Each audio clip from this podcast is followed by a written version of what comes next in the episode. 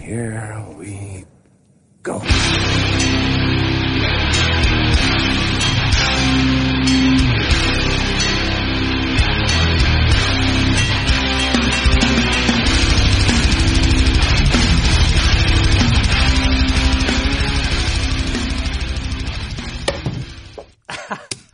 Ja, fan vad bra! Välkomna till Nere på noll avsnitt 100! Helvete, nu är vi igång här med eh, jubileumsavsnittet, bubblet hälls upp här. Eh, och eh, fantastiskt. Det var kul att vi lyckades med det här eh, korkpoppande introt måste jag säga. Jävlar vad härligt. Och med mig som vanligt David Olsson, Tja tja. Danne Nätterdal. Stronger than ever. Yes, och vi, vi kommer in här eh, med jävla skjuts alltså, för vi har varit på spelningar och vi har fått in sjukt mycket frågor och vi har ja, väldigt mycket att beta av sen sist. Eh, men framför allt, 100 avsnitt? 100 jävla avsnitt alltså. Trodde ni det när vi Det började? trodde man aldrig. Nej. Vi har sa- sagt det förut, men ett avsnitt 20 minuter, det var smärtgränsen på vad vi trodde själva att vi skulle kunna leverera. Ja, verkligen. Man trodde ju aldrig att eh, man skulle ha så många timmar av hardcore i sig, eh, att prata om det vill säga. Nej. Eh, Nej, och nu känns det som att vi har lätt 100 avsnitt till, för det, ju mer man petar på det här, ju mer grejer dyker det upp att snacka om. Ja, exakt. Och eh, vi, förra gången vi hade jubileum, det var ju avsnitt 50, då gjorde vi ett lite mer skitbaserat avsnitt. Sketchavsnittet, vet inte, jag vågar inte gå tillbaka och lyssna på det. Nej, eh, men vi tänkte väl att vi den här gången istället för att lägga krutet på jubileumsavsnittet så har vi en hel del feta grejer planerade framöver och idag ska vi egentligen bara ta massa roliga frågor som vi har fått in från lyssnare, vilket eh, otroligt vad mycket som kom in. Eh, sjukt kul. Och vi kommer väl köra igång med det efter att vi har betat av lite feedback och hänt i veckan, som sig bör. Så jag vet inte, feedback, ska vi börja där? Senast, avsnitt 99, vi pratade om det hittills bästa från 2019. Är det någon som fick in någon feedback på det? Framförallt så har det ju startats, det, har väl, det är väl sen senast, att det har startats en nere på noll eftersnacksgrupp. Just det. Det är ju sinnessjukt alltså. Som är jävligt flitigt frekventerad och det kommer ju upp fler grejer där än det gör på någon annan plats jag känner till. Så. Ja. Vill Eh, man snacka hardcore så är nere på noll eftersnacksgruppen en given grupp att hänga på. Ja, verkligen. Finns på Facebook. Eh, på själva avsnittet då så eh, kom det in lite feedback. Thomas Renström skrev att Ebbot spelade i Shore Sure Tråkings trio, är det så man säger? Alltså, ja. Ehm, och enligt Wikipedia även i bandet med världens Just bästa det. namnnamn, Task. tatuerade snutkukar. Har Ebbot varit med där? Alltså? Ja, tydligen. Eh, vet ej om det finns något rörligt. Nej, jag, jag, jag tror att det är, ja, att det är något så här. Han var på ett rep, skrek i körmicken Ja, eh, okej. nivå. Det var, Har jag för mig. Jag, tyck, jag tror de pratade om det när han var med på något riktigt tv-program. just Jag har fan sett honom spela Misfits cover en gång också. Kanske du också? På en skategala. Ja, det kommer jag inte ihåg. Han typ inte kunde texten så han hade med texthäfte. Det är, inte, det är inte världens svåraste texter egentligen. Nej, det är ju nivå med, jag vet att A for effort däremot. Ja, ja verkligen. Det är ju nivå med när man hör om, eh, om man har kollat på mycket battle rap i sina dagar och när folk så här går in på tredje, tredje ronden och drar fram en iPad. Då får man ju skämmas. Eh, Så rimlexikon. ja. eh, K.A. Sandvik eh, tipsade om eh, en dokumentär om Ill Repute. Eh, jävligt peppad. Eh, det var ju på eh, temat Oxnard. Just det, just det. Eh, Daniel Johansson skriver också, grymt avsnitt. Beskrivningen av Servitudes omslag var spot on.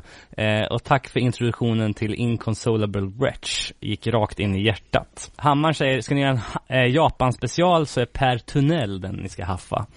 Eh, Alright, bra att veta. Det är svinbra. Det är precis sådana tips vi uppskattar när vi tänker specifika eh, teman och sånt där. Eh, alltid kul att kunna bjuda in någon som har koll. Sen så när eh, Kim Gyllenhammar skrev eh, svensk punk slash ölfestival. Ni vissa, missar väl inte Apex Brewing från Nora med Voice of Generation och 59 bakom. Och jag såg att du kommenterade Danne att det borde man ju ha nämnt. Ja, eller det, det föll, föll eh, ur minnesbanken just vid tillfället. Men det ska man absolut inte glömma. Sen tog vi upp ett av de mest hypade banden just nu, Vidro, eh, från Stockholm, är väl de va? Japp. Och Ronny Kjellbäck skrev, Vidro betyder glas på portugisiska har jag för mig. Lukas som spelar gitarr är från Brasilien. Alright, alright. Och eh, Martin Edelius skrev, bara så jag förstår det här Daniel, Have Heart är alltså dåliga, men Ringworm och det andra bandet ni spelade i avsnittet, de är bra. Bara så jag förstår. LOL. ja, och sen eh, Bulan nämnde ju det där med Misfits cover av Ebbot också. Ja, är kul. Mycket... Tack för att ni kommenterar, det är det som är eh, belöningen för att vi gör det här. Precis. Hänt i veckan då? I Eh. vilken ände vill ni börja? Jag kan, jag kan börja i någonting som nästan är en stående punkt och det är ju vad de olika medlemmarna i Chromax har haft för sig sen sist. Mm. Eh, Harley Flanagan gick ju ut med att han skulle spela in alla Chromax-plattor på nytt. eh, stämda i det. Okej. Och det här var ju då i god tid innan första april, annars hade det ju Jag varit... tänkte just det, det måste inte vara på riktigt. Jo, han, han hade väl fått känslan för det, men sen var det ju kanske 90 kommentarer där alla bara Nej för fan, sluta! och då, då typ backade han på det här. Jaha, okej. Och sen Misfits hade ju bokat ett stadiumgig i LA typ. Ja, på Då LA, Gal- LA Galaxys hemmaplan. Åh var. jävlar. Då är ju Chromax förband. Okej, men frågan är Men- och- vilken? Ja, för när de Misfits spelade förut, då var de ju också förband. Men då var det Harley. Ja, just det. Då Precis. stod det Harley Chromax eller någonting. Nu står det bara Chromax. Jag Just tror att han har liksom bara smygit över till också att kalla sig Chromax. Ja. Det hade varit roligare om det var det andra Chromax. Frågan är om, för han annonserar ju också en Europaturné tillsammans med något band. Eh, Den här Best Wishes. Ja, det var ju 30. Red Death. Ja, exakt. Då är det fan bara Chromax. Ja, exakt. Så det, steget kanske har tagits nu helt och hållet. Att han, Utan att vi har märkt ja det. exakt, att han lobar in det lite. Ja, precis.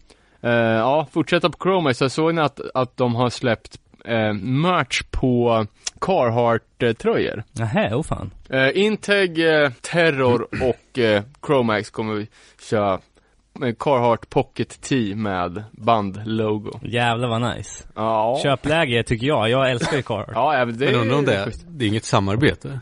De har ju köpt. Nej, jag, nej, jag tror att på. det är ett samarbete. Och det leder ju in oss på kanske den största snackisen i Youth Crew-branschen. Eh, Gorilla Biscuits trycker tillsammans med Noah, streetvarumärke från New York. Har du sett den? Nej? Jo, jag sa det.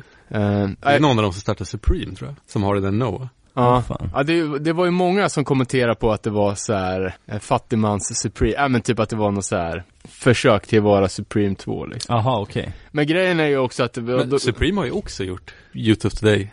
Ja, Inte med Cola, men med, med den där handen. Ja, precis. Ja, Ja. nej de, de gjorde ju, det stod ju Youth Crew med näven utan X. Eh, och nu ska de ju göra Youth of Today bara en fist-logon. Som även, det går ju rykten om att att Youth of Today-näven ska vara White Power-logon bakifrån.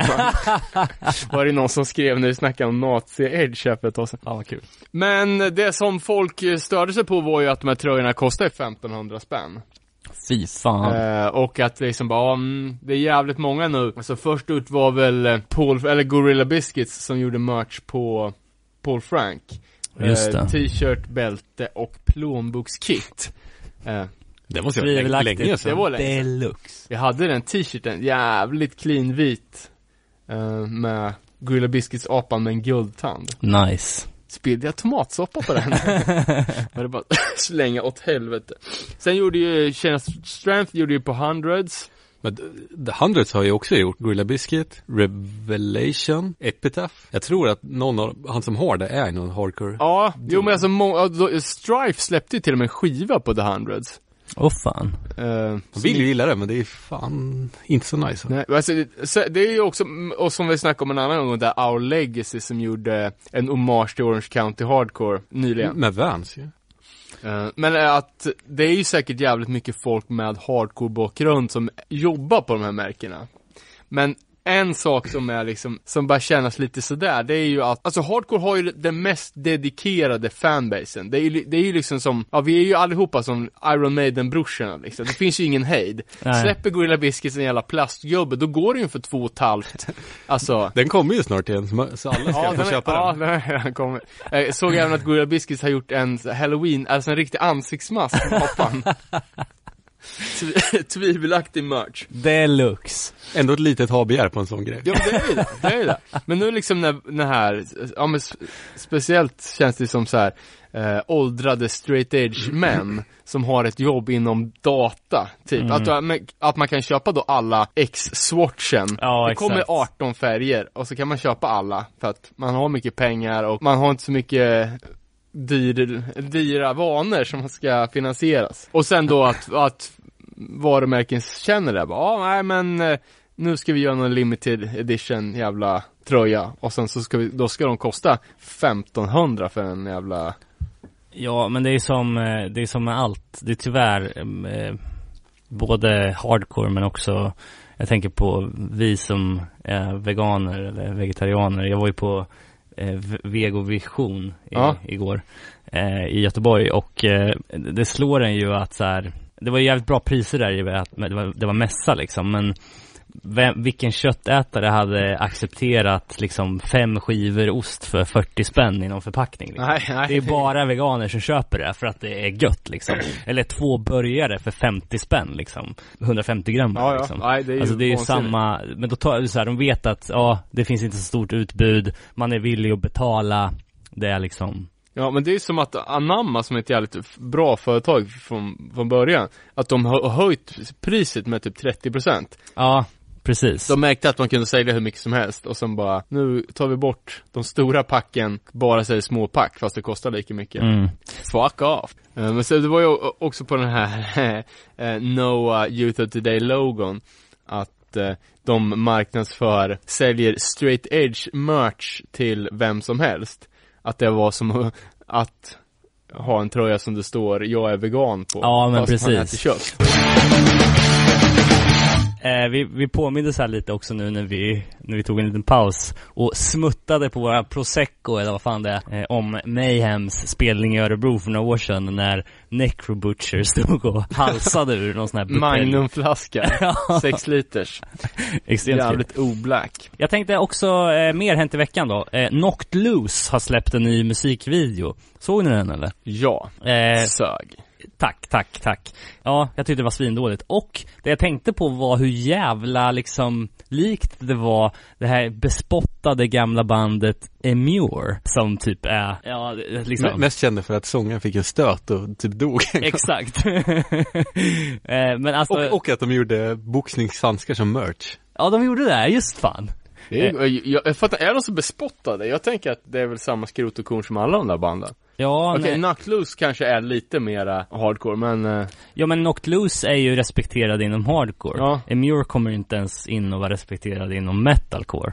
Liksom. är det så illa? alltså? Ja, Det var ju metalcore typ. ja, breakdown Ja liksom. men vad- ja, jag kommer ihåg, jag lyssnade på det när det var nytt och att de gör det så, så hårt det bara går liksom. Ja, exakt. Men sen så Breakdown släppte de ju på Victory Records, ja, det var ju ett sånt döds-emo-band liksom. Precis. Ingen, ingen lovande grej för er som vill ha en uppföljare på Knocked Loose, eh, ganska hyllade. Laughing tracks. Ja, Laughing Tracks. ja. Sen så var ju eh, poddbekanta Millencolin i, eh, ute igen när de var hemma hos Strage här i veckan. Det var Matte och Nikola som, som var där. Så det tipsar vi om på eftersnackgruppen. Eh, kan man kolla in. Ja, det var ju bra. Det var inte Ja. lika bra som våran intervju, men Nej, det var absolut. kul. Men det måste ju ha varit VM i att inte prata färdigt meningarna. Hoppa mellan samtalsämnen och avbryta varandra. Ja, roliga, roliga är också, jag fortsatte faktiskt lyssna på den podden och kom in på Johan Häggs avsnitt, eh, sångare i Amon Amarth. Okej. Eh, det mest oväntade som hände, hände i det avsnittet var att han förespråkade vegetarisk kost. Okej, varför, men det hade de inte på Men hela den podden är ju rätt bra. ja, faktiskt. Överlag. Faktiskt. Ebbot är med där och pratar om och, jag tror fan han pratar om att han typ super bort Misfits-singlar. eller- Jaha, oh fan. Därför han inte kunde texten. Men du, äh, Misfits, jag fattar inte det, för det var ju en bild på LA Galaxys hemmaplan med Misfits klippt gräsmatta. Eller var det bara ett fotomontage? Det måste vara ett fotomontage. Extremt. Men om står inte med på affischen igen nu. Nej, men med, kommentaren här He's not the fucking original member Han är, ju- han är ju uppenbarligen med. Ja, nej men det, det är inte, han är inte or- original, då får man inte vara med på affischen Lite udda val av förband också. Vilka var det då? Rise Against Ja, va? och Distillers, Chromags. Jävla blandning alltså. Ska, vet vi om Per har köpt biljett eller? Det utgår jag ifrån. Vidare då, vi var på, eh, du var på spelning i fredags Danne, jag var på spelning igår. Eh, Vi såg samma band. ja, Blood Sermon och eh, Embrace Death. Eh, Waste och Existence spelar i Stockholm. Ja, ska vi börja med fredagen då? Fyrbands lineup. Det skulle ju, det här skulle ju vara Servitude Sverige-turnén. Ja, men det blev avhopp i sista sekund. Ja, eh, lite oklart varför. Hela turnén blev ju avbokad och det hade ju någonting med att göra med att folk hade skrivit rasistiska saker i en privat chattgrupp Åh fan. och att det hade kommit ut. Så mycket rykten som florerar och ingen som vet riktigt vem det var och nej, men eh, turnén blev helt avbokad i alla fall. Åh fan. Och då väcker det frågan liksom hur man hur man ska bete sig liksom. Alltså, om ens kompisar eller bandpolare gör skeva saker liksom. Så ett ständigt moraliskt dilemma. I andra vågskålen liksom, hur, hur mycket är man sitt band? Vi säger att vi tre hade spelat ett band och jag hade heilat. Är du automatiskt skyldig liksom? Guilty by association. Ja, för liksom, alla vi har ju spelat i band där man typ inte har känt alla medlemmar utan bara träffas på repet. Ska man, ja men stå, stå, stå till svars, alltså det är väldigt, det är väldigt svår, svår problematik. Mycket, mycket rykten som florerar så. Men det är ju läge att folk börjar skärpa sig även i slutna, slutna rum. Ja, ja, verkligen. Upp till var och en att checka varandra, tycker jag. Ja. Om man upplever ett beteende som är oacceptabelt liksom. Eh, och det är ju, jag kan ju tycka att sista steget är ju att gå public med det, om man ser att det inte blir någon förbättring.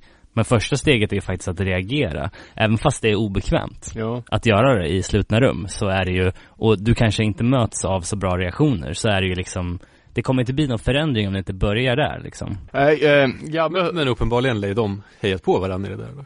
Ingen har ju uppenbarligen reagerat på det. Ja, det vet vi ju inte. Nej, det är det vi inte vet. Jag, jag, har, inte, jag har inte sett någonting. Men eh, Gabbe eh, tog ju micken innan spelningen började och, förklarade läget. Tyvärr så såg jag, eller hörde jag inte hela, hela snacket. Men vi ska gå, vi ska gå på djupet med det här någon gång. Diskutera. Ja, grymt. Ja, Men- hur, hur som helst så blev det ju i alla fall i Stockholm extremt bra spelning. Ja, och vi får ta och länka upp eh, den här eh, gamla podden eh, Invisibilia som vi har tipsat om tidigare. Avsnittet The Callout som berör en liknande grej. Ja, pre- precis. Mm. Eh, ja, väl, väldigt uh, lyssningsvärd faktiskt. Vi lägger upp den på, länk på Facebook så alla måste kolla den.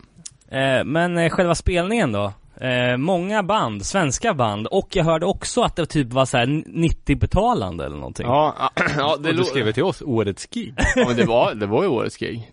Eh, lätt. Alltså det var svinbra. Vad, vilk, vilka band öppna? Eh, det var, ja, på, på 44 och jag vet inte, det hade ju varit, det hade antytts om lite pepp innan. Eh, jag visste, jag fick reda på att Servitude inte skulle spela och nu var det liksom fyra och en halv svenska band. Mm, Eh, men det var ändå jävligt bra band och det var ju bara hårda band. okej. Så man tänker ju liksom hur, ja, hur ska det här landa liksom? Men vi åkte ju Eh, vi åkte, jag åkte via Västerås och så och upp till 44 Men det var ju, fan, det var bra tillströmning med folk.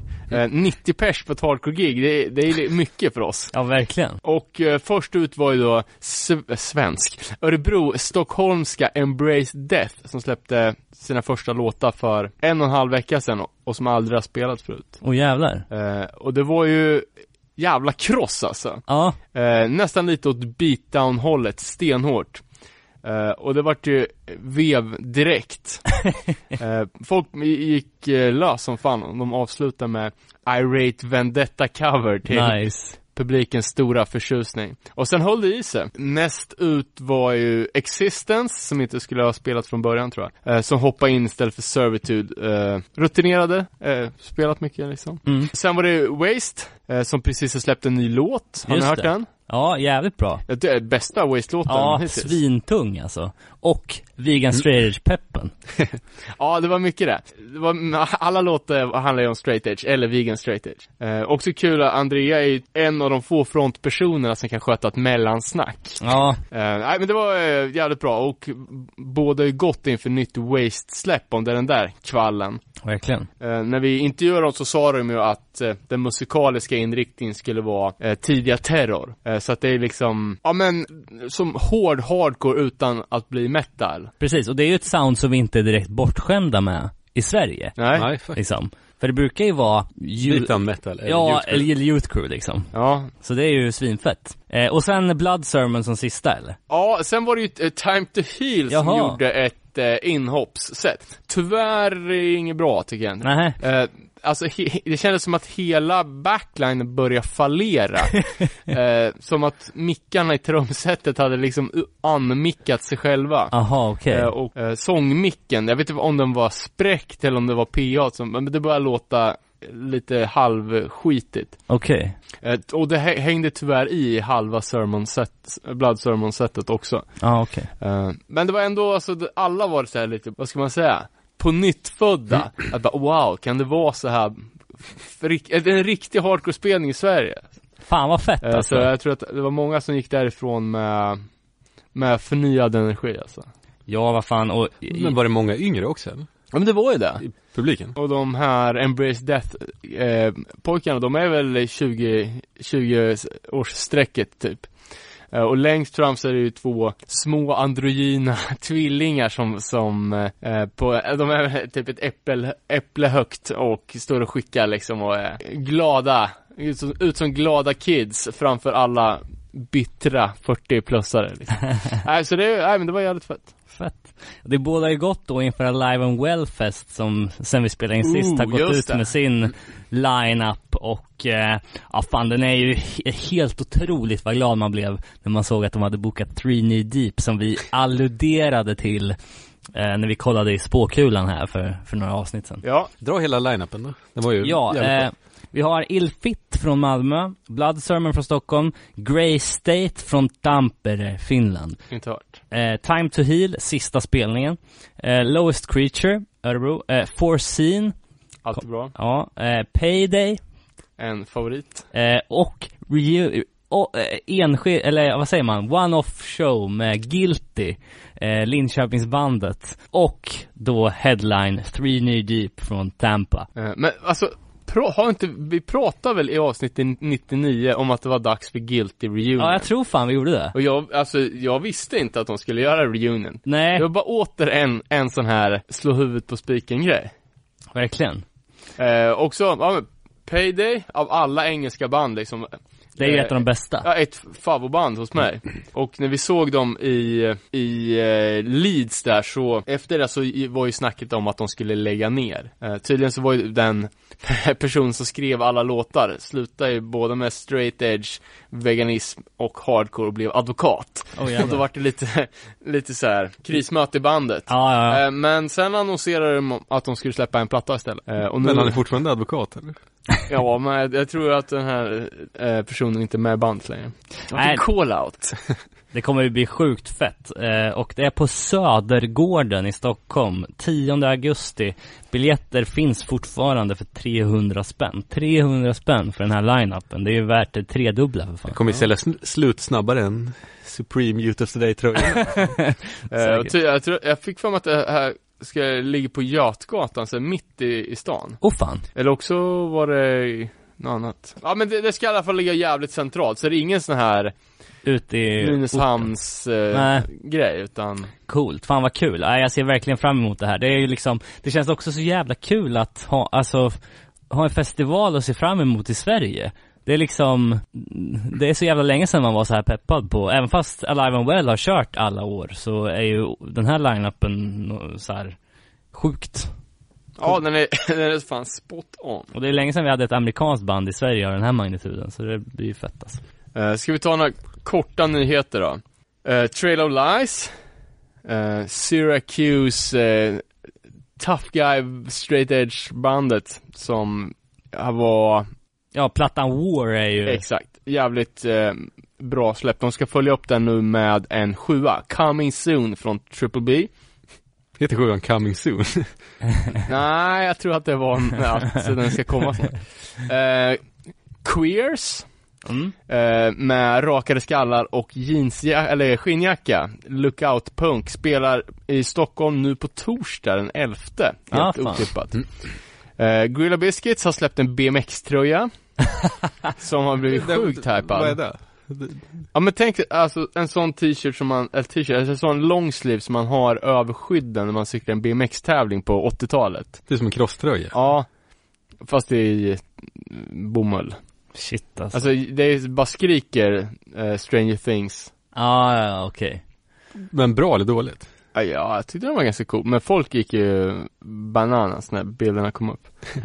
Ibland undrar man om de har någon jävla så här lottohjul som de snurrar på där det bara står massa grejer så här. typ nu ska vi göra en husvagn, nu ska vi göra liksom Eh, ja, såg, såg ni att Misfits hade gjort en, vad heter e-cigarett eller en vape? ja. ja den var ju fan lökig alltså det är det tveksammaste av den tveksamma. Beastie Boys spelar live som duo i fredags. Jaha. Jävligt otippat. Eh, och de kommer köra eh, åttonde och nionde, vilket är om några dagar. Eh, kommer de köra i Brooklyn. Eh, någonting som ska spelas in både till, till rec- ja, recorded and film ska det bli. Mhm. Spännande Ja, jag håller på och läser Beastie Boys-boken. Eh, halvmeter tjocka avhandlingen om Beastie Boys inför vårt kommande hiphop-avsnitt som vi ska göra om Mm. två veckor. Eh, sen eh, Hardware, klassiskt eh, hardcore fanzine, eh, har släppts som en bok, som så många andra. Eh, den finns att köpa från Ugly and Proud distro i Europa. Just Och det det var ju lite snack i vår eftersnacksgrupp om det var någon som ville sambeställa för att spara porto. Eh, sen var det ju krust-VM 18 maj i Göteborg. Åh fan På det är en jävligt matig lineup. Ja det var Mob 47 va? Eh, och Protes-Bengt. Just det Eh, Paranoid, eller Paranoid, Sex Dwarf och japanska Cyanos. Kanske. Festival typ. Ja. På hemligt spot stod det. Okej Så Frågan det är om det är Farsuit som sätter upp det eller? ja, kan det vara. Ja Det är väl, eh, vi får väl säga det, en shoutout till dem då, Farsuit Rex Finns på Instagram, där brukar de ju lägga upp föranmälan och sådana där saker Ja, ja, jag tror det gick att köpa biljetter, men jag vet inte, jag tror fortfarande inte, det står inte på affischen vart det är i alla fall. Nej, på tal om eh, de där spelningarna också. Eh, jag såg att du la upp att du hade fått hem eh, Linda Lurve-böckerna. Ja, har du någon early impressions av dem eller? ja men de är jävligt bra. Ja, Ja, mycket, mycket schyssta bilder från svenska tidiga 90-talet. just det. Speciellt de Umeå-fotona var ju jävligt cleana alltså. Är du med på någon bild eller? Nej, det var inte det. Så det här var lite före min tid. Det var ju, ja, Umeå var man ju inte i 93. Eh, det var, jag tror, det var ganska mycket Umeå i de andra böckerna också. okej. Det var ju något nytt sin också ju. Eh, psykopati fanzine. Kommer vi komma till. Mm. Cool beans. Eh, vad har vi mer? Ja, men den här också då. Ekulu släppt ny låt, som ni alla har hört. Just det. Lo-fi deluxe måste jag säga. Eller hur? Jag, jag har ju redan, jag har ju redan förklarat min, min konflikt med resten av Hardcore Sverige. Eh, för jag tyckte direkt bara, vad, vilket konstigt ljud de har. Men alla var bara, det är så jävla fett ljud! Jävlar, det är så jävla bra, det är så jävla fett! Ja, det är jättebra. Det är perfekt. Men det är inte fett ljud. Nej, Det är- alltså det kändes nästan som att det var mono. Ja, det låter ju som de, de står i badtofflor. Ja. Och det är ju Någon såklart, retro. nej men det är ju så, såklart att de vill ha, ha en chill, en chill ljud, ljudbild. Mm. Det är ju, men det var ingen annan som tyckte det. Så alla, alla tyckte ju typ att jag var ett dum i huvudet och två tondöv typ. Men det du menar är, det är ju inte, alltså tekniskt bra ljud är det ju inte. Nej, det, det är jag inte, det är inte jag kapabel att bedöma, men det är ju inte ett fett ljud. Det är ju Nej. ett, snarare ett ofett ljud för att de tycker att det soundet är gött. Precis. Skitsamma, låtarna är ju pissbra i alla fall. Mm. Ska det komma på eh, någon fysisk High 8 release? kassett. Ja, jag tror det är kommande sjua på Triple B. Ah, okej. Nu knackar det på dörren. Vi, vi fick eh, precis besök här i studion när vi sitter och spelar in avsnitt 100 här, så vi kan ju dra det lite snabbt här nu medan vi, eh, medan David är på break kanske. om du har lust att säga ett par ord. Eh, för du är här med lite skivor till oss, eller hur? Ja, exakt. Eh, först kanske bara presentera dig. Eh, Ja. Vi vet ju bara att du är poddlyssnare. ja, precis. Jag kom in ganska sent på eran podd, eh, ja, bara ett par veckor sedan tror jag. För jag har varit eh, jävligt intresserad när jag såg eh, det här Nasum-avsnittet kom Ah. ut och länkades hej vilt. Så, eh, det är något som jag lyssnar rätt mycket på genom åren. Så, där, så, Okej.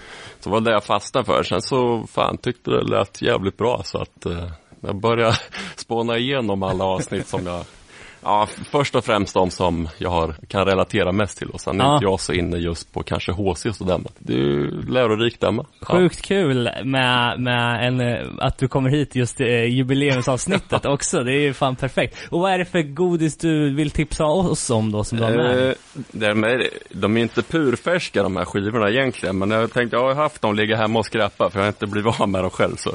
Det är ju alltså Nervgift, eh, punkband här från Örebro. Ja, startade väl runt 2013 tror jag. Okej, Mer som ett rent studieprojekt egentligen sådär. okej. Det är ju Oskar Paulsson, en trött gammal elektriker som även eh, återfanns då i Coldworker, eh, numera i eh, Axis of Despair och Ja, okej. Volturion och lite blandat sådär. Så han eh, gjorde väl något eljobb på, på någon ställe där Kalle Henriksson från diverse Big Guys bland annat och vad fan är det mer? Kvoteringen heter det? Ja. Ja, precis. Han har Denial Records med Larsson tillsammans. Ja, precis. Just det. Nej, så de började väl snacka lite där och tyckte väl Oscar att eh, fan, vore främst att göra lite punklåtar så Ja, han eh, slängde ihop fyra låtar men upptäckte att det var inte så jävla enkelt så det var lite mer eh, metal hybrid punk. så där, sen så ja, fick han väl, han kände väl, vi hade ju kände gemensamma människor så där vi kände inte varandra då, han och jag men frågade han mig. Vi hade väl lirat lite, jag lirade i Ombro Död också. Så vi hade väl lirat på West Coast Riot där vid 2011, sen vart det stiltje för vi hade våra gitarrister flög iväg. Så den ena flyttade till Umeå och den andra till USA. Så det var Aha. lite sådär. Så Svårt hade vi inte direkt något band att hållas med. Så det var bara att hoppa nej. på direkt. just det, just det. Fan, jag var nog där 2011. Det måste du också ha varit va? Eller? West Coast Riot 2011. Var du ute på galoppen då? Ja, precis. Det Hårda Tider lirade ju då också. Var det samma år eller? Ja, det kan nog vara Millencolin lira också. Okej. Men Fan, vad var det inte bara ett år? Det kanske var två? West Coast? Ja. Nej, det var ju helt... den där piren? Ja, men precis. På eh, Bananpiren i Göteborg var det ju. på Bananpir. Ja, okej. Ja, för jag var ute på, de flyttade ju till Galoppen. Typ. Ja, de jag flyttade tror från bara det blev något år där va? Ja, exakt. Sen så la de ner. Men det var just det året som, jag minns att jag var där och såg Hårda Tider. Madball spelade också då, fast på Metal Town dagen efter. Konstigt att de inte laddade på West Coast, men det hade nog fått bättre respons. Men, Ja, Nej, jag tyckte vi varit malplacerade också. För vi var ju med, jag bad ju Nisse, för han hade gjort fyra låtar. Så jag bad han spela in dem så, så åkte jag och Valle och la sång på dem. Så skickade vi in till Close-Up. Jaha, okej. Ja, så på den vägen var det. Så vart jag uppringd och jag hade ju räknat med att spela på Metal Town. Ja, Ombro Död är väl ganska, ja, det är ju ganska, det är inte någon lätt punk sådär. det där du hade med dig då, får vi se. Mm. Har vi en sjua inspelad 2013 tror jag. Jag hade spelat in låtarna med, med lovord från något bolag som skulle släppa olika, till olika färger och Okej. allt möjligt sådär. Sen så, rätt vad det var så drog han sig ur för att han, eh, ja, han hade väl inte råd helt enkelt. Nähä. Så då la vi ut dem där på Bandcamp och lite Facebook och sådär. Så var det en annan snubbe som hörde av sig. Som har ett bolag som heter Motstander. Records. Och Det är ju basisten från Volbeat som Jaha. Oj. äger det. Så han ville ju släppa det där direkt. Så han, vi körde vid den där sjuan då, 2013. Och sen så ville han släppa även den här 12-splitten Jävlar. med ett band som heter eh, Parasite och det är hans eget band då. Okej. Så det är väl släpp på motstånd och Romantic Disasters. Okej. Det var jävligt snyggt omslag. Ja, Ja, det alltså. där är ju en eh, holländsk snubbe som Oscar träffade på någon festival nere i Holland tror jag. Det är typ Carcass möter modern konst. Ja. Nej, så han har gjort eh, båda omslagen. Nej, och sen även i samband med den där sista inspelningen så spelade vi in ett par låtar som kom med på Turist i tillvaron 7 då. Ja, okej. Eh, Just en det. egen låt, sen en Mob 47 cover också som Ja, nice. ett kort och koncist. Vi pratade precis om eh, krust, eh, krustfestival i Göteborg i den, vad var det, sju- 18 maj. 18 maj. Protes Bengt Mobben och Paranoid. Ja, det var Några riktigt, japanska. Ja, okej. Riktig jävla all-star lineup. Om man vill få tag på de här skivorna som du kom så snällt och levererade till oss här idag. Splitten, Nervgift, Parasite och eh, den Nervgift 7 Mm. Vart, eh, Då antingen så om man vill ha vinyler så hör man av sig till oss på Facebook, Nervgift. Enkelt att hitta tror jag. Annars så tror jag man kan beställa via Bandcamp också. Annars så vill man bara lyssna så finns ju låtarna gratis nedladdning på Bandcamp också. Tror det finns någon t-shirt kvar också i medium om man är intresserad med, med trycket från sjuan här. nice. Så att, eh, så det är ju nästan värt att ni ska spela någon låt sen bara för att. Ja men verkligen, det måste vi göra. Vilken Och ska då- vi ta då? Eh, total förvirring, öppningsspåret på sjuan. Den tycker jag är en riktig jävla stänkare. Fett, då gör vi det. Tack som fan för att du kom hit. Ja, tack själva.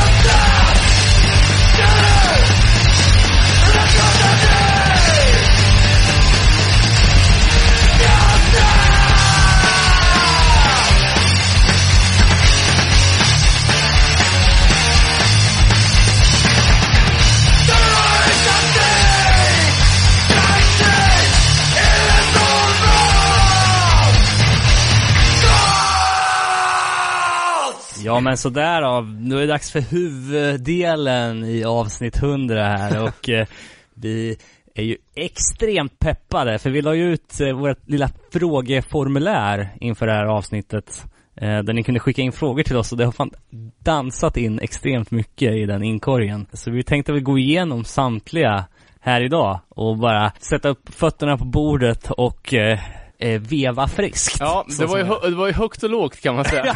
Ja, minst sagt. Men nu får vi ta det för vad det. Verkligen.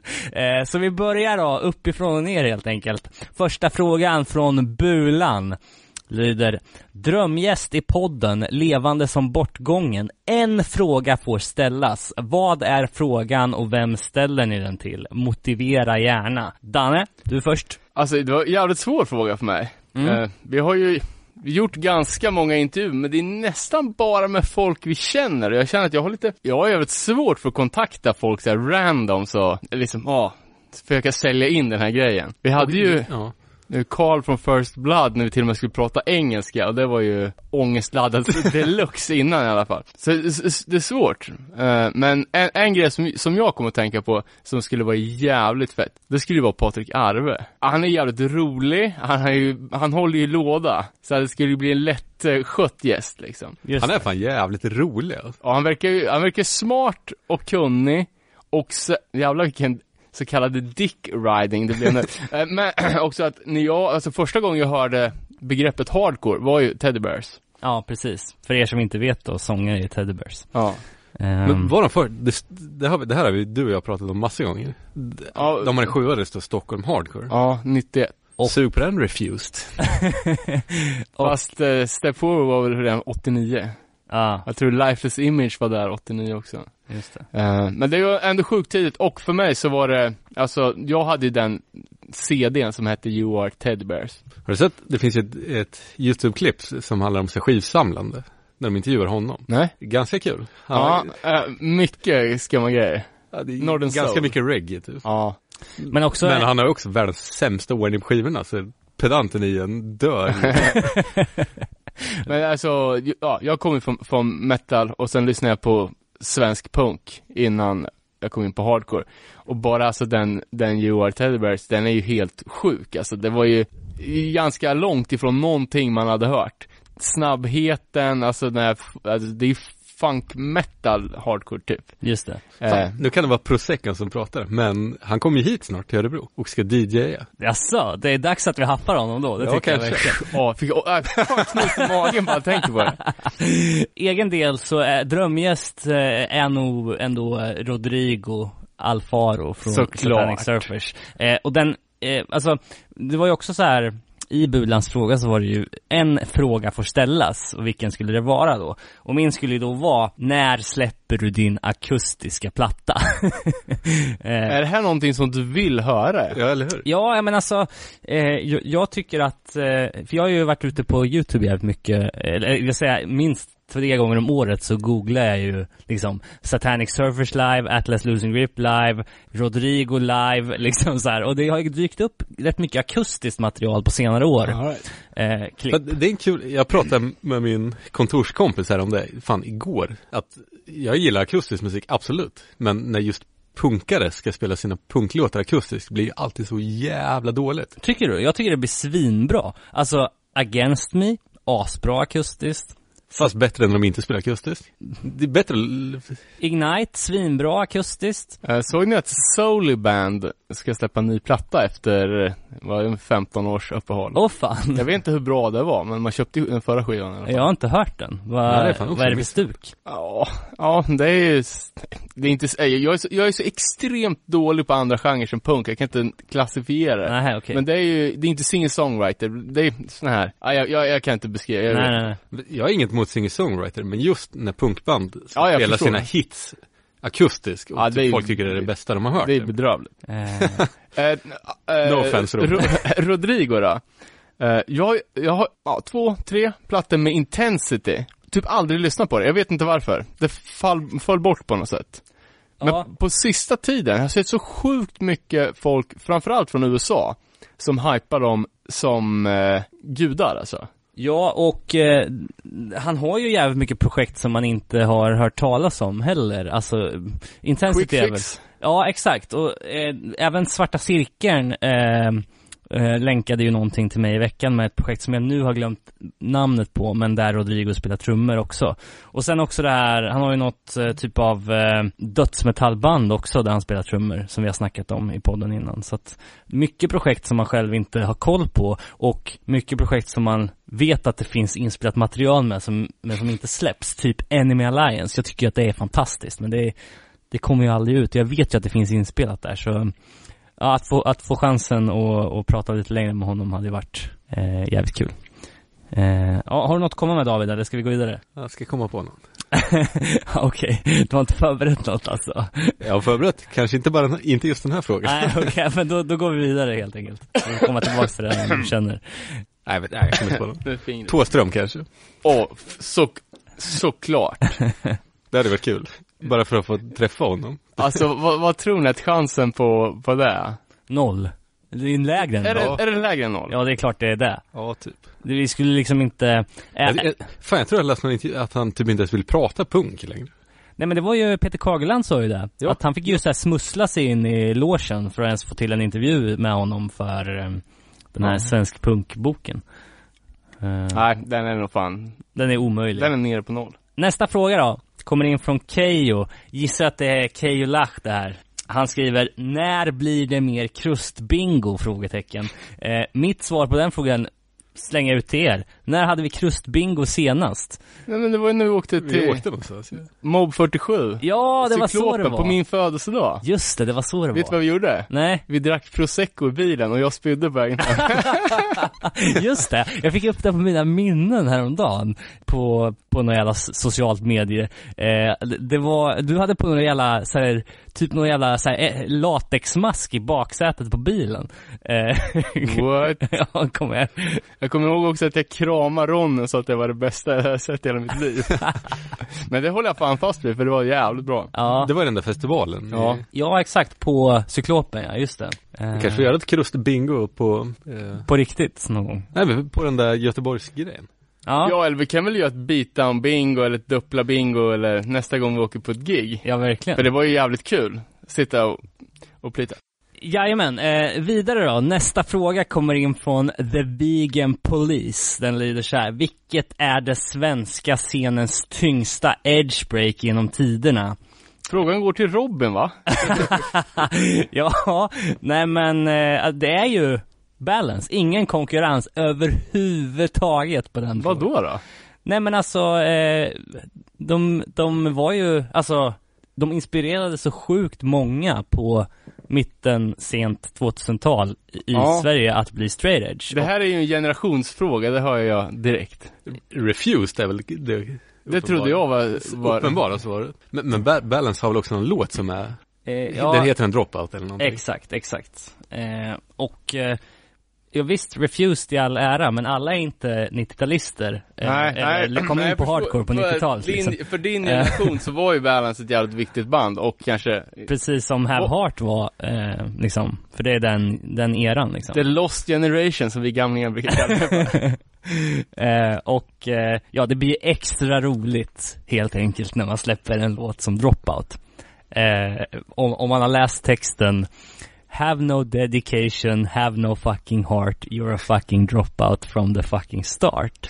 Eh, och jag menar, det är ju, eh, det är ju lite att man eh, lägger upp det för smashläge. Ja, ja men man, det är ju det. När man eh, skriver en sån låt. Så Men man- det är ju så, ja, vi, det var inte alls så länge sedan vi, vi pratade om det, här, men det finns ju, vi kom ju fram, Earth Crisis och Mouthpiece, men annars har ju alla andra, Minor Threat, Project X, Judge, Strife, bra, alltså det, alla straight edge band har ju bara kröka. Ja, verkligen. Och sen, ja, då är det ju kanske någon i bandet, inte så att hela bandet börjar, börjar supa, men fortfarande, det finns ju inga band som, som håller upp. Nej. Och det är ju, eh, det är ju, det är ett commitment av Guds nåde får man ändå säga. Tur att man själv aldrig har sålt in, så då har man inget att sälja ut heller riktigt. Nej, och eh, jag menar, det är också All, någonting- all respekt till folk som är straders, det är väl svinbra om ja, eh, nej men alltså, jag vet inte om det har blivit samma, alltså det kan ju, man kan ju också känna att på något sätt att det har blivit oförtjänt hårt mot Balance just, men jag känner att som en person som gick på deras spelningar som lät mig inspireras jävligt mycket av dem, Stay Hungry, Fuse, liksom Values band som var liksom aktiva där och var, var straight edge på något vis så tog det ju extra hårt eftersom de var i bräschen för, för det. Ja, ja, Och- jag t- tror mig alltså, jag var ju personligt knäckt, ledsen i ögat efter att jag hade sett Final Exit. Mm. Jag gick till spelningen, det var mitt favoritband. Jag gick därifrån och kände mig som att jag hade fått en käftsmäll liksom. Jag var så jävla sviken. Ja, Eh, man tar ju det, alltså för mig var det ju hardcore pride-grejen liksom. Precis. Så man tar ju det på blodigt allvar. precis. Ja, nej men det skulle jag säga i alla fall på, på det tyngsta edgebreaket. Jag vet inte, har ni några egna, eh, eller vill ni att vi ska gå vidare till nästa Är fråga? Dennis Lyxzén straight edge fortfarande? Vet man det? Nej, han har väl sagt i intervjuer att han, Dricker vin ja, då och då. Men det är också, också så, Men det, är det sämsta att säga, ah, men alltså jag, jag dricker bara två glas vin ja ibland. precis. Men det är också så, det är också så jävla sjukt, jag fick reda på nyligen, att Youth of Today på en Europaturné drack vin och käkade fisk. Ja, det också. Så bara, för att de var i Italien och det var så bra Det var ju mat. jag som berättade för ja, dig. ja, det är det, alltså, det är så jävla konstigt. Verkligen. Eh, och det är nästan, det är liksom, då hanterar man eh, både veganism och straighters på samma sätt som eh, vissa eh, metalband hanterar satanismen liksom, som en image liksom. Ja, ja det är ju jävligt kul.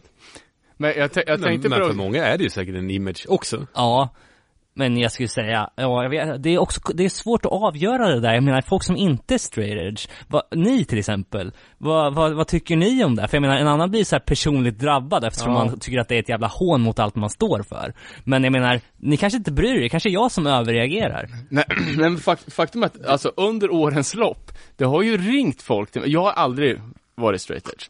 Och det har ju ringt folk till mig och sagt bara, jag kommer sälja ut straight edge och jag vill att du ska höra det från mig. Vem, vem fan du, vad så, va? Ja, men sen, och sen Men, också, men jag förstår också, det är ju, har man committat till någonting, då får man ju committa till det. Ja, sam... Men jag tycker också om du, fan om man är 15 och går på Have Heart-gig och börjar kalla det straight edge. ja. Typ, Ja, men don't upp. do it. Nej, exakt. Då är det bättre att och bestämma sig på riktigt. Ja, ja, självklart. Men det är ju en supertråkig attityd att ha egentligen, för man har ju Ja. inte den inställningen Till något till, an- annat. till något annat heller liksom. Jag vet inte vad man ska Eller vadå, det jämföra har med, man ju men... visst.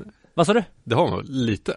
Ja, men så här, tänk att du har varit liksom, tänk att du har varit aktiv inom någonting som var superdestruktivt för, för dig själv. Men, men om man tänker det politik. Alla här röstar ju vänster. Ja, Skulle någon börja rösta höger, då skulle man ju tycka det var ett jävla svek. ja, Ja, och det gör man ju. Andersson har ju den fina Drug Free for Christ. Ja men exakt. Men det är också även om, när du är 15. Och Ja, precis. Och Du- vad, du- vad, du kan, man- vad kan man ställa folk till svars för när de är 15 liksom? Det är inte mycket. Men, Nej, men äh, Simon från Nora, Simon Straight Edge. mm. Han sa bara, ja, jag jo- gjorde ett beslut när jag var 14 år, det var jävligt dumt, men nu har jag gjort det, då ska jag också hålla det. ja, Och det tycker jag ändå är, det är en, en viljestyrka som är värd att respektera. Sen är det ju jävligt många också som har blivit straight edge för att de måste sluta supa. Och Ja. att det blir en lätta, att det är lättare och, alltså, det är ju ett socialt stigma, eh, Iron säger. precis. Your social stigma liksom. Men att eh, tacka nej till bärs om det bjuds. Mm. Eller gå på fest nykter och så här. precis. Då har man ändå det, bara, nej men jag, Men om jag ska prata personligt då, det är därför jag tycker att man aldrig ska bli straight edge eller vegan av några andra skäl än politiska. För att eh, inser du den, liksom, inser du att eh, om du krökar så är du en del av problemet. Det är ingen snack om den saken liksom. Eh, du är en del av, liksom, du kanske inte själv aktivt är en, en del av brottsstatistiken, men du bidrar ändå till att supporta det som är liksom den största boven i samhället och som ligger till, till grund för, för liksom flest brott. ja. Ehm, och, och samma sak med liksom om du blir vegan av hälsoskäl, då kommer du kunna ge upp det där så jävla mycket fortare om du, eller om du faktiskt sätter dig in i djuretiska frågor och liksom vad, vad mejeriproduktion gör för samhället, vad det har för påverkan liksom. Eh, så att, ja. Det, det håller jag med om. Men det beror också på vad man lägger i det, som du säger. Mm. Man skulle ju kunna kalla sig, eller du måste ju inte dricka, men du måste ju inte kalla det straight edge. nej, exakt, exakt. Eh, Och jag tycker liksom med, med just med veganismen, nu är jag ny, nyfrälst vegan och tycker att det är, alltså, jag, jag kan claima här och nu att jag aldrig kommer gå tillbaka. nej, Det har liksom ingen prestige i det. Jag säger, det är bättre att folk käkar vegetariskt en dag i veckan än att inte göra det. precis. Men då är det också, alltså det är, inte, det är inte, det är inte, det är inte samma eh, premisser. Nej, Alltså straight edge är ju en, ett koncept man får köpa eller inte. Ja, det är någonting mer än att bara inte dricka. mm. Ja, exakt. Ska vi gå vidare? Det gör vi, det gör vi. Eh, jag har kombinerat här, för det kom in eh, två liknande frågor från två personer. Det är eh, en som kallar sig för John och en Mikael som John skriver, vad har ni för guilty pleasure musik? Och Mikael skrev, pinsammaste guilty pleasure skiva, låt, artist. Eh, vem kände sig manad att börja? Ja. Men jag har aldrig riktigt för, säga guilty pleasure. Jag, Ja. Man skäms ju inte för något man lyssnar på. Ja, fast eh, om du skulle komma hit och säga att du lyssnar på det här och att du peppar det, du kan i alla fall föreställa dig att du kommer få höra om du säger det. Ja, men det är ju helt uppenbart. Jag lyssnar inte bara på hardcore. Nej. Det, det måste ju, ja du kanske. men det gör inte du heller. Både Nej. du och jag gillar ju Lana Del Rey. Ja, Men exakt. Jag, det, jag skäms inte för det.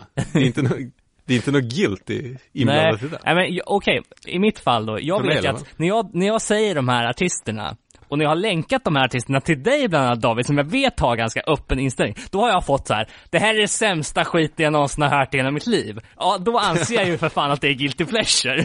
för då vet jag att jag kommer bli totalsågad om jag nämner dem. Man är ju kräsen. men det är inte genrebestämt. Nej, men för mig då är det i alla fall det kristna metalcore-bandet August Burns Red. Eh, The Amity Affliction som jag försökt pracka på dig David och fick, blev totalsågad i fotknölarna.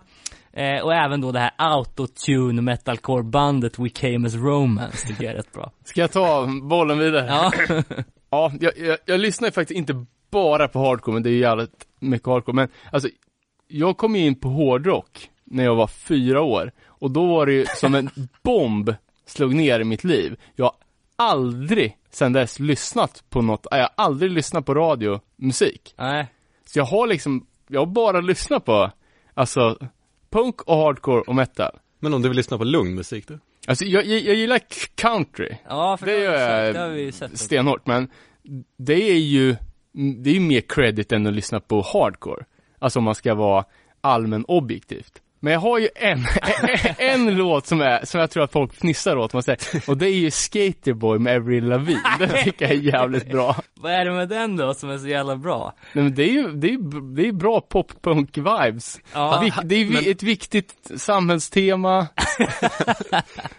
Men hade Green Day skrivit den låten, då hade det inte varit det. Det är ju väl, det är ju skatepunk det. Ja, det är en klockren låt helt enkelt. ja.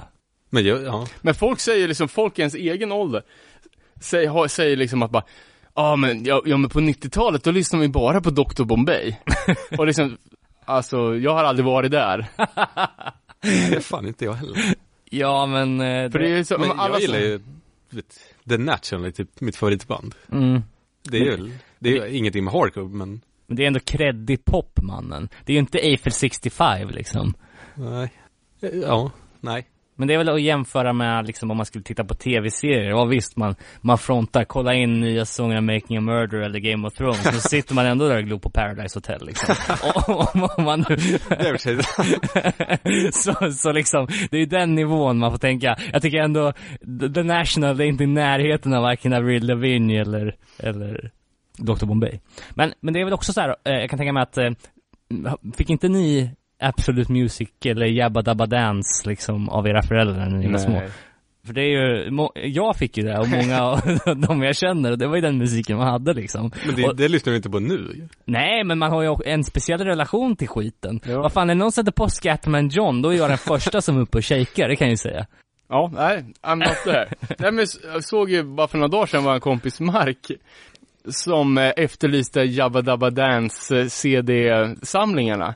Och då finns det ju upp- uppenbarligen någon sån här nostalgi, och liksom det, när, när det är så här, det är klassisk landsortsgrej. Ja, Att det är så här 90-tals, vi minns vårt 90-tal-festivalen, Precis, när de bara precis. spelar de där Eurotechno-låtarna liksom. Ja. Men det är liksom, jag vet fan.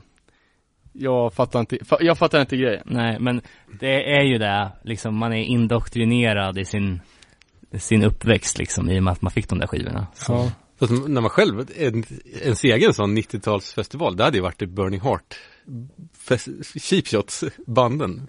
Jo men alltså vad, det där är så, det är så skumt, och liksom, och du säger att du kom in på hårdrock när du var fyra bast, ja men okej, men vad fan lyssnar ni på från sju års ålder till 13 års ålder? Vad lyssnar ni på då? Minns ni det? Ja, ja, först Twister Sister, ja det är ju också superpajigt, men Mm. ändå fett som fan. Eh, Sen Kiss, Metallica, sen var det ju, ja men Slayer, sen Ja, var det ju alltså, Sen var det över liksom. sen var det ju Napalm Death när jag var 12 liksom, Ja. Entombed och Carcass och de där grejerna. Men jag är ändå yngre än dig. Min första CD var Europe. Sen hade jag också någon fas, eller då lyssnade jag bara på det. Men då var det typ Millen och Wu-Tang typ kom sen. Europe dock hade jag ju på kassett och det är, det är få band som jag har gillat som jag inte längre gillar, för de suger. Ja, spännande. Spännande med Guilty Pleasure-musik alltså. Vi kan gå vidare då. Fast det, ja. Eller hade du något mer nej, i? nej, skitsamma. Eh, nästa fråga då. Från Fred. Eh, en klassisk Mary Fuck Kill. Eh, Toby Morse, John Joseph och Pat Flynn. Okej. Eh, Skitlätt du, ni först. ja, okej. Eh, jag tänker att eh, gifta sig med... Pat Flynn är sången i Have Heart, eller hur? Ja, exakt. Exakt. Eh, men jag tänker så här. Gifta sig med Pat Flynn, det känns o, eh, ofarligt på något vis. Eh, ligga med John Joseph, eh, det är ändå en risk för att han kan ju vara den som är mest härjad av det här gänget. Men, men det känns som att eh, to- Toby Morse, det hade varit för, för mycket specifika önskemål för min smak. eh, och därför väljer jag då att ta livet av karln. Eh, skulle nästan göra samma också. alltså. Varför, eh, har du något resonemang? Ett liv med Pat Flynn, det är fan, det, kan, det är nog rätt soft alltså. Lite rödvin och lite dikter och grejer. Ja, du menar att han kommer eh, droppa förr eller senare och dricka rödvin? Alkoholfritt då. Ja. Eh, ja men det, jag, jag skulle också, jag vet ju ingenting om Pat Flynn förutom en intervju jag har hört med honom nyss, men jag är ändå beredd att gifta mig med honom också.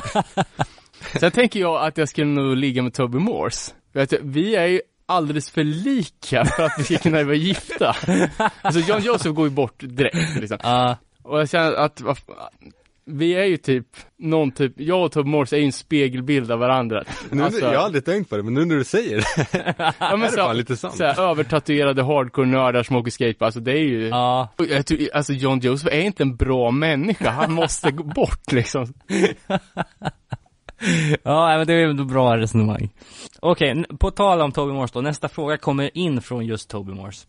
Eh, vad tycker ni om Rend? Eh, alltså Rend the Band. Hans, eh, Max Morse är Toby Morse son. Han har ju ett band som heter heter han Rend. inte Maximus? Ja, Maximus ja, så heter han. Jävligt grandiost namn. Ja, är det någon som har lyssnat på Rend the Band eller kollat in? Ja, jag är ledsen, jag, jag kollar på ett skitkort klipp, jag, har- jag har inte fått någon riktigt upp, riktig uppfattning om, om det där bandet, jag kan inte svara på det. Tobbe Morse på Instagram är ju en, det är som en bilolycka. Man, man vill inte se det, men man kan inte titta bort det. Ja, alltså det här, Brenda Band, min enda erfarenhet av det är ju när du David länkade mig Max Moores tryout-video för Mine, tror jag. Vi, Mine... vi skrev jag då, jag kan ingenting om trummor, men det här är ju fan i otakt. ja, ja, alltså Mine, tror jag de heter, eh, är ju ett trummärke, de gör ju symboler. Eh, Och varje trummis högsta önskan är att bli sponsrad av ett symbolmärke, för då kan man slå Det, det är sönder- världens dyraste hobby. Ja, liksom. man kan slå sönder hur många symboler som helst och that's cool liksom. Eh, men Max hade i alla fall fått en tryout då för Mine med hjälp av Steven Adler va? Eh, basist i Iron Maiden. Jag tror det var han som hade ordnat hela grejen. Fan vad random. Ja, ja men de är polare tydligen. Toby Morse och också då. Eh, och då hade Max lagt upp ett klipp på sin Instagram då när han gjorde den här tryout-videon. Och det var ju katastrofalt dåligt trummande. Ändå stod han där med kontrakt i hand. Så eh, detektiven i en drar ju ett plus ett. Det här var ju bara ett sätt att plisa då eh, Steven Adler. Eh, säkerligen från, från symboltillverkaren då. Men, men när man, eh, och Eller att hans pappa hade många följare på Ja men det är ju det, allt, det är ju det allt handlar om. Ja, Lost exakt. Creature får inte turnera för att de inte har tillräckligt många likes, eller följare på, på Instagram. precis. Någon som Eh. inte kan trumma för trumspons. Men det var ju, han, det var ju sämst ju. Ja, verkligen. Och även själva bandet, Rend the Band, eh, kan ju det är svårt att se hur man kan gå till att spela sån musik efter att man har fått vara med H2O på turné. Men, eh, och trummat för dem. Men vad Det är fan, ju revolt för fan. hur var, hur var era band när ni var, vad Ja. ja. han, 14 liksom? ja, det är De sant. sög väl också? Utgår jag ifrån. De suger fortfarande. Så. Vi får, vi får eh, lägga den åt sidan och gå vidare till nästa fråga. Eh, kommer in från Punk Larsson. Frågan lyder när Karta började blöda näsblod i Örebro på spelning? Frågetecken. Ja men bra meningsbyggnad. eh, ja, alla gånger eller? Ja, men jag tror att Det den var ju mest någon bild på klassiska, Instagram nu, nyss. Antar Ja, jag såg Det var den. klassiska incidenten är väl 2008 när Let Me Out hade releasefest på, mm, var det mitt andra hem? Ja, kanske. När folk divade in bakom bardisken. Eh, för då gick det ju en och en halv låt, sen eh, fick han fly ut med, eh, med näsblod. Eh, det var en röjig spelning alltså. Minns jag det. Ja, våran vän Jonas är ju en röjig person. Så är det ju. Mm. Eh, sist vi var på gig ihop gick han väl också hem med ett näsblod om jag inte minns fel. Eh, när vi hämtade honom direkt ur fyllecellen och skulle åka på negative approach på Cyklopen. Just det. Och halvvägs upp i Stockholm så hittade han en 500 i kalsongerna. det var fantastiskt. Eh, ja, Le- legend. Och legend. eh, ja, vi, vi såg han från övervåningen springande runt på dansgolvet. Eh, med näsblod. Nästa gång man såg honom så stod han längst fram på negative approach och fuckade åt, åt John Van. ja, just det. Och sen försvann han in i skogen och följde inte med hem. Vill du säga någonting om att Örebro hade hård mors? Nej. Nej. Men det, det var ju det typ. Det var vi som uppfann mors. Det var Ma- Matte Mors och Örebro som introducerade hela skiten. Ja, just det. Just det. True. True stuff. fan var det? Typ på någon Chatter Realm spelning, typ någon som fick båda framtänderna utslagna. Kommer du ihåg det? Ja, Vem, jag var gjorde det? affischen. Vem var det? Det vet jag inte. Jag kommer bara typ ihåg att man bara såg någon som bara smilade till och bara glog. Shit. Och han Jakob bodde ju hemma hos mig och också varit typ, fick något slag på tänderna. Så hans framtand böjde sig så den stod ut. Där man har snust. Läppen, alltså. Ja, läpp, Shit. nej, vad heter det? Tandköttet. Genom tandköttet. Aj, aj, aj. Så jag var med honom på sjukhuset, fick han sova hos mig och äta typ cornflakes. För han inte kunde tugga. Fy fan. Eh, Bra kväll. Ja, på tal om att få eh, tänder eller få slag och inte reagera. Eh, träffade Jens igår, en kompis från, från Göteborg, som berättade om när han var på Pressurefest typ 2005 eller något sånt där. Hans enda inter interaktion i livet med Joe Hardcore. Eh, han hade, det hade varit All Out War, och så hade de, nej det var Earth Crisis. Eh, som hade kört någon låt. Eh, och han hade blivit så jävla peppad så han hade börjat veva. Och precis när han skulle dra första slaget eh, så går Joe Hardcore förbi honom och han träffar Joe med en rak jävla knytnäve i bakhuvudet. Han reagerar inte ens, han fortsätter bara gå. Jens fick panik. Ja, men, ja, men jag, jag tror jag sagt det här eh, tidigare, men den Chatter Realm-spelningen i, i Örebro, att eh, jag var inte med och arrangerade, men jag gjorde mina egna affischer som jag, som jag sidoaffischerade med. Eh, bara en bild på ett knogjärn och sen skrev jag eh, gratis tandreglering utföres och så skrev jag tid och datum. Och det var, det var ju en så här i efterhand ganska rolig slump att någon fick två tänder utslagna på första låten. Men det var ju inte med flit såklart. Och inte av mig heller, ska tilläggas. Alright, nästa fråga kommer in från Krille. Eller det där Suffocate for fuck's sake och Morrow är två band som det snackas alldeles för lite om. Är ni inlyssnade på dessa akter och i så fall, vad tycker ni? Nej. Tyvärr inte hört talas om. Jag eh, var inte heller där, men sen så eh, tänkte jag, ah, jag ska fan ge det en chans. Och Det tänkte jag också dock, men jag hann inte. det, han- du hann inte? Nej okej. Eh, och det var sjukt, för Suffocate for fuck's sake var ju alltså min kopp te deluxe kan jag säga. Metalcore. Eh, nej. Världens sämsta bandnamn också. ja, men de här är ju från Sverige, men de är lite mystiska. Det är liksom, det finns inte så mycket intervjuer, det finns inte så mycket listor på medlemmar och så här, men eh, Man borde, ja, borde ju ändå ha ha hört bandnamnet. Eller Ja sett men alltså något... jag har hört bandnamnet svinga förbi liksom, men eh, jag har inte kollat in något av dem där de har släppt och det jag kunde se på Discogs var att de släppte en självbetitlad EP 2004 eh, och sen så följde de upp det med sin första fullängdare 2008 och eh, eh jag eh, ska försöka citera hela namnet på den här plattan. Eh, Blazing fires and helicopters on the front page of the newspaper. There's a war going on and I'm marching in heavy boots. Redan där så tänker man ju att det här måste ju vara det mest Det, det här är. Suffocate for fuck's sake du pratar om. Ja, exakt. Det här måste ju vara liksom sjukt, vad, vad kallar man det för? Liksom präktigt eller, ja, Pretto. pretto, exakt. Eh, men, fan, alltså jag är sjukt imponerad av det här. Eh, ni kommer ju garva när jag berättar premissen för den här plattan, men den är baserad då på en P1-dokumentär som sändes 2006 som heter Jag skulle kunna vara USAs president. Som handlar om en bipolär tjej som liksom är 26-27 år, precis släppt sin första roman, är så här sjukt liksom highlight of her career och sen så börjar det liksom den psykiska ohälsan visa sig liksom. Och den här dokumentären som då sändes på P1 2006 liksom kronologiserar hela hennes förfall. Eh, med intervjuer med hennes mamma, med henne själv och de läser upp liksom eh, hennes läkarjournaler och så här och det är sjukt mörkt alltså. Men de har ju då alltså, för vanligtvis så brukar man ju sampla liksom något Rambo. Ja, exakt, eller Arnold liksom.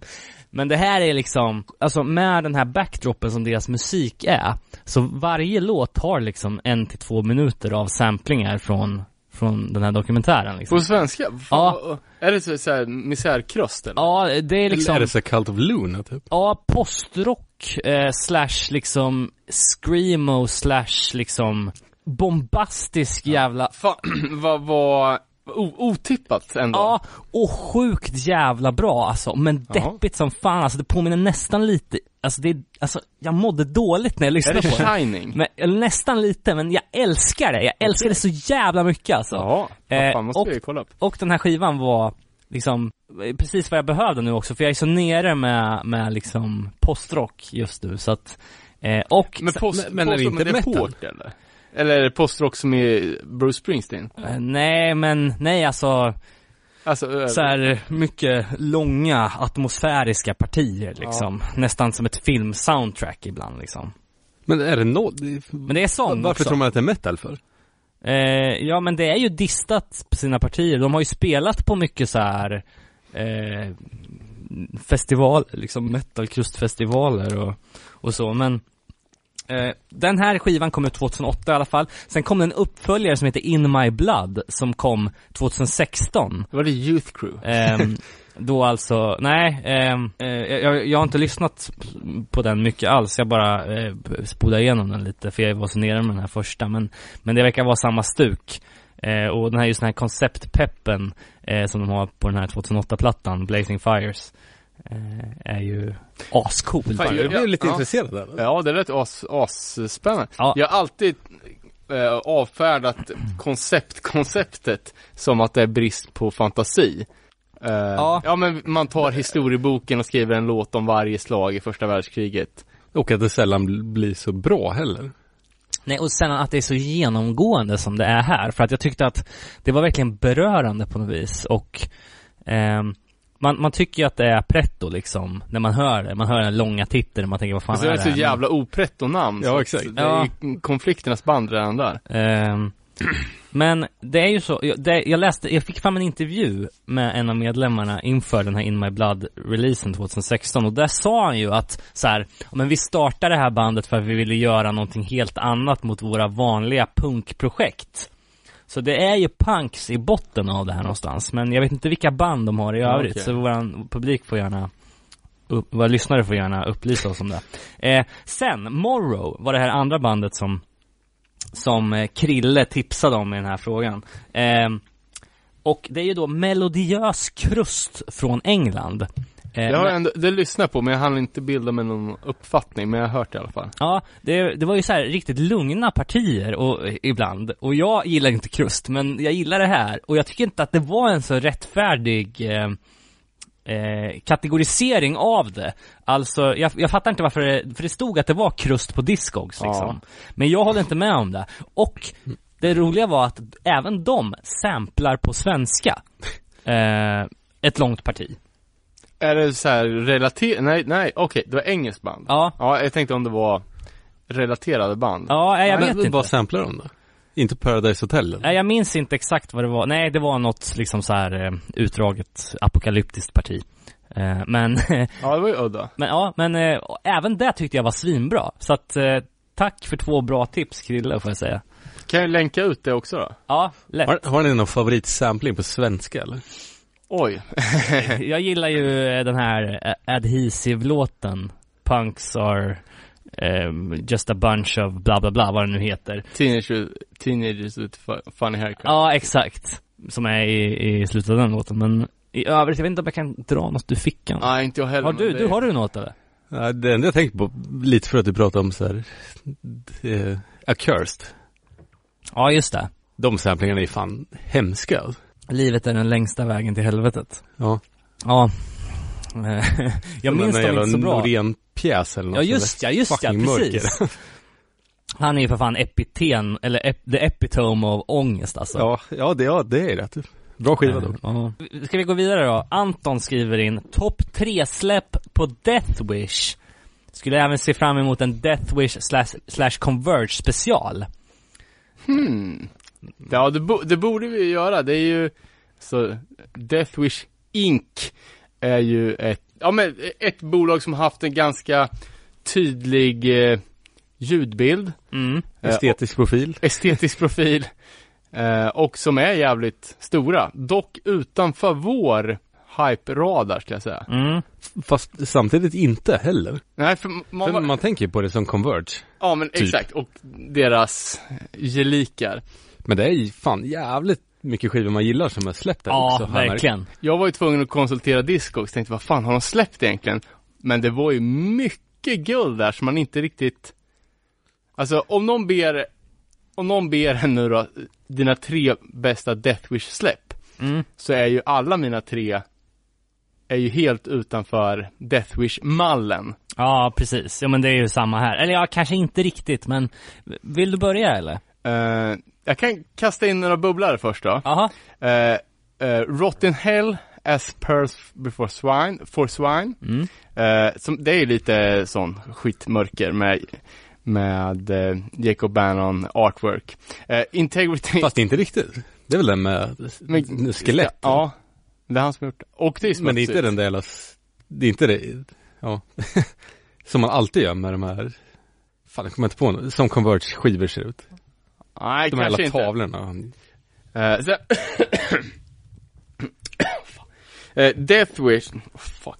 Integrity to Die For, plattan. Eh, som var väl, det var väl In- Integs första comeback fullis. Som är fan svinbra också. Som är svinbra. Ja, det är min favorit intäktplatta. Den är faktiskt med på min lista över Okej, topp tre. okej. Så att, Eh, och Sopar jag formatet 10 tum dock. Fast Ja, Death Wish har ju bara släppt den på CD. Eh, A389 gjorde ju vinylen. Mm. Eh, och sen mycket gött från Blacklisted. Eh, men min topp tre då. Lite otippat, t- bara tredje plats är ju 100 Demon självbetitlade. mm. Ot- det är ingen stor säljare för Deathwish, tror jag inte. Nej. Nej, Men den är fan bra. alltså. Världens snyggaste omslag. den är cool. Det är Hiroyoshi den tredje om jag inte minns fel. Eh, sen är ju tight på första platsen, men jag måste ändå sätta tyvärr Bitter End Guilt as Charge.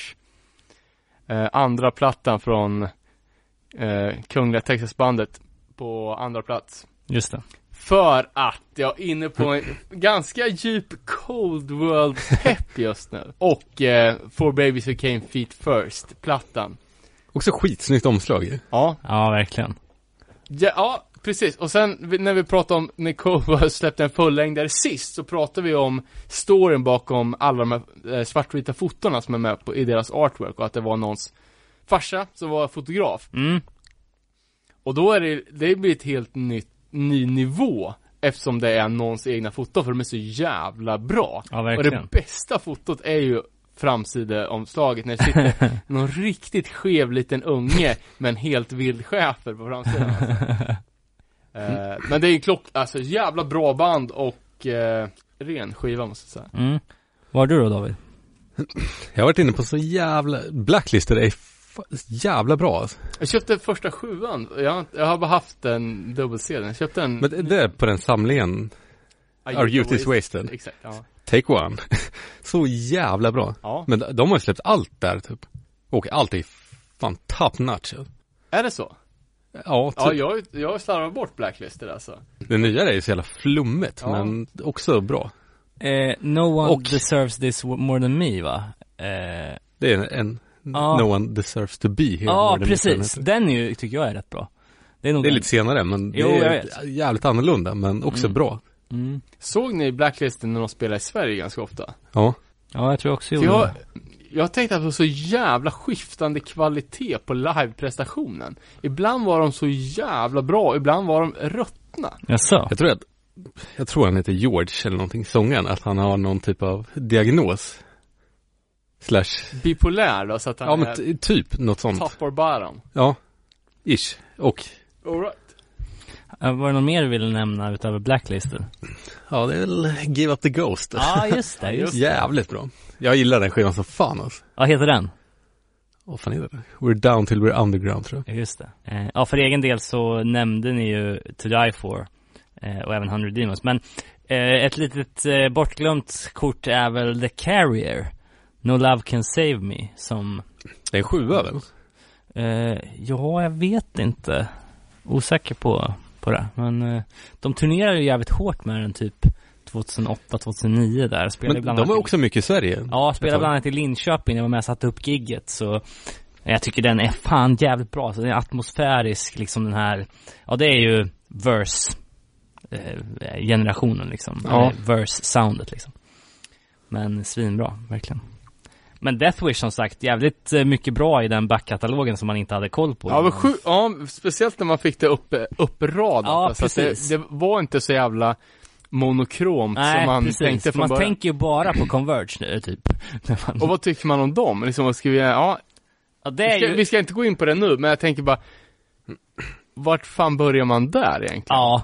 Och också kult, kulten kring det här bandet. Ja. Som man själv inte har en jävla... För det är ju Men också det är inte att man tycker att det är dåligt. Nej, men det är inte bara så jävla speciellt som det verkar vara för vissa. precis. För det var ju också en, alltså jag, jag har nog bara sett dem en gång på, på, på skylten. Mm. Och det var första gången som det var fullt där inne. Åh fan. Alltså bara, alltså Bara ja. för att alla ville köpa Jane Doe t-shirtar. Nej men alltså, det är bra band, sådär. Ja. Jag åkte dit på, för att jag misstänkte att det skulle bli en bra spelning. Men alltså, den där hela peppen, jag, ja, ja, jag, jag fattar inte riktigt. Men, eh, det vore ju kul att gräva i det. Mm. Eh, ja. Ska vi ta en, en surprise nu då? Ja. Under min dator har jag från tidigare omnämnad, omnämnda psykopati-fanzine. What? Snyggt. Här delas det ut. Jag har fått karikatyrer. Fan vad coolt. vad snygga. Av oss själva här.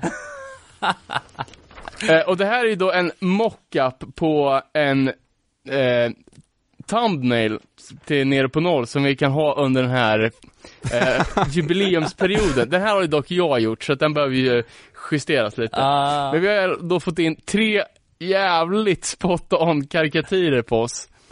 Eh, börjar från vänster. David med en eh, vild corgi under Varför ser det armen. ut som Danzig för? Jag vet inte, du ser ut så. Eh, Murphys låttröja och en bärsa i handen. Robin, kepsen. Eh, mycket VSXE-grejer. Det ser ut ja, vad fan heter den där serien? Han som har en, en hund. Och som är längst till höger, dubbel Warzone-representation och eh, skateboard. Fantastiskt. Ja, den är, den är skitsnygg. det, här, det här kommer ju upp. Det här kommer ju upp ja. Fan vad coolt, tack så mycket. Ja, verkligen alltså. Otroligt kul alltså. Bästa jag sett. Ja, fan, stort tack till, till Micke.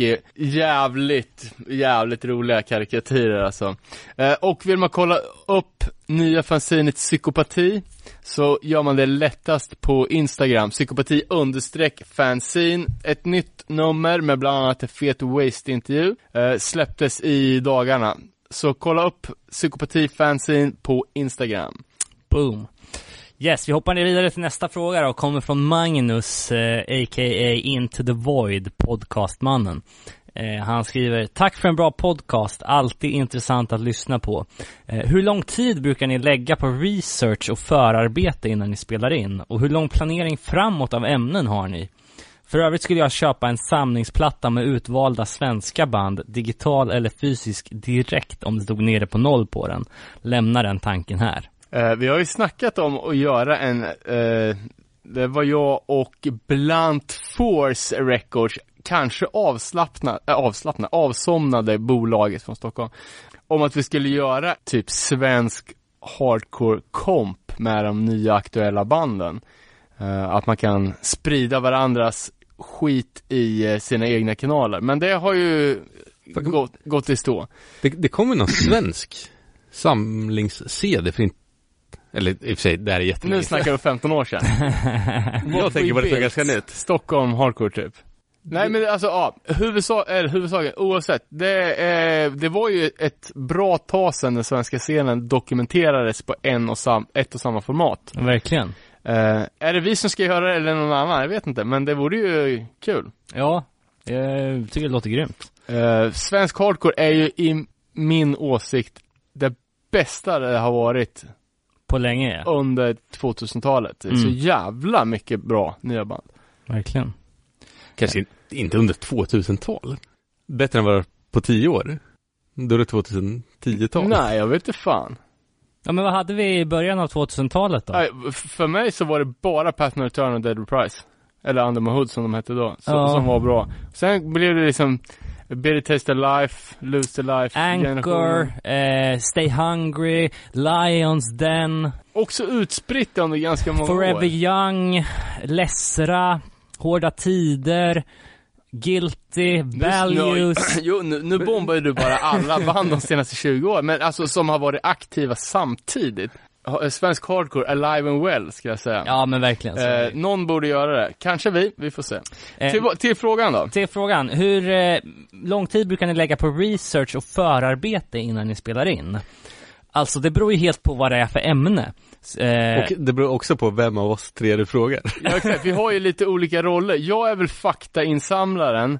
Robin, du, du är ju host och eh, du klipper ju. Ja, exakt. Och David gör allt grafiskt. Mm, Så är det som om vi snackar förarbete så ligger det ju mest hos mig. mm, exakt. Mm. Men alltså jag lägger ju jävligt mycket tid. mm, Och det är ju, jag tycker det är så jävla kul. Alltså sätta ett, Men det som har varit gött med podden är att man får, du vet, något som man i, kanske inte alltid lyssnar på. nej, Och så har man en vecka eller två ja, och bara, "Ah, men fan, nu lyssnar jag på Krust typ. ja, ja men precis. Och så, och så att- lyssnar man på det och sen kanske man inte vill läsa varenda jävla Krustbok som finns. Eller, Nej, nej men precis, äh, just de gångerna, det är inte alltid att vi har ett bestämt tema långt i förväg. nej. Men jag älskat det att ha två veckor på sig och sen bara gå och alltid ha det där med sig Ja, och sen precis. typ bara ta anteckningar, tänka, fundera. Men jag skulle säga att jag lätt lägger tio timmar ren research på ett avsnitt. Ja men det tror jag också att, i alla fall att fundera kring det, det är nog att ta i lågkant. Och sen är det ju alla de där grejerna som man inte tänker på heller när det kommer till att planera ett avsnitt. Det är ju inte bara huvudämnet som ska till, utan det är hänt i veckan, feedbacken ska sammanställas, avsnittsbilder ska göras, tiden ska spikas, eh, ja, sådana grejer. folkölen ska köpas. Ja, exakt. Men, Men men, men istället för att lyssna på Grilla Biscuit igen så kanske man lyssnar på Ja men så här, att man har Nå- fått, annat. fått en push att kolla upp nya saker. exakt. Mm. Och sen ska man liksom, jag, eh, jag gillar ju att köpa böcker liksom. Jag har ju Mm. lätt köpt 30 böcker och läst sen vi började med den här podden. Ja. Och ska man lägga in, alltså, jag läser ganska långsamt, alltså då är det ju extremt mycket Mm. tid. Och alla dokumentärer man har sett. Precis. Men det hade man ju gjort i alla fall. Ja. Men, eh, alltså, nu kanske man gör det med, med ett litet anteckningsblock liksom. Ja, exakt. Eh, och hur lång planering framåt av ämnen har ni? Eh, det brukar väl vara typ två, tre avsnitt. Eh, inte så mycket mer. Det har varit rätt skönt för då har vi kunnat varit rätt så flexibla om vi ser att någonting blossar upp liksom. Ja. Eh, Ja, jag är ett stort fan av, Alternativt om, vi har ju också haft gången när vi inte har något och så bara, fuck it, vi pratar om något vi kan. Ja. Nu, nu gör hardcore. ja, Kör. Ja, men jag, jag gillar när, när det är bestämt långt i förväg så man verkligen får götta ja, och bara precis. klura och läsa och Aj fan, jag gillar ju den nördaspekten alltså. Men som du sa, hade man gjort det innan också? Eller gjort det oavsett? Och det är ju typ så här vi pratar också. Ja, ja All- men allmänt. alltså, ja precis. Alltså sna snacket går ju typ så här i, i vilket fall. Ja, vidare till nästa fråga då. Kommer in från Rick Talife på en häst. Frågan är då, eller ja, eh, jo frågan är, eh, ett av mina favoritavsnitt är det om nya svenska band. Eh, det vore kul om ni blickade tillbaka för att se hur det har gått för banden som ni pratade om samt att se vad för nytt som är värt att prata om 2019. Eh, inser att detta kanske gör sig bättre som ett eget avsnitt, men men. Eh, alltså jag tycker att det här låter fett. Eh, det är lite Men- så här en vad, vad- hände vad- sen grej. Vad liksom. pratar vi om i det? Ja men det kan vi inte veta nu rakt av utan att gå Ja, men vi, tillbaka. vi, vi gjorde det avsnittet. Om nya svenska band. Och nya svenska band, det var ju ganska länge sedan. Ja. Det borde vi gå, ja, jag kommer inte ens ihåg vilka som var nya då. Nej men det är det jag Time to heal menar. Vi pratar om. Vi får ju gå Ja, exakt, tillbaka de ska och- lägga ner. Det, det är ju tyvärr så i hardcore att livscykeln är ju så extremt kort. Så risken är ju att alla band vi pratar om, om vi säger att det här var hösten 17, Ja. att inga av de band finns kvar. Precis. Eh, Eller att de har legat på ID ett tag och nu börjar komma igång igen eller sådär men Det är här clickbait. Är- Som Aftonbladet alltid har. Du anar inte vad som hände Nej sen. men exakt, men det är det jag menar, men vad hände sen? Började lyssna på techno. ja precis, flyttade till Thailand Ja, nej men jag tycker det låter som en eh, fet idé eh, Det är väl också lite av, alltså den tanken vi hade med våran så här prediction-grej som vi gjorde i början av varje år Som vi återbesökte senaste nyårsspecial Ja. här med att vi hade gett predictions inför året och sen gick vi tillbaks och kollade hur det hade fallit ut eh, Men det är kul eh, nästa fråga då från, från Harley Flanagan. Är det sant? Eh, Vilken av JJ Chromags pårökta idéer fascinerar er mest? Är de verkligen pårökta? Ja, eh, Det är ju, ja. ja alltså. Vad heter det, ehm, när eh, gräsrökandet sätter sina spår 25 år senare? Är det flashbacks? Ja, eh, Så på så sätt är de ju säkert pårökta. Ja, Jag vet inte fan, alltså, jag har inte läst hans senaste bok, The PMA Effect. nej. Men annars tycker jag han avhandlar ju ganska, alltså den Meaties of Pussies är ju bara, ja men eh, veganpropaganda liksom. Det, Ja. Vad har han för pårökta idéer egentligen? Min bästa är den att eh, tsunamin är ett straff för att de jagar val. I Japan ja. Den är ju också jävligt grov. Det är skevt så det är Ja, men det som, det som eh, han har pratat mycket om på senaste tiden, det är ju eh, efter den här ganska bespottade, eller jag var rätt så fascinerad av den när den kom, men en viss Vicke Väktaren satte mig på plats rätt hårt. Eh, det var en Netflix-dokumentär som kom som behandlade liksom eh, hur mycket eh, skit det finns i maten i form av så här ehm, tillsatser. Ja, exakt. Och vad de gör med en liksom. Eh, jag kommer inte ihåg exakt vad den hette, men den kom ut på Netflix. Och man var så här, ja fan det är helt sjukt liksom. Men det visade sig att den inte var så mycket vetenskapligt belagd som, som den kanske Jag tror det är en jävla skillnad på svensk mat och amerikansk Ja, mat. exakt. Det är en fördom, men, Men, jag han, tror det. han, han, han härjar ju väldigt mycket i sin egen YouTube-kanal som jag kollar på om eh, just den här kopplingen mellan livsmedelsindustrin och eh, medicinindustrin, ja. liksom den ja här men kopplingen jag mellan... kollar på What the Health. Ja men det är det jag menar, det var Ja, den jag var menade. det, ja, var det den? Ja, Ja, what the hell. Så heter den. Det är ju 100% fakta ju. Ja, ja eller? Ja, den, det är, den kan jag backa till Ja. döden alltså. Men, men i alla fall, eh, det är ju en, men ja, eh, han, han har, han har ju mycket konstiga grejer för sig och jag tror att så här, eh, ett stort problem som jag har sett eh, eller som man märker av på sociala medier eh, med, med liksom om du säger allmängiltiga sanningar så kan det bli någon slags filosoffigur liksom. Att du kan få lite pondus för att du säger saker som är rätt så det finns liksom inget kontroversiellt i dem utan det är mer så här, um, you gotta try hard, you gotta have a positive mental attitude, bla bla bla liksom, såna här grejer. Det är ju egentligen så här, ja, Common sense. Ja, vad fan liksom, vad va, va, va, vad kommer du med i den här? Så med risk för att bli knivad nu i juli när jag ska försöka få biljett till hans walking tour i New York så tycker jag att det är ganska fjantigt. Men det är också fascinerande, det är också kul med någon som kommer ut och så här Sparkar in öppna dörrar. Ja, exakt. Ja, men lite så är det ju. Eh, det är också så här, det är ju confirmation bias liksom att man vill ju gärna höra någon skrika ut det man själv tänker och tycker. Liksom, man håller ju med om rätt mycket av det han säger liksom. Mm, men det är ofta Ja, så. jag- som sagt, jag vet inte om, om, om man har så mycket, så mycket grejer som är så är jättekontroversiella. Nej, nej, jag, jag känner att jag, precis. jag är lite för dåligt påläst om, om eh, vad han egentligen tycker, mer än det uppenbara liksom. Eh, om någon annan känner till några roliga John Joseph eh, Ja, please. anekdoter eller teorier som han har så droppa oss en rad. Nästa fråga kommer in från en Ola. Han skriver Berätta allt ni vet om introlåten och bandet som gjort den. Själv har jag nämligen ingen aning. Eh, Man tänker ju då på eh, introlåten som vi har haft i hundra avsnitt nu. Eh, Embraced by Hatred heter bandet. Låten heter Down to Concrete. En slags mjukisbralla anthem typ. Hade, hade vi den i första avsnittet? eller? Ja, eh, jag tror att vi har haft den hela tiden. Det är bara att första avsnittet börjar ju med en liten lottnamn-bonanza. Men jag tror fan vi har kört den.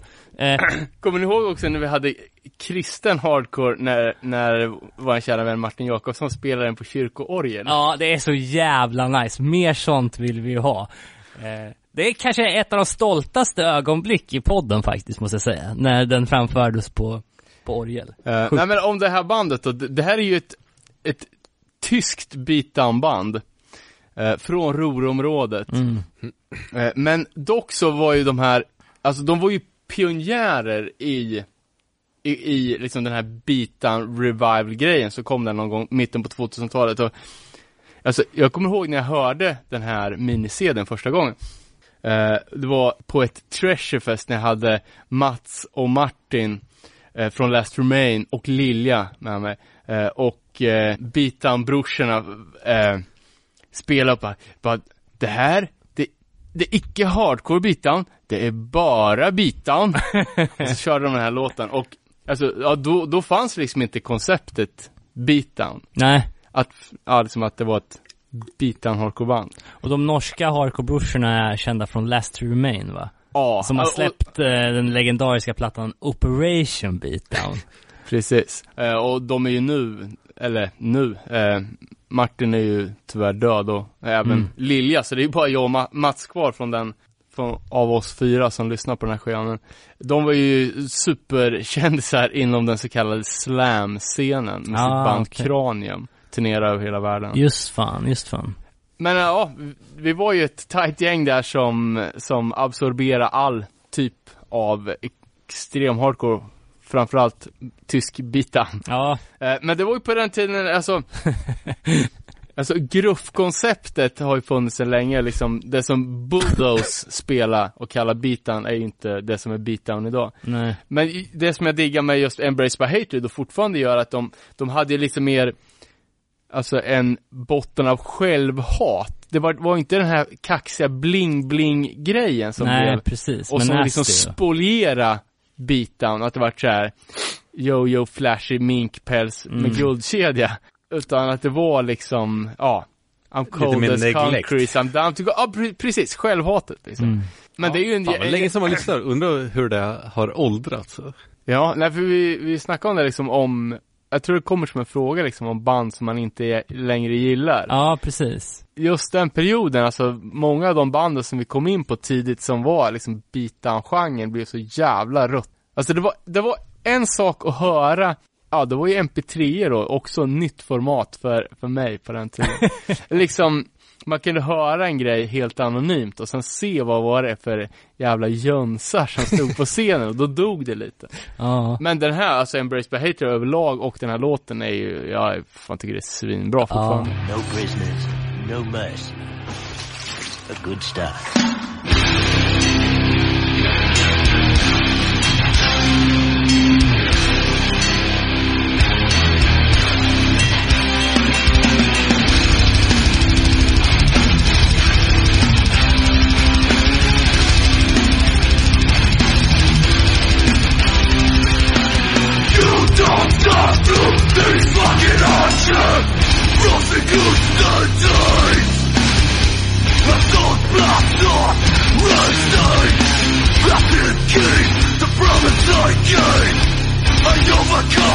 idea that never brings Even if I die alone.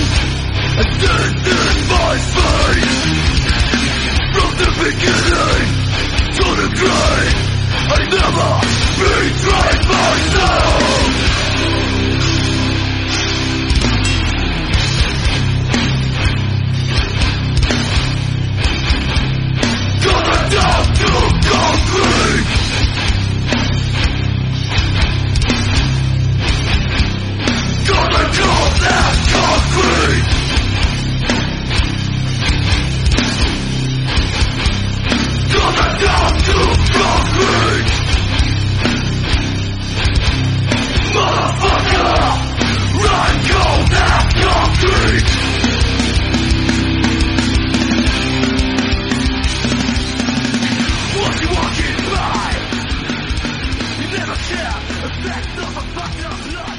Okej, nästa fråga kommer in från 24 Talife. Eh, frågan är då, vilken googling vill ni helst ska vara sann? ja, jag har skrivit Harley Flanagan plus Bellator. Eh, Bellator är ju en liten så här lägre eh, MMA-serie. Eh, som ändå går på tv liksom. Eh, jag tänker att de kan plocka upp Harley så han får gå några matcher. Och det kan vara jävligt underhållande att se. Fast eh, hardcore boxing eller hardcore MMA, där hade ju varit jävla tittarsuccé. ja men verkligen. Men var det, Danny Diablo gick väl ut och eh, bjöd in någon Ja. rapper till cage fight också? Jaså? Blev det? Ja, det har inte jag sett. Nej, jag tror inte det blev av.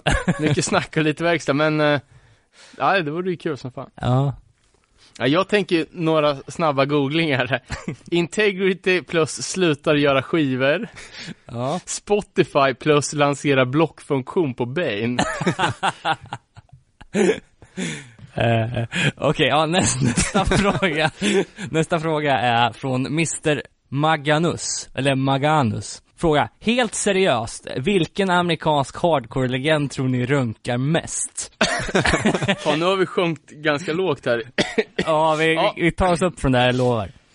Eh, ja, Ja, jag, jag kan börja, jag har en klockren direkt. ja, Henry Rollins. ja, ja. Alltså, jag, jag lyssnar inte på Henry Rollins musik, ja, lite av hans Black Flag-grejer, men jag har ju lyssnat jävligt mycket på hans spoken word-grejer. Eh, en, en tid innan podcasten så köpte jag ju alla hans spoken word-CDs och lyssnade på slaviskt. Och det finns ju något sånt extremt, och i hans alla böcker, någon sån jävla extremt underliggande sexuell frustration i den mannen. Känns som han har mycket fritid också. Ja, det är, Men vet du vad det känns som? Ångestrunk. ja, ja. Totalt mörker. Ja, jag tänkte också på Scott Vogel eftersom han spelar i samma band som Nick Jett, men Nick Jett är ingen hardcore-legend. Eh, alltså, Nej, men jag, jag, jag tänker också den Scott Vogel-energin som måste kanaliseras på ett eller ja annat sätt. precis, precis. Chubby Fresh. den är ju så mörk som man inte ens vill tänka på. Va, den är jättesolig. Han ser ju inte ens penisen. Han sitter vid någon, någon jävla Honda motorcykel. Ta snygga nakenbilder på sig själv. Mm. Ja. Ja. Eh, vidare, nästa fråga kommer in från Dalmasen. Om ni måste välja East Coast Hardcore eller West Coast Hardcore, och varför? Måste man välja eller? Nej, man behöver inte det. Men jag kan säga i alla fall. Eh, jag skulle säga East Coast Hardcore och det är ju för att det finns så jävla mycket mer East Coast Hardcore. Mm. Eh, om, man, om man tänker så är det ju typ bara Kalifornien på, på hela västkusten, pyttelite Seattle och lite Portland. Medan på östkusten så har du här 35 olika feta scener. Precis, man skulle kunna gräva ner sig i Troy, liksom. Jag skulle också vilja East Coast. Bara för att det känns jävla, man gillar ju mörkt shit alltså. Det känns mer bittert typ. Mm. Ja, ja men det är ju alltså hu- 100% Än den här jävla surf. Det är det som, som de alltid säger med om man ska sammanfatta East Coast, West Coast rap eh, grejen. Att det var mörkt versus soligt på västkusten. Men så är det ju också 100% på på hardcore också. Ja, ja, ja. Verkligen. Och jag skulle säga Då får du välja West Coast bara för att Nej men alltså jag tyckte det var svårt men, men eh, jag tycker att eh, det blir East Coast för mig också. Det är liksom större blandning på banden, det är hårdare hardcore, trots att man, jag älskar ju allt som eh, liksom kom, kommer från Kalifornien med Ignite och eh, ja, liksom den typen av, av hardcore liksom. Eh, Ja, ja. det finns ju inte direkt någon sån motsvarighet på, på östkusten riktigt, men, men samtidigt band som liksom Madball, Sworn Enemy, Earth Crisis, det har ju ändå format ens lyssnande jävligt mycket, så att de, det kändes som att då får det bli, Ja, ja men det var ganska lätt. ja, Fast man måste inte välja. som tur är. West Coast är också bra. Eh, nästa fråga då, också från Dalmasen. Eh, vilken är den sämsta spelningen ni har varit på? David, vill du börja här? Ja, vill jag det? Nej, okej. Jag, jag kan börja och vi var där allihopa. Ja, det är West Side Boys eller? West Side Ja, Boys. Jag hade också skrivit det. och den finns ju förevigad nu. Jag la ju upp den i eftersnacksgruppen. Ja. ja, ja just det. Alltså, ja, eh, franskt klassiskt eh, ojband som har släppt en sjua som, eh, som Emily tipsade oss om eh, Mm. från början och som Den är jag bra. verkligen älskar. Alltså det är typ en av mina bästa punklåtar, titelspåret på Hooligans 7 eh, Och West Side Boys spelningen, det var ju typ därför vi åkte dit. Och de gör en så jävla, alltså det går inte att beskriva hur dåligt de gör den. Eh, och det finns ju, YouTube-klippet finns på, i den här nere på noll eftersnacksgruppen om man vill se, för det är fan katastrof. Det är katastrof på alla plan. Det kändes som att Alltså, så, alltså ma maken till dålig karisma från sångaren har man ju aldrig varit med om. Och ibland känns det som att de spelar helt olika låtar.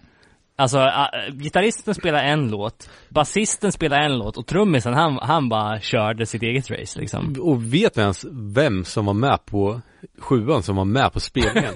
Det var ju inte sångaren. Han var ju typ 20. Nej men jag tror, jag tror att det var OG faktiskt. Men jag, ja, för dåligt Han var ju ett kid typ. Han såg bara ung ut. Han såg jävligt ung ut. jag- Eh, jag, har- jag har ju en också som, som jag har ju bara sett Strife en gång, jag såg dem i Tyskland, men då var ju på den Anger Means-turnén. Mhm. Och det är alltså fantastiskt band. Ingen fel, ingen fel på den eller? Men, nej, nej, Anger Means är inte så dålig heller, men just då, jag vet inte fan, jag, jag såg dem på stor festival vid lunch och de hade också den här line-upen när de hade, jag tror de hade extra percussion-gubbe plus DJ-snubbe på scen. Oh. Och du vet, här bara, här är ett, på den tiden, lätt topp 10 band. Pulsökning noll. Ja. Det var en riktig besvikelse alltså. Även American Nightmare på, på Gråsrock. Ja, det var bedrövligt. Oh, jag såg ju, jag var så jävla inne på American Nightmare, när de alltid var här. Och sen när de la ner så startade ju Wes, kommer inte ihåg om det är Some Girls eller något som heter Exoskeletons, spelar på Ja, skylten. just det. Och typ någon jävel stod i ett, du vet, en så här, eh, genomskinlig gitarr. Och de typ körde någon låt när han bara så skrek Ape i 20 minuter. Shit. Besviken. Ja, jag Sen förstår. har jag spelningen i sig var ganska bra för min del. Men det var ju också när jag tog dig för att kolla på Social Distortion. Ja, just det. Och det är så, fan jag har båda rebenssidorna med Social Distortion skelett. Jag har sett dem, eh, jag och Lisa har åkt fan många resor för, alltså flera länder för att kolla på Social. Ett Och topp det är ju världens bästa band. Ja men typ toppband.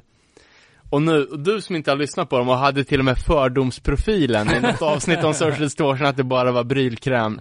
Och det var också en spelning där han körde en hel platta back to back också. Ja, Och jävligt Inte den avskalad bästa sätt... skivan heller. Nej, och jävligt avskalad sättning också. Ja, problemet, problemet var ju att det här var ju en spelning för hardcore Social Distortion fan. Mm. Alltså fans, de har ju spelat mycket och på den tiden ganska mycket i Europa och skulle väl göra något extra.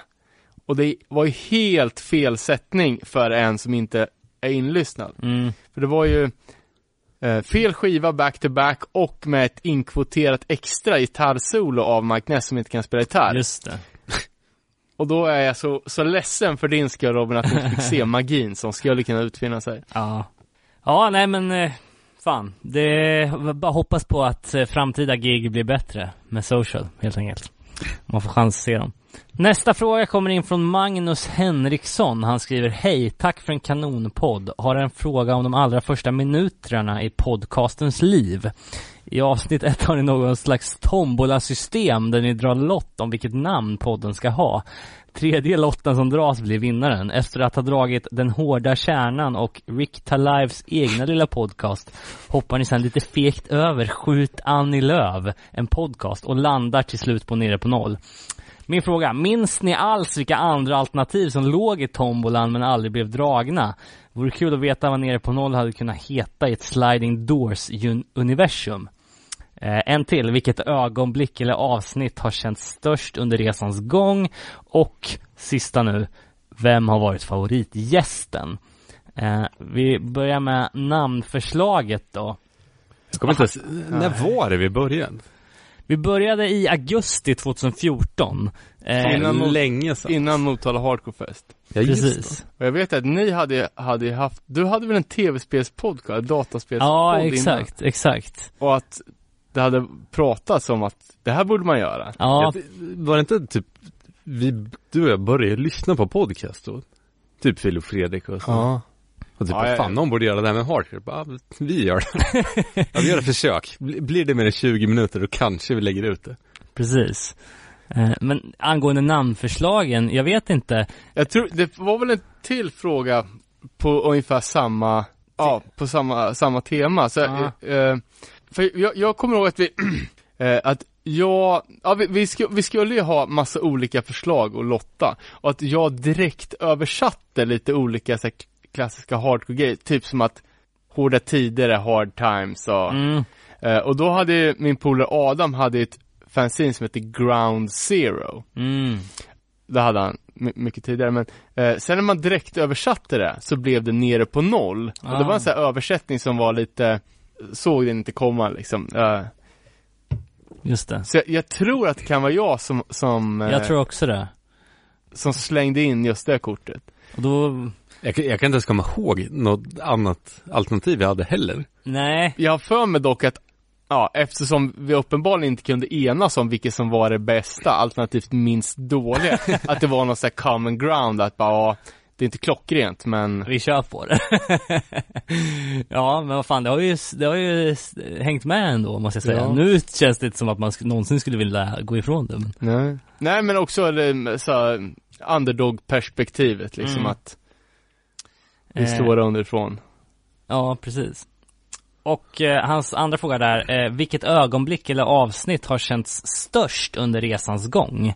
Eh, för mig var det nog att vara hemma hos Ingmar i No Fun All. För att det var nog första gången Nej, det var det kanske inte, men det var en, en, en så här viktig milstolpe i att vi kände att nu kan vi åka iväg och göra grejer. Liksom, nu kan vi åka ut. Och vi, det var ju också då som vi fick känslan efteråt att så här, ja men fan, nu investerar vi i bra utrustning för att dels blev ljudet så jävla dåligt, man var så piss när man satt och klippte det där. Men också så här att, ja fan, det där var inte så jävla farligt. Vi kan nog åka ut och göra fler grejer och ta med oss utrustningen liksom. Och känna att vi, att vi flowar. För jävligt tidigt, typ första hösten eller kanske våren 15 när vi gjorde podden så åkte vi ju till Trollhättan med och kollade in Håll det äkta när de spelade in sin Soul Cracks the Gold, hette den där. Ja. Ehm, och då hade vi ju intervju med dem Ja. ute på, På fältet. sushi-restaurang. Ja, exakt. Men eh, Vart det dåligt ljud eller vadå? Nej, alltså men, men redan då så var det så här, ja men det här är en one-off liksom, vi kommer inte åka ut, så vi åkte inte ut så mycket mer Nej. efter det. Men sen blev det ju liksom någon nystart där med avsnitt 86, eh, när vi var hos Ingmar och, och sen har vi var vi ju iväg en hel del liksom. Så eh, det var nog det.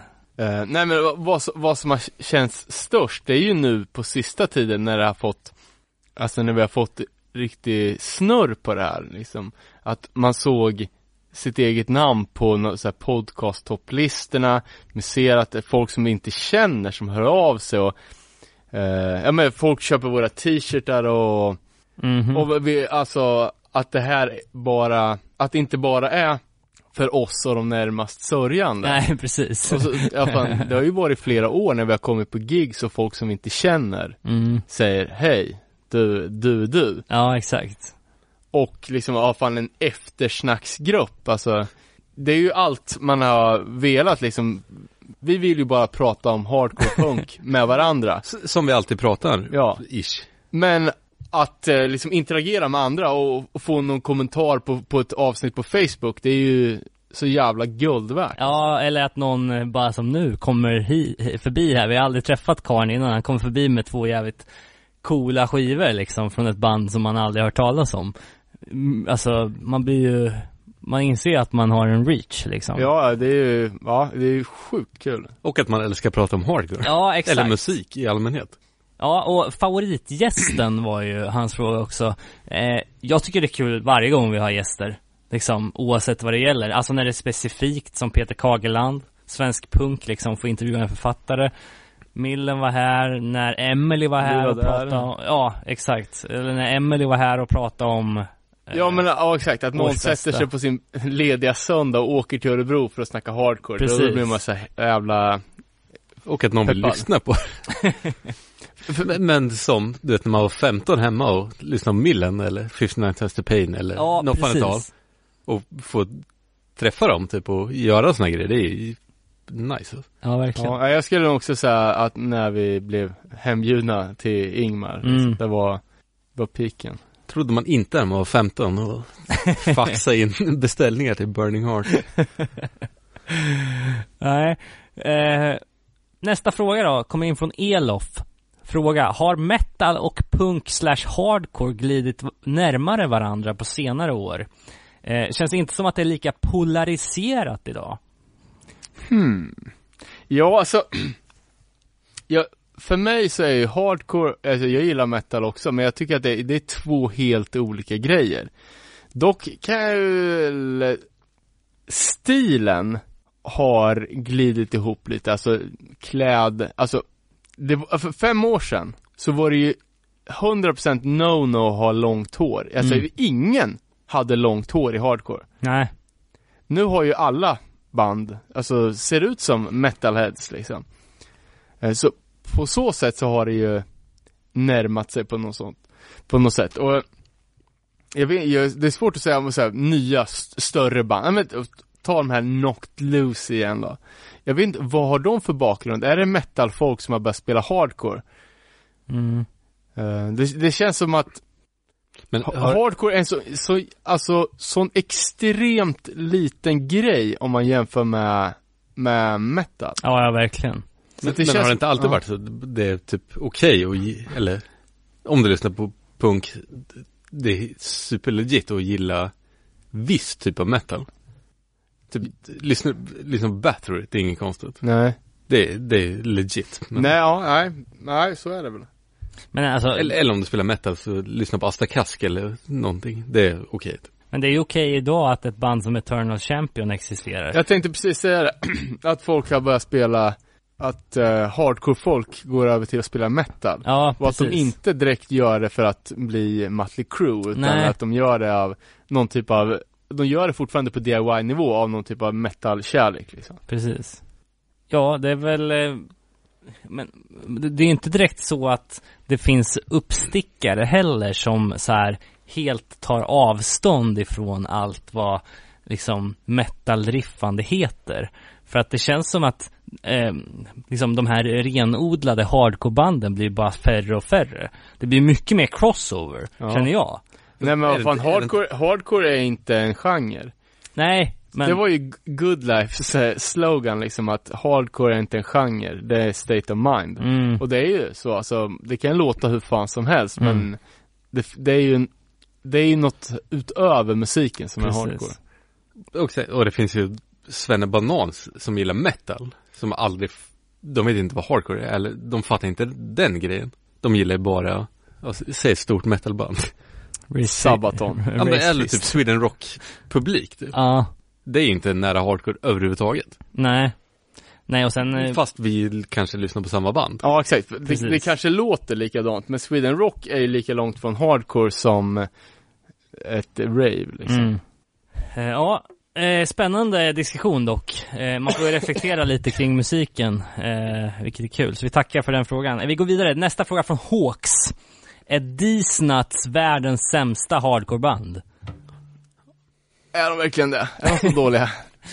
M- musikaliskt kanske inte världens sämsta, men typ, typ de sämsta, men Lökigt bandnamn, Ja. men har du hört Companion?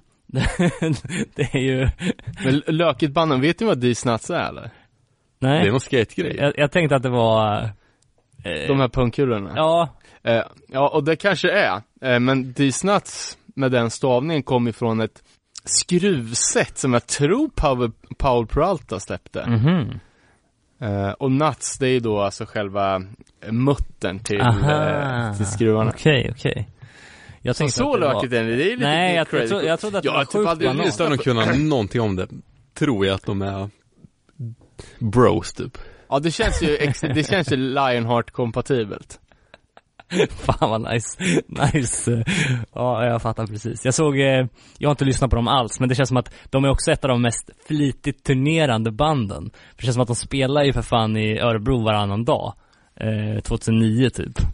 Eh, men, Det är någonting som är skevt. Alltså. mm. Nu, det, nu är jag inte, Nej men exakt, det, är- det, det är ju bara fördomar, de kan ju vara 100% legit och de kan ju också vara 100% olegit, jag Ja. har inte en aning. Nej, så vi lämnar den. Vi går på nästa. Fråga från Belgien. Ses vi på Gråsrock?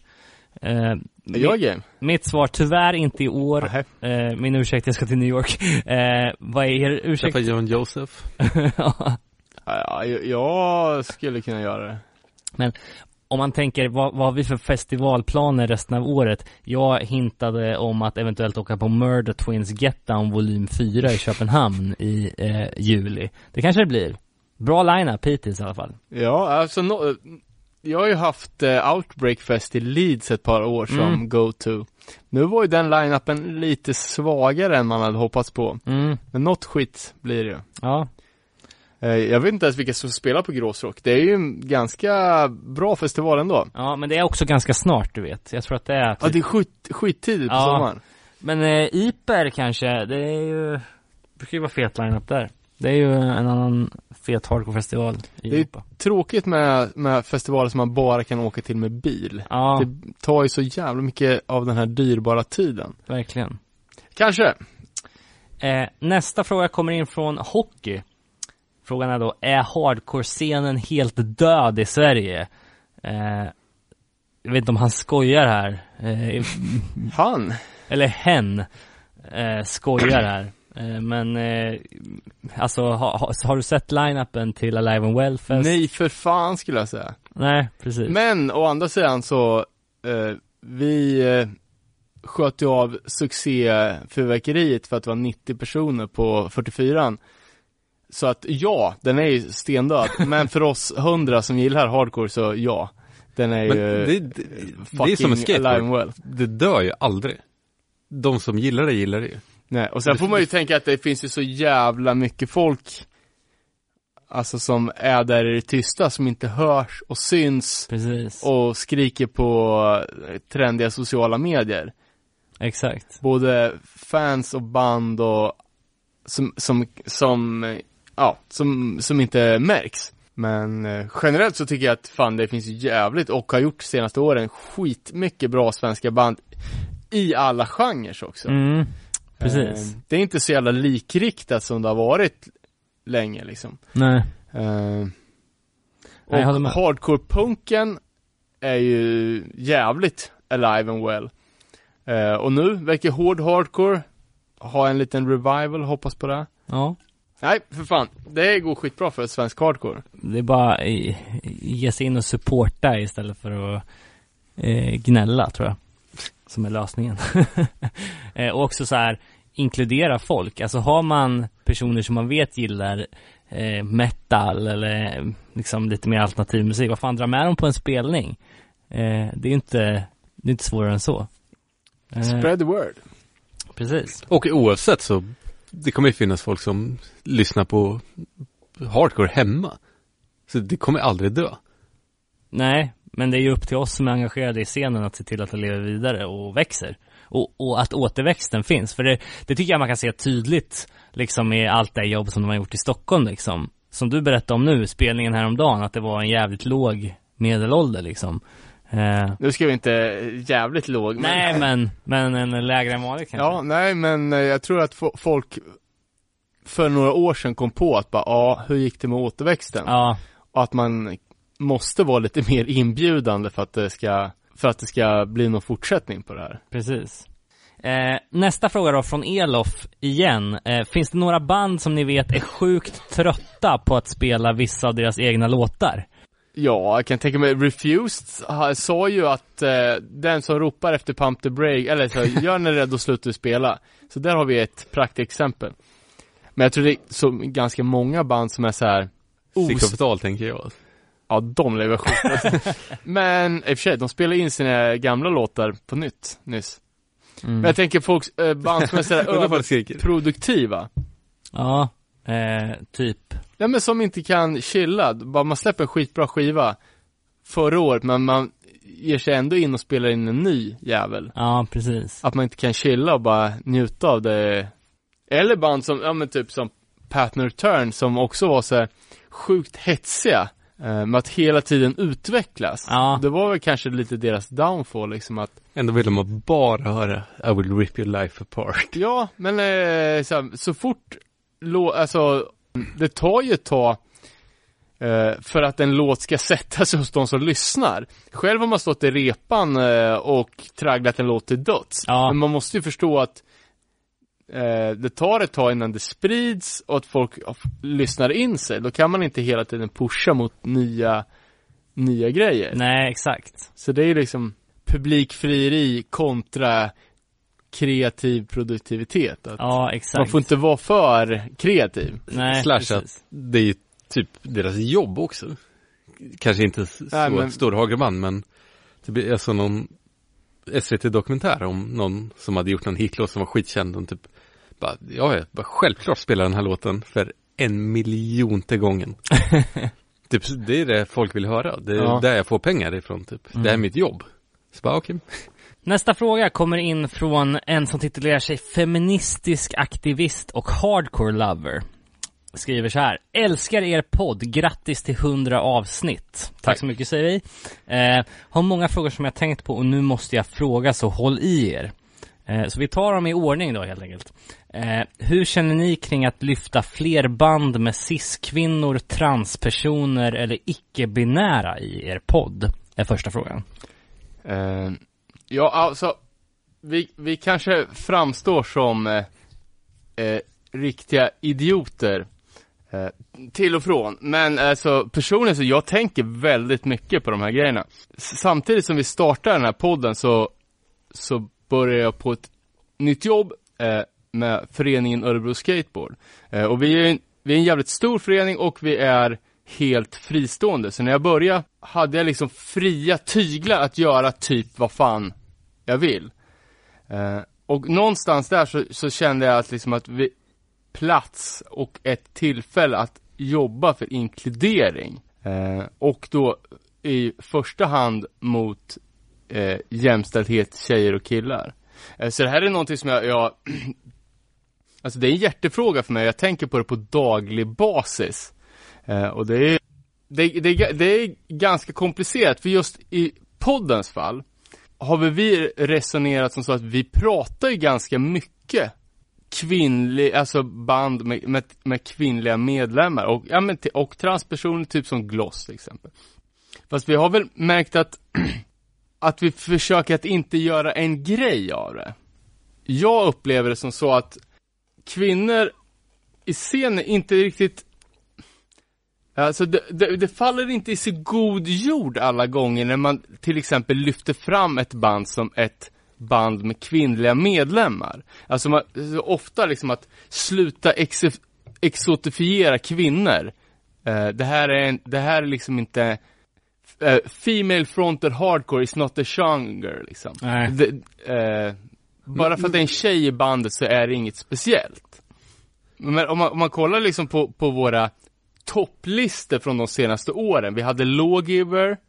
Eh, jag peppar ju både Hag och Axe Rash liksom. Det är band som vi har pratat mycket om och som vi diggar liksom på, på helt på egna meriter.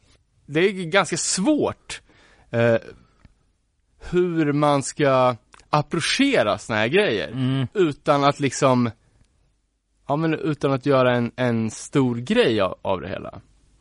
Precis. känner... Men man tror ju att, jag tycker också, eller så här, man, man tänker inte ens hardcore är hardcore. Det spelar inte roll om det är snubbe, en trans eller en tjej. Nej men och, och samtidigt så är det ju så att det finns ju en, en underrepresentation. Eh, och det, är, det ligger lite på, på allas ansvar att Alltså, och det handlar inte bara om att släppa fram, utan det är ju också för allas välbefinnande. För jag tror ju att en sund hardcore-scen, alltså att ha mixad publik i en hardcore-scen kommer vara för, allas, allas bästa. Mm. Det kommer komma mer folk på spelningarna. Då kommer det bli fler band, det kommer bli bättre spelningar. Allt kommer bli till det bättre. Eh, och sen är det hur, hur man gör det. För, fast man har alltid tänkt på hardcore som jävligt inkluderande för alla. Men det är också en du, Ja. reflektion av samhället. Det är ju Ja, ja men, snubbmajoritet. ja, ja pro- problemet är att, att vi ser det ur våra ögon. Ja, exakt. Att vi inte riktigt upp, ja, vi kanske upplever det som sjukt inkluderande medan andra inte gör det. Nej, exakt. Eh, Jag skulle säga så här också att jag tror inte att någon av oss eh, har något annat än en jävla pepp att lyfta fram saker som avviker från hardcore-normen, det vill säga fyra, fem cis-män i North Face-keps liksom, i ett band. Eh, Men det man upptäcker när man gör en eh, intervjupodd som vi gör, eller en ämnesfokuserad podd, eh, det är att alla är ju inte bekväma med att prata i en mikrofon i flera timmar, utan trivs mer att liksom skriva artiklar eller sjunga låtar liksom och göra sin röst hörd på det sättet. Eh, så, alltså om man bara kollar hu- hur vi har gjort för att liksom lyfta den här, eh, sitt, den här, det här ämnet så har det ju varit gånger där man har känt så här att ja men den här personen skulle vi vilja ha med men det har inte gått för att det är en viss ansträngning med det här mediet som vi jobbar med. Eh, och all respekt för det liksom. Eh, och det, man, det vi försöker göra istället då, det är ju liksom att påverka den här strukturella maktordningen som finns idag på så många sätt som man kan. Genom att deklarera sig själv öppet som feminist, genom att inte skilja på hardcore-band baserat på vilka medlemmar som är i dem. Eh, genom att inte vara sexister eller homofober och så vidare liksom. Eh, men eh, det är ju som, som nästa fråga, eh, hur ser ni på feminism och hardcore? Eh, det är ju ehm, det är ju liksom, Hand i hand skulle jag säga. ja exakt. För mig är det det i alla fall. Eh, och just den här, ja, personen som skriver den här frågan fortsätter då. Eh, hur ser ni på feminist och hardcore? Ser ni vikten av att lyfta den feministiska agendan och tanken och förankra den även inom hardcore-kulturen eller tycker ni att den redan är inkluderad? Eh, och ser ni eran podd som ett verktyg för detta? Eh, och det tycker jag absolut. Jag tycker inte att hardcore-scenen är 100% inkluderande som det är idag. För det finns oskrivna regler och lagar som vi följer även om vi inte tänker på det. Eh, det finns en machokultur. Det finns liksom ett sätt som man ska bete sig när man är på hardcore-spelning som inte... Eh, och som man själv blir så här. Man, man, eh, man får ifrågasätta sina egna värderingar ibland. I alla fall när man har, när man tar med sig en, en, en kompis eller en en person som inte har varit involverad i scenen på samma sätt så blir det oftast en ganska skev bild av det man håller på med men för en själv så är det ganska normalt för att man är lever, ja. djupt inne i det liksom. Nej, men jag tycker också att, att den här podden är en är 100% eh, bra plattform för, för att lyfta de, de här frågorna. Eh, och det är någonting som vi gärna gör, men, men frågan är liksom, alltså, man får ju, jag tycker att man, man lär sig hela tiden och måste hela tiden omvärdera sina åsikter. Mm.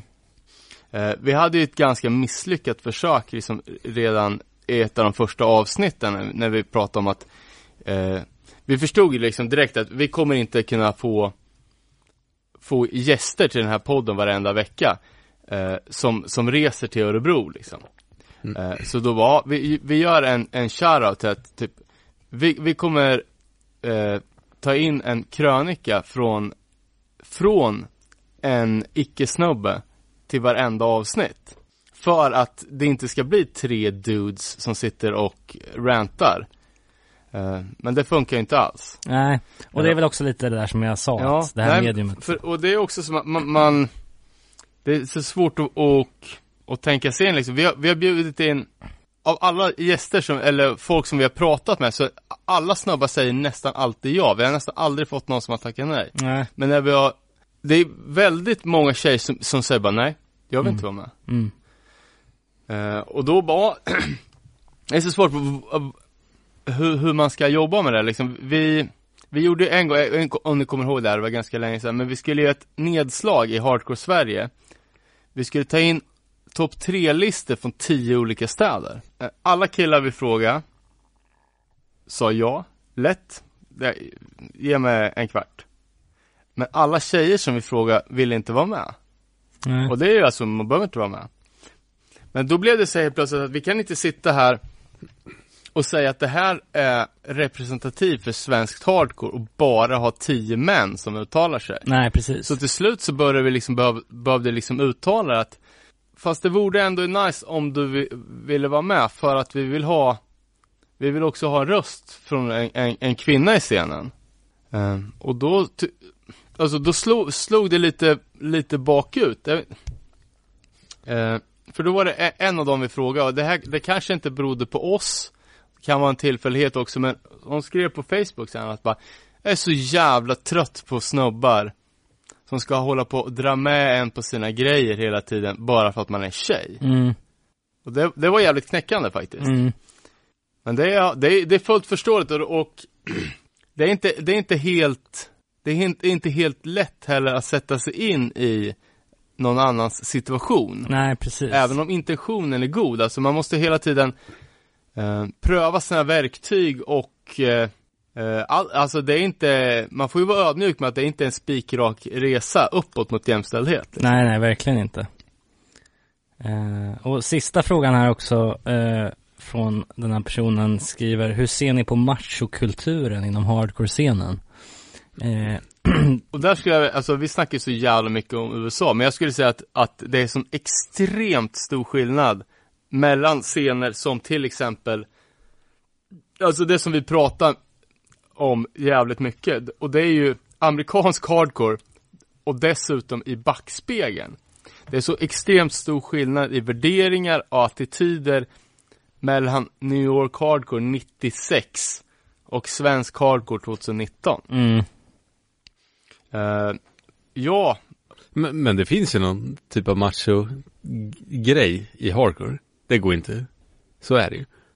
ja men å andra sidan, jag säger att eh, liksom, det finns ju, det är ju, jag tror inte det är, det är inte många promille som, som inte skulle, skulle säga att de är feminister i svensk hardcore.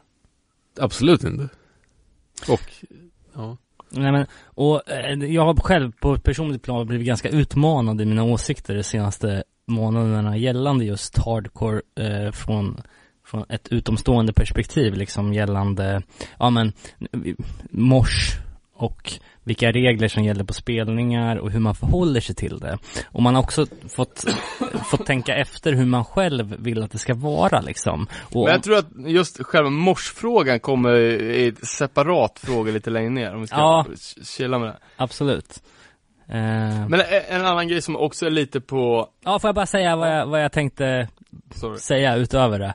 Eh, det är ju liksom att eh, om man vill att man pratar inkludering liksom, och man pratar alla aspekter av hardcore-scenen, så jag tror inte att, att, att hardcore-scenen är inkluderande. Eh, så mycket som den hade kunnat vara. Men på något sätt så har man fått komma till insikt om att det är ändå så man vill ha det. Eller jag vill ha det Jag tänkte säga, måste den vara det? Ja, det är det som, det är det som blir liksom frågan, men då kanske inte, då kanske man inte kan säga att det är en inkluderande hardcore-scen om man inte uppfyller alla de här kriterierna som, som ställs liksom. Skumt, för jag skulle säga att, att hardcore-scenen är extremt inkluderande. Jag skulle säga att det är den mest inkluderande underground-scenen som finns. Ja. Eh, Jämfört med? Av allt. Metal, hiphop, you name it ja, eh, men man kan ju bara tänka sig själv om man går på en spelning liksom, alltså Eh, om man kommer dit som, som utomstående person, liksom, man är på sin första hardcore-spelning och man går och ställer sig i mitten liksom. Eh, chansen att du eh, får smaka är ju rätt stor om du bara står där. Eh, ja, det återkommer väl till den här mors, morsgrejen, men, men liksom man, man har ju ändå vissa regler som man förhåller sig till. Som eh, om jag satt i, om jag hade en funktionsvariation eller om jag var, eh, satt i rullstol eller, det är liksom samma regler för dig gäller ju inte för mig. Nej men det finns ju ändå så många olika sätt att delta, så du behöver inte stå längst fram. Man, man du kan ju vara en extremt stor del av hardcore-scenen och uppleva alla gigs. Ja, Ändå. precis. Ja, jag, säger, jag säger inte att så här, att, Att, jag, jag pratar mer om liksom värderingar mm, precis. och Men- attityder. Ja, exakt, exakt. Snarare än att alla, alla ska kunna stå längst fram och morsa, eller ja, stage-diva. Nej, det på så sätt så är det kanske inte 100% inkluderande. Nej. Men du kan ju fortfarande ta del av scenen. Mm, absolut. Och att det är, som jag upplever det, eh, att man är välkommen också. Ja, bara att jämföra med andra scener så som du säger, hardcore-scenen är väl liksom just i medvetenhet säkert långt i framkant liksom, att man är Ja, medveten om, hoppas- om jag de, här det, strukturerna och så, men, men samtidigt hur, hur, hur, hur, hur många gånger har man försäkrat sig om att någon annan än ens absoluta umgängeskrets har samma värderingar som sig själv om de inte har stått på scen, om de bara är där i publiken. Det är liksom, man kan ju bara gå in med goda intentioner och hoppas att det är så liksom. Ja. Men å andra sidan är det ju så i alla sammanhang, så det är ju en svår fråga, men ja. Nej men, det, Jag, jag tror att, jag tror att jag har blivit, jag har blivit checkad och fått så många frågor om det här senaste månaderna från, från folk i min närhet, så jag Ja. har börjat så reflektera över vilka svar jag kan ge på de här frågorna. Men jag har inte kunnat gett några bra svar, för Man att har jag alltid liksom, tänkt på det som, inte perfekt men typ, det här är, du vet, bra, eller, det man själv tycker är bra politiskt, Ja, bra, bra, allting är bra typ. precis. Fast det riktigt så enkelt är det ju inte. Nej. Såklart, det fattar ju vem som helst men nej men jag tror också att eh, goda intentioner med att det också upplevs, eh, alltså från marg, alltså eh, om vi pratar om cis-kvinnor, men också folk som är mer marginaliserade ändå. Till exempel som när vi pratar queercore med Thomas från Iron. Och han berättade att deras band som ändå har gått i bräschen för, för den queer-agendan. Liksom att de fick ja, väldigt mycket skit från den så kallade riktiga queer-gay-scenen. Mm. Att, eh, fuck you, du, du kan inte föra våran talan. Och att det finns en väldigt stor, att det finns en misstänksamhet. Alltså att potentiellt är alla män ett hot mot kvinnor. Eh, och det får man ju vara ödmjuk inför. Att Ja, ja. så länge de här strukturerna som finns i samhället finns, så är ju liksom eh, cis-män ett hot mot, mot transpersoner, eh, alla, ja, män är ett, är ett potentiellt hot mot Mm. kvinnor och, och känner man att eh, att det är så, då då känner man sig heller inte välkommen på, på gay. Så det, det är ju, jag vet fan, jag eh, tycker att det är sjukt intressant att prata om. Mm. Och jag önskar att vi, Vi skulle behöva ha vi ett, skulle ett, ett helt avsnitt om det här. ja, Ja, men det har vi också pratat om. Ja, men hur, hur ska man, hur ska man approchera det här? Eh, det är ju någonting som har hänt i hardcore de senaste åren. verkligen. Eh, som, som är liksom att det är ju kanske det största paradigmskiftet någonsin inom hardcore, liksom från 2015 och framåt, Mm. att det helt plötsligt har dykt upp så extremt mycket kvinnor eh, aktiva i band. Mm. Och även transpersoner och att, ett band som Gloss kan komma från ingenstans och bli typ det största bandet inom Mm. hardcore. Mm. Eh, och det är någonting som inte har som inte har hänt innan liksom. Precis. Men Eh, så tycker man också, det har ingenting med, eh, hardcore är ju fan inte för alla heller. nej, men, men det är, ju Men på, det- det... är en helt annan premiss. Det är Ja. en helt annan premiss. Men det där är också en eh, Det där är också en, eh, en intressant eh, aspekt av det. Hardcore är verkligen inte för alla, men Men det är det där urskiljningen ska inte ske på kön, Nej. ras och så Nej, vidare. exakt. Utan det, det, den, den ska sitta här uppe, eller Ja. i hjärtat. Exakt. Och s- så länge det gör det, så länge man känner att, Ja, och att så, man vill vara en del av, av hardcore, då, då måste man ju kunna vara det. precis. Och man, jag känner ju också att Och alla, alla som, motsätter sig det flushar vi ut jävligt fort inom hardcore-scenen. Det är ju bara, det är bara att konstatera liksom. Ehm.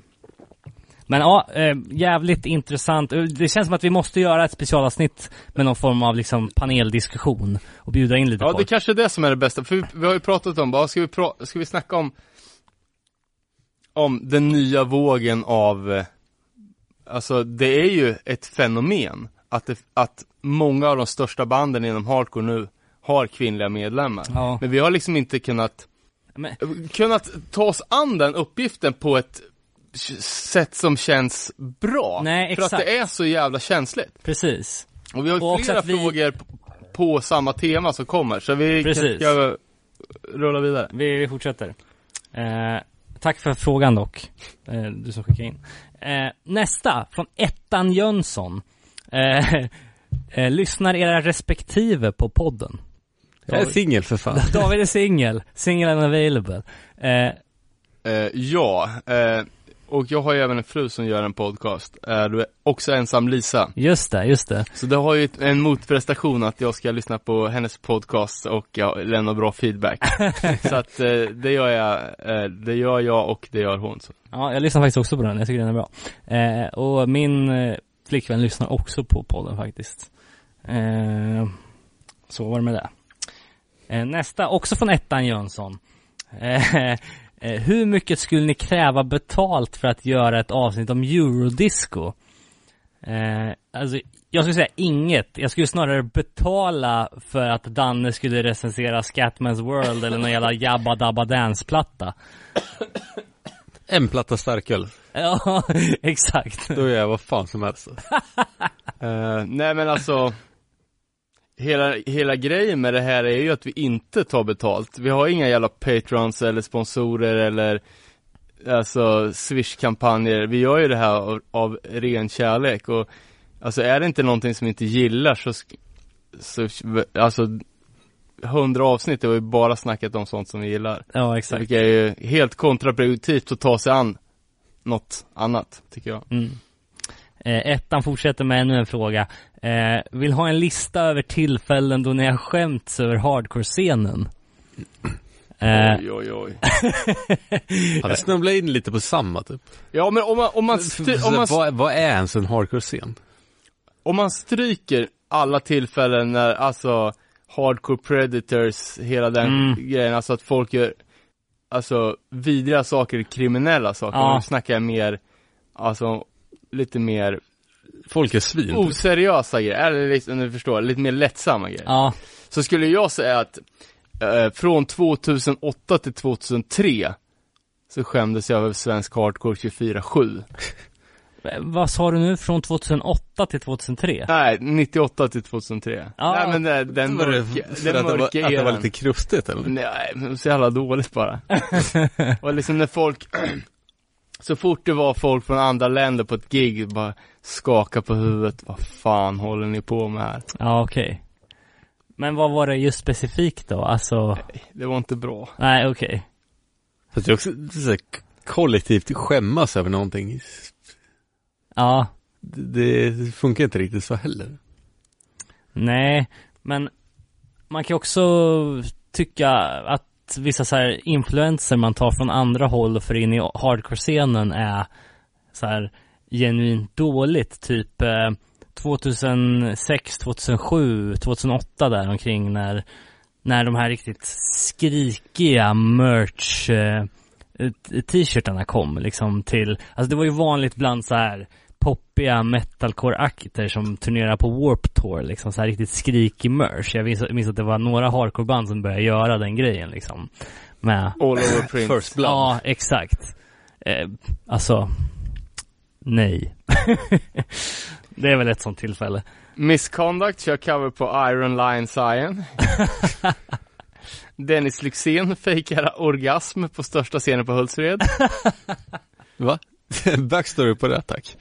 Nej, men, ja. Nej, det har inte. De spelar på Hultsfred och i, som ett mellansnack så var det en, en mycket utdragen orgasmfejkning. Jag vet inte var den kom ifrån, men jävlar vad jag skämdes. Jävlar. Bra lista. Får jag säga. Eh, Fan, ja. var du där? Nej. Nej, nej, absolut, nej. Eh, ettan fortsätter då med ännu en fråga. Eh, trodde ni att ni skulle orka 100 avsnitt och blir det 100 till? Eh, jag kan ju svara på den direkt. Jag trodde verkligen inte att vi skulle hålla på i framförallt fem jävla år alltså. Det är ju snarare större än att vi har gjort 100 avsnitt liksom. För det är ändå, det är en kontinuitet och det är liksom, det är något som har varit en del av ens liv i fem års tid. Vi har ju setts kontinuerligt, vilket har varit det bästa tycker jag. Eh, och vi, vi, får, vi får ju också tacka alla lyssnare för att det är så många gånger som man inte har orkat styra upp någonting men ändå tagit sig motivationen till det för att eh, för att det ska bli någonting bra. Och eh, man har också... Svaret är, nej det trodde vi inte. Vad sa du? Vi trodde inte att vi skulle göra hundra jävla avsnitt. Nej. Och det är också kul för att med tanke på att man har haft en sån engagerad publik på något vis har man vågat tagit ut svängarna. Typ när vi gjorde det kristna hardcore-avsnittet liksom. Det var ju väldigt, eller liksom vi visste ju att det var en hardcore connection där med han eh, Fader Per. Ja, fader Per ja. men liksom vi, vi gjorde ju ändå, han var ju så jävla bjussig liksom. Eh, sjukt bjussig. Vi gjorde även videomaterial till det här som ligger på vår YouTube-kanal liksom. Eh, och testade lite sånt. Och just för att vi har känt att vi har fått så bra respons på allt vi har gjort så har man ju vågat gå utanför ramarna och testa att göra grejer, vilket har varit jävligt kul. Eh, Det är n- någonting med, man gillar ju att göra saker. Ja, eller hur? Som att vi har ett skivbolag eller du vet, man vill göra grejer. Ja, det gäller ju bara att man, att man har lite press på sig också så man Ja. inte kan slacka för mycket. Precis. Så det är ju sjukt bra att ha, ha något schemalagt liksom. Och eh, ja, vi har ju minst tre, fyra avsnitt planerade till, så så många till blir det i alla fall. Eh, eh, han fortsätter också med en eh, ytterligare fråga. Vem av er tre skulle vinna i en cage match och vem skulle komma sist? Är det någon typ av slagsmål? Eh, Jag antar det. Ja. Eh, jag har inte funderat mer än att eh, den som är skörast i kroppen, det är ju ändå du David. Men jag är också segast. det är sant. Fattar hur mycket stryk jag har tagit. Jag, jag, jag, tror, eh, David tror ju att han skulle vinna. Men Robin skulle ju vinna. För att jag är yngst eller vadå? Nej, för att du tränar. Ja. Du är ju fan jävla atlet. Ja, nej det vet jag inte. Och du är mer sega. Jag tror ju, eh, jag skulle ju komma, jag skulle ju dö först. Men sen så tänker jag att jag och David är ju alltid skadade. Så det är ju liksom den som inte har någonting i gips för tillfället. Ja, exakt. Men om vi båda skulle vara eh, hela, då skulle ju, då skulle jag få stryk. Så jag säger att du skulle vinna och jag skulle dö.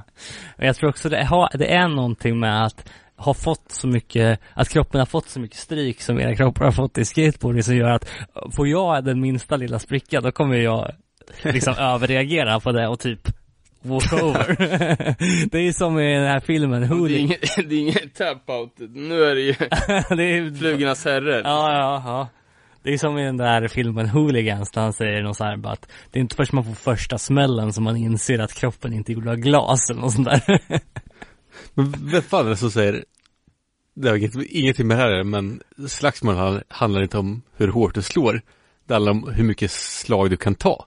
Men det kanske är också från den filmen. Så är det ju typ. Ja, ja. Och sen vet man, man får en käftsmäll, hur jävla stor impact det har alltså. Ja, Fan jag fick ju, ja, smäll på käften. Och jag hade liksom, kändes som att hela ansiktet satt snett i flera veckor.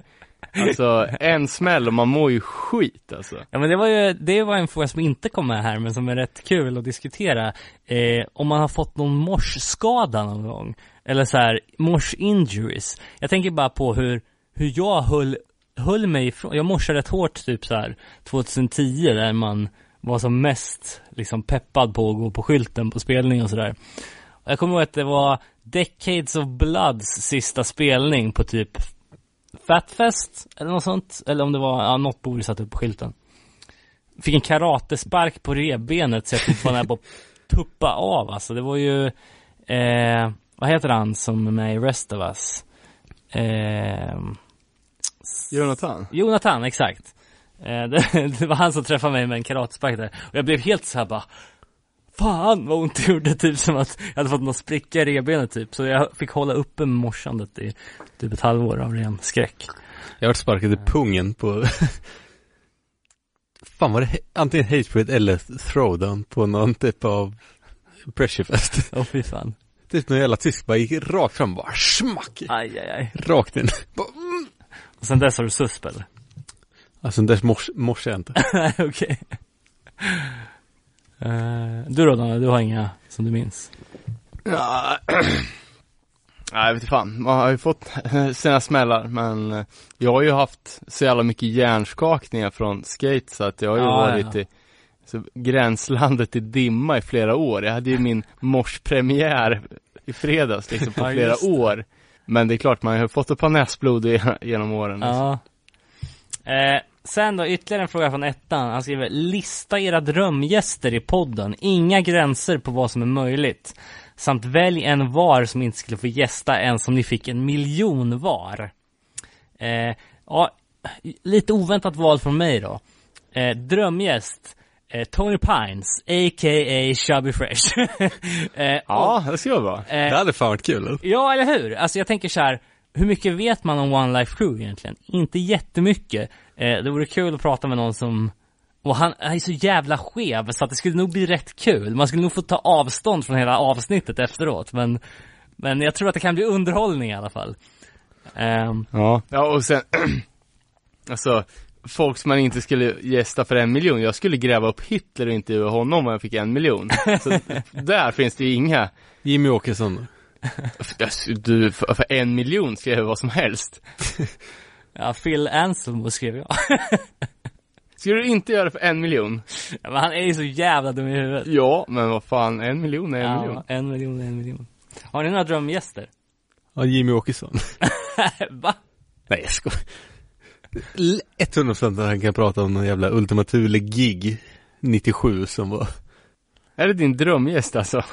Nej, det är min som jag inte skulle få en miljon. Ja, ja, men har ni några drömgäster då? Ja, men Thåström eller Alve då? Ja, just det, det har vi redan snackat om ja.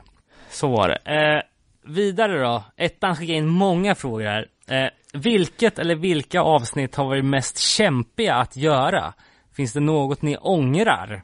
Det är ju ganska ofta vi har gått ur, i alla fall jag har gått ur inspelning med med lite lätt Dålig ångest känsla. alltså. Ja.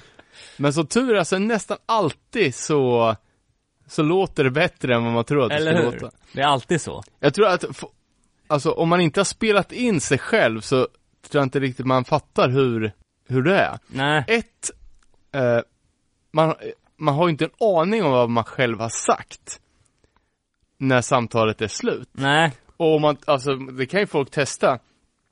Bara trycka på record på telefonen när man har ett vanligt samtal med sina polare. Hur jävla, Slirigt det är. alltså det är så osammanhängande och stakande och alltså man pratar inte till punkt. Nej. Och det är så mycket så här grejer som man har visuellt också. I att så här, ja men en nick kan ju vara samma avslut på ett samtal som att man artikulerar det liksom. Men om man poddar så måste man ju alltid artikulera allt, annars blir det så obegripligt när man snackar. Eller att man tänker så jävla mycket. Ja. Så man själv refererar till saker som man har tänkt. Precis. Fast ingen annan hänger med. Nej. Eh, men, Men, men jag är fortfarande inte lyssnat på ett enda avsnitt. Är det jag så? själv är med. Nej, för fan. Eh, nej men han, han frågar här vilka avsnitt som var mest kämpiga att göra. Alltså jag tyckte att så här, avsnitt 89 om svensk punk när vi åkte till Norrköping utan att ha en aning om hur det skulle bli. Liksom också att det var, Ja, det var skitkul ju. Ja det blev ju asbra. Men man hade ju inte, jag hade inte pratat med Peter någonting innan Nej. så direkt. Mejlat med hans förlag typ. Eh, men det blev ju svinbra. Samma sak med Linköping Hardcore avsnittet. Vi var så jäkla många i studion. Hade ingen aning om hur ljudet eller dynamiken skulle bli men Men eh, det blev ju bra i slutändan ändå. Något jag ångrar då? Alltså, nej. Inte vad jag kan komma på. Nej, alltså man får ju, man får ju, man måste ju 100% att man har sagt något dumt. Ja, men man måste där, ju men komma ihåg, man må- måste ju, det säger vi till alla som gästar också, att, eh, man kan inte vara självkritisk, alltså det kommer, man kommer, man kommer säga dumma grejer, Ja. man kommer säga korkade grejer, men om man ska börja självcensurera, då går det typ inte att göra, det Nej. måste vara en jävligt låg lägsta nivå för att annars får man, det går inte annars. Ja, eh, ettans nästa fråga då. Eh, den är rätt rolig faktiskt. Har ni någon gång i podden låtsas gilla eller inte gilla något för att verka coolare? Där har vi ju en klockren grej här. Att du ljuger alltså, och säger att du gillar Have Heart. Nej. Nej men, eh, för mig är det nog eh, Sam Hain. Gillar du inte dem? Nej, inte direkt. Jag har knappt hört, noll relation till varken det eller Dead Kennedys. Jag har inte heller någon, någon liksom direkt. Nu är jag ärlig här, men så är det. Kanske att man har, inte för att verka coolare, men låta lite mer påläst än vad man är om vissa band. Ja, men det hör ju till. Det är ju del av vårt uppdrag för fan. Ja, nej men jag, jag ty- ja, ja, 100 procent, typ hela tiden. Till en viss eh, gräns liksom att, ja man, att man säger någonting är svinbra, fast Ja. man har hört eh, demon en Ja, gång. exakt. men det är all part of the plan. Ja, Liksom. och det var ju som, Eller, eller att man dissar något som man inte heller har hört. Som man knappt har en låt med. Men typ, typ som när jag sa för något avsnitt sen att crossbandet Fane var en 10 av 10 platta. jag sa ju det bara som att den var jävligt bra. Men ditt svar blev bara, åh jävlar! Ja, det händer inte ofta. Då var det liksom som att jag klassade in den som mina tre bästa plattor i livet. ja men, men det låter så himla, det låter så himla liksom, 10 av 10 är högt betyg. Ja, jo, men det, men sen så, jag ljuger ju för mig, eller liksom, för mig själv väldigt mycket med band, alltså, som jag inte gillar musikaliskt, men som jag ändå tycker är coola. Ja, som jag, precis. Som jag peppar. Precis. Alltså speciellt liksom, eh, håller på att snacka om japansk krost liksom. Som jag tycker är så jävla ballt. Men jag pallar liksom inte musiken, det Nej. går inte, det är inte min grej. Nej, Men jag tycker fortfarande det är coolt. just det. Och likadant liksom, jag är ju sjukt insnöad på, ja men, sent nitt- 80-tal, tidigt 90-tal, Youth Crew från obskyra bonhålor liksom. Mm. Alla band är inte bra, men jag tycker ändå att det är coolt för att det är någonting där liksom. Ja, ja, precis. Så att, eh, me- mest för mig själv liksom att, att man hypar saker inte bara för det musikaliska utan för att det finns en cool vibe liksom. Ja, exakt. Och sen är det oftast, när vi kör våra varannan vecka avsnitt och det är ett nytt tema liksom. Man är ju väldigt så här, nu har jag gått tillbaks och lyssnat på eh, liksom det här bandet eh, igen. Och då ligger det mer top of mind än någonting annat och då höjer man ju upp det för att det är det fetaste just nu även om skivan kommer få aslänge sen om man inte har. Så. Eh, ja, coolt. Tack ettan. Vi går vidare. Nästa fråga från Millencolin Powell lyder Vilket Victory-band som ni diggade på 90-talet har åldrats sämst? Eh, vilket Burning Heart, vilket Epitaph och vilket Desperate Fight? Eh, Ja, det är spännande. Felaktigt ställd fråga, det finns inte. ja, men jag har några. Eh, ska vi börja med Victory då? Gå varvet runt? Ja, du får Eh, börja. Ja, Boy Sets Fire After the Eulogy. Den kom ju dock inte ut på 90-talet, alltså, jag tror det är en 2000 Tusen skiva. kanske, ja. Men eh, ja, eh, fast även Unspoken Request från den plattan, den låten är bra. Men resten, nja, håller inte riktigt idag, måste jag säga. Hmm. Alltså, jag tycker att det här går så jävla mycket i vågor. Vad man, alltså allt är ju cykliskt. Eh, Just nu så skulle jag säga att allt på Victory på 90-talet är asgrymt. Mm. Likaså Desperate Fight. Eh, För ett par år sedan så kanske man tyckte att eh, vissa av de där grejerna kändes lite off. Men nu tycker jag att det är helt rätt. Mm. Jag kollar också på det, jag, jag kan inte, jag gillar också allt, typ, förutom det man inte har lyssnat på. Nej, Hi-Fi and the Road Burner, vad fan de heter. Ja, nej men ja exakt. Viss, vissa grejer går ju bort. Baby Go Baby Gopal. Ja. De grejerna som inte var hardcore. Dead Guy då? Ja men det, det är ju en sån där med att man vill gilla det för att det är lite coolt. Men jag hade inte skivorna då. Nej. Nej, Men jag skulle fortfarande köpa dem om jag fick chansen idag. just det. Eh, Burning Heart då?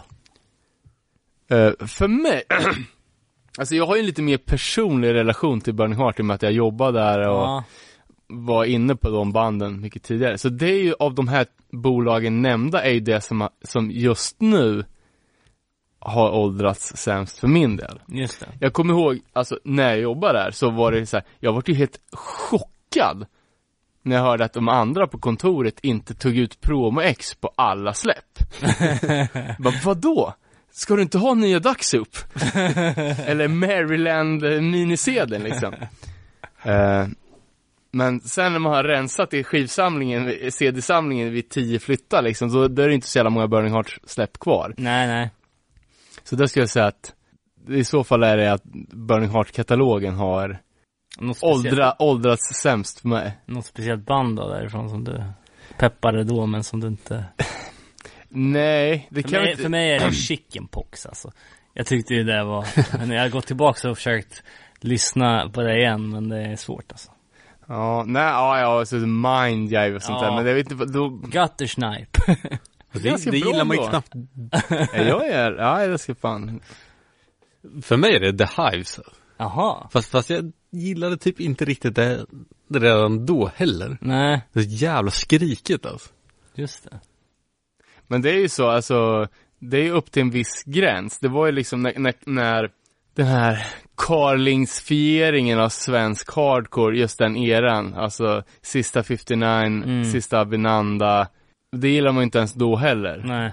Och det tycker jag också har åldrats eh, med dålig vördnad alltså. Men alla de gamla grejerna tycker jag är eh, både nostalgiskt bra och eh, legit bra. Ja, fett. Eh, inget mer att tillägga där tror jag. Eh, vi tar nästa fråga från hjulet. En lång en, men den är jävligt rolig så vi kör. Tjena, eh, riktigt, riktigt grym podd. Jag är en kille på 20 bast som älskar punk och hardcore. Känns som jag är en av extremt få i hela Sverige i min ålder. Blir så avundsjuk när jag inser att punk hardcore hade ett genombrott i Sverige innan min livstid. Jag tillhör helt klart fel generation. Det enda man stött på med liknande musikstil och gillar hårdrock och metal, eller är de som gillar hårdrock och metal. Varför är kunskapen så oerhört jävla låg om Sveriges bästa genre? Jag åker hellre till Gråsrock i Belgien än sätter min fot på Sweden Rock till exempel. För mig är det helt skilda världar. Eh, upplever ni det också frustrerande att förknippas med den mer välkända hårdrock och metalscenen eller är det bara barnsligheter från min sida? Kommer jag växa ifrån det? Eh, gilla, gilla för övrigt en hel del hardcore-band med mer metal-influerat sound, till exempel Code Orange, Harm's Way, Knocked Loose. Och det händer att man lyssnar också på lite deathcore. Eh, så jag är inte så close-minded i sig. Jag är helt, jag är heller inte pretentiös av mig. Jag hatar bara att bli förväxlad med hårdrocks och metalscenen. Då jag tycker att hardcore och punk har någonting helt annat. Kan ni förstå vad jag menar? Ja, verkligen. Japp. Ja men, eh, eller hur? Alltså, Men vet, när, man, när någon frågar vad lyssnar du på? Då säger man ju aldrig, man Ha- säger punk. ja eller, ja eller typ metal. Nej, det är det man inte säger. Man säger punk. Alltså, jag lyssnar ju en del på metal också men, ja. Ja, man är ju aldrig så speciell. Det är ingen som orkar höra på det heller. Alltså så här, om du ska förklara vad hardcore är liksom. Nej, det går ju typ inte. Nej, Ja, jag brukar också ta snabbförklaringen punk, för det vet ändå folk vad det är. Det går inte att sätta, sätta in folk i men, men, hardcore. men vadå? Men det, det går inte att missförstå, lika liksom, är lite som metal. Ja, det skulle jag aldrig säga. Jag lyssnar på metal, men jag skulle aldrig säga att jag lyssnar på metal. Men jag upplever att min musiksmak är närmare metal än punk. Så det är nog därför jag säger metal då. Ja. Men, eh, Nej, då, och, då tror ju folk att du lyssnar på Sabaton typ. ja, kanske. Så frågan är, vad, är, vad vill jag hellre att folk ser mig som? En, eh, 100% hellre Asta Kask eller punk, Ebba Grön än, än Sabaton. Ja, ja det är ju, men, men jag tänker på det han skriver här liksom att ehm, Ja, han, han är lite så deppig över att eh, hardcoren har haft sin guldålder liksom. Det Men- stämmer inte riktigt heller. För så har man alltid tänkt, vet, när man själv börjar lyssna på hardcore, bara fan. 80-talet, fan det är då man skulle varit, Ja, det är då man skulle varit i New York typ. precis. ja, exakt. Och eh, liksom, jag som har varit inne på hardcore längst, jag känner ju också typ att jag har missat hela guldåldern.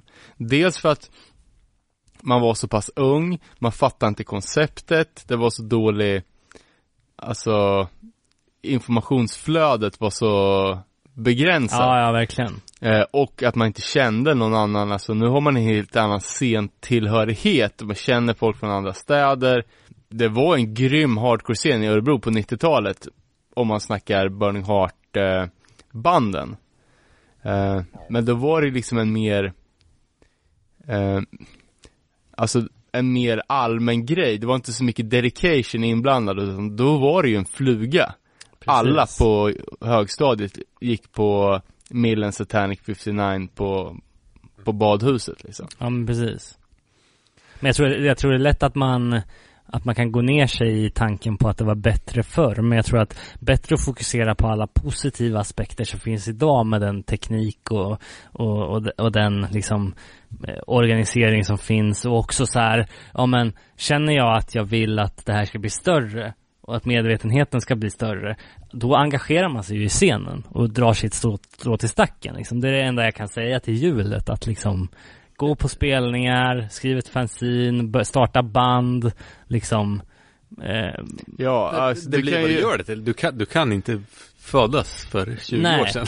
Nej, och liksom, du behöver inte säga eh, Är man ensam och eh, lyssnar på hardcore i sin, i sin eh, umgängeskrets Då kanske det är svårt att starta ett band Men du skulle kunna göra en YouTube-kanal där du delar Alltså de senaste demosarna Ja. Eller leta på feta klipp, starta ett Instagram-konto Det finns så jävla mycket grejer man kan göra själv precis.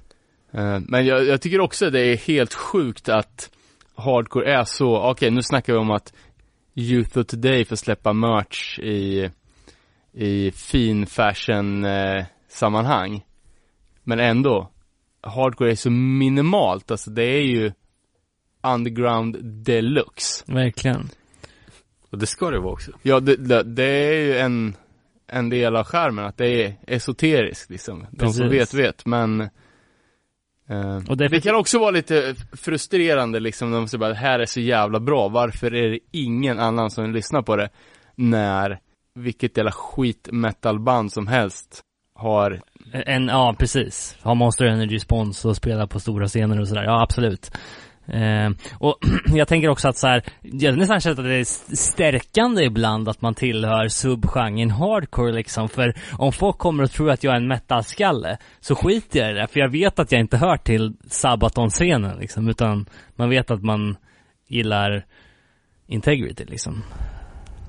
ja, och det känns som att, eh, ja, om vi snackar värderingar liksom och Ja, exakt. Uh, alltså, d- eh, metal är, uh, alltså rent musikaliskt, mycket, mycket bra grejer och hardcore som är influerad av metal, som, som hjulet också skriver liksom, skitbra. Mm. Men där kan vi snacka rutten, rutten miljö. Ja, verkligen. Eh, och jag skulle, jag skulle aldrig sätta min fot på Sweden Rock. Nej, inte jag heller. Vidrigt för fan. Ja, nej men grymt, eh, grymt att du skrev hjulet. Eh, hoppas du blir lite mer peppad av, av våra svar där. Eh, vi går vidare då. Nästa fråga från Klås the Boss, a.k.a. Gubben, a.k.a. Skabb, a.k.a. Brasse. Iron Lung. Yes. Eh, fråga, kvinnor i hardcore? Frågetecken. Finns de? Vilka är bra? Har ni pratat om detta?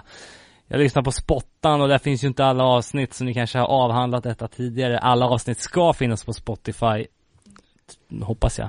Eh, annars gör oss eh, uppmärksamma på vilka som saknas. Eh, jag är inte lika insatt som ni men några band som jag har lagt märke till är Code Orange, Backswing och mina favoriter Gouge Away. Det sista är ett hett tips. Osar förutom HC alternativ 90-talsrock på sista skivan. För att citera Danne, svinbra. Jag lyssnar faktiskt på Gouge Away och det var ju grymt. Eh, de andra två grejerna, eh, mm, andra två banden som jag skulle vilja slänga in i mixen, det är ju dels Oathbreaker. Eh, Fråga från Belgien. Ja, eh, svinfet, svinfett band och även nu eh, fullt aktuella med fullängdaren Samsara, Venom Prison, eh, som väl är mer åt metal-hållet än hardcore, men det är ju då gamla Wolfdown-sångerskan. Eh, All right. som Ja, jag har sett den. Jävligt obehagligt omslag. Någon Ja. sorts eh, spindelföds, födselgrej på omslaget. Verkligen, men stenhårt band alltså, Venom Prison. Ja, kvinnor i, inom hardcore, finns de? Eh, ja, och de har alltid funnits. Eh, det är ju alltså från old school, från första början, Black Flag, White Cross, alltså eh, kanske inte så uppmärksammade, men de har ju alltid funnits där Mm. i alla genrer. Vi snackar, vad vad- vad? kristen hardcore, figure four, eh, blood, bloodline calligraphy, tidigare nu hardcore-scenen, jättemycket band, alltså Killer Instinct, kanonband, Mm. eller KXI, för, som de förkortades, eh, Even Worse, eh, ah, de har alltid funnits där. Eh, och som det ofta brukar sägas i historieskrivningen att kvinnorna kanske inte alltid är representerade på scen, Men att det är så sjukt många scenes, alltså tänk alla de legendariska hardcore-fotona är ju av BJ Pappas. Just det. Eh, alltså de har kanske haft en annan, men de är alltså fan Beastie Boys, alltså you name it. Eh, men som vi sa då, att på senare år så har det ju hänt någonting. Ja, verkligen. Eh, och jag vet inte om, om, om vi ska liksom pinpointa 2015, men då, om någonting så hände det någonting. Och det var ju med, band som till exempel Ice, som vi nämnde tidigare, Firewalker och Crime Watch, Just det. eh, och även Gloss, som kom från, alltså från knappt innan, liksom på demostadiet och blev typ de största banden. Eh, och det gjorde väl någonstans att eh, kvinnor i hardcore på scen normaliserades. För att efter det så har det ju varit, alltså, var och varannat band. Inte bara demoband utan de allra största banden på de största bolagen har ju kvinnliga medlemmar. Och det är ju faktiskt något som inte har hänt förut. Ja, verkligen. Eh, och kollar man på liksom, aktiva svenska band så många av de vi har pratat om eh, Waste. Respite, Wild Act, Lawgiver, ja, nya Ilfit som vi pratade Mm. om, Hag, Axe Rash, Vidro som betyder glas på portugisiska, eh, Settlement, Time to Heal, Mm. ja, de finns. Hur mycket som helst. Ja, hur mycket som helst. Yes, bra klargörande där. Eh, vidare då, Patrik Blomqvist skriver Vilket är det snabbast spelande skatepunkbandet i ert tycke? eh, hittills har jag inte hittat några snabbare än Downshift från Ontario, Kanada. Klockren Det är ju Robin fråga för dig ja. Ja, eh, då ska jag väl säga att Downshift, de är nästan för snabba för mig. De balanserar på någon slags gräns mellan för snabbt och dåligt och bra, bra snabbt och bra liksom. Eh, jag föredrar ju Forus, som jag snackat om. De såg ju vi live på ett eh, lastbilsflak på, på Gråstråk. Ja, det gjorde vi ju ja. Inte så jävla bra då tyvärr. Men var de snabba? Eh, ja, men alltså framförallt, de har ju några bangers, typ I only go to school for the handrails, är en klassiker. Eh, men också då ett annat kanadensiskt band, Hero of Our Time, som jag har snackat om förut. Som gjorde en split med Skumdum på, Junkyard Records. ja exakt. Oh, vad jag kan! Bra där. Fan vad man lär sig. Ja. Eh, nej men de är ju svinbra.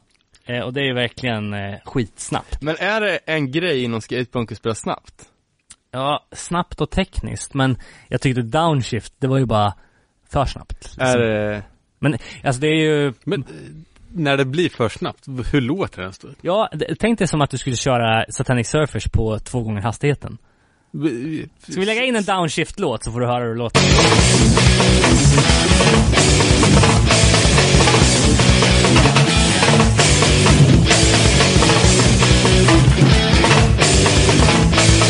Something's wrong, I cannot see it. No right to stare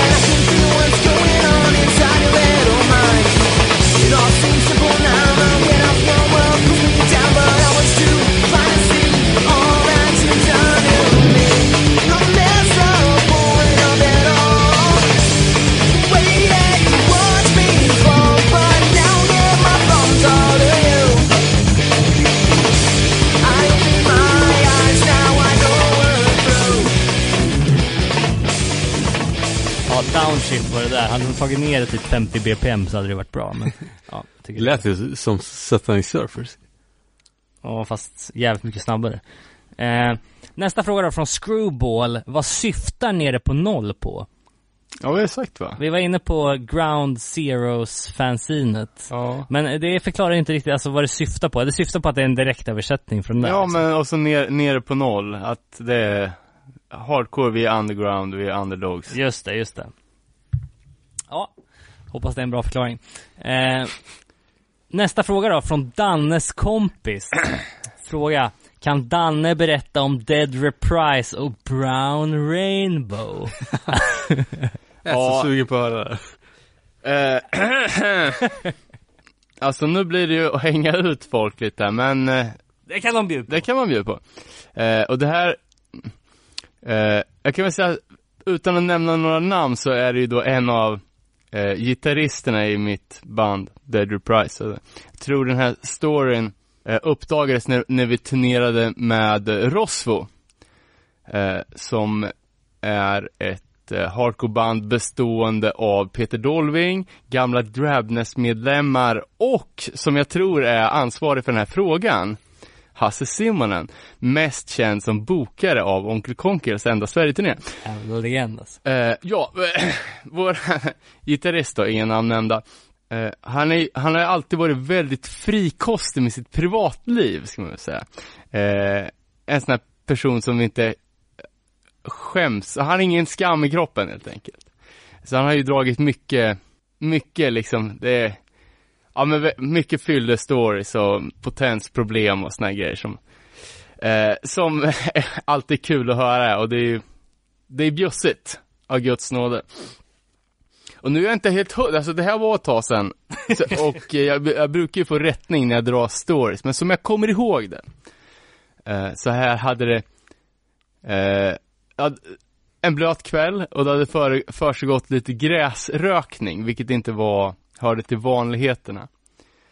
Eh, så min kära vän då kände väl att nu börjar det bli kaos liksom, han måste ta vägen någonstans.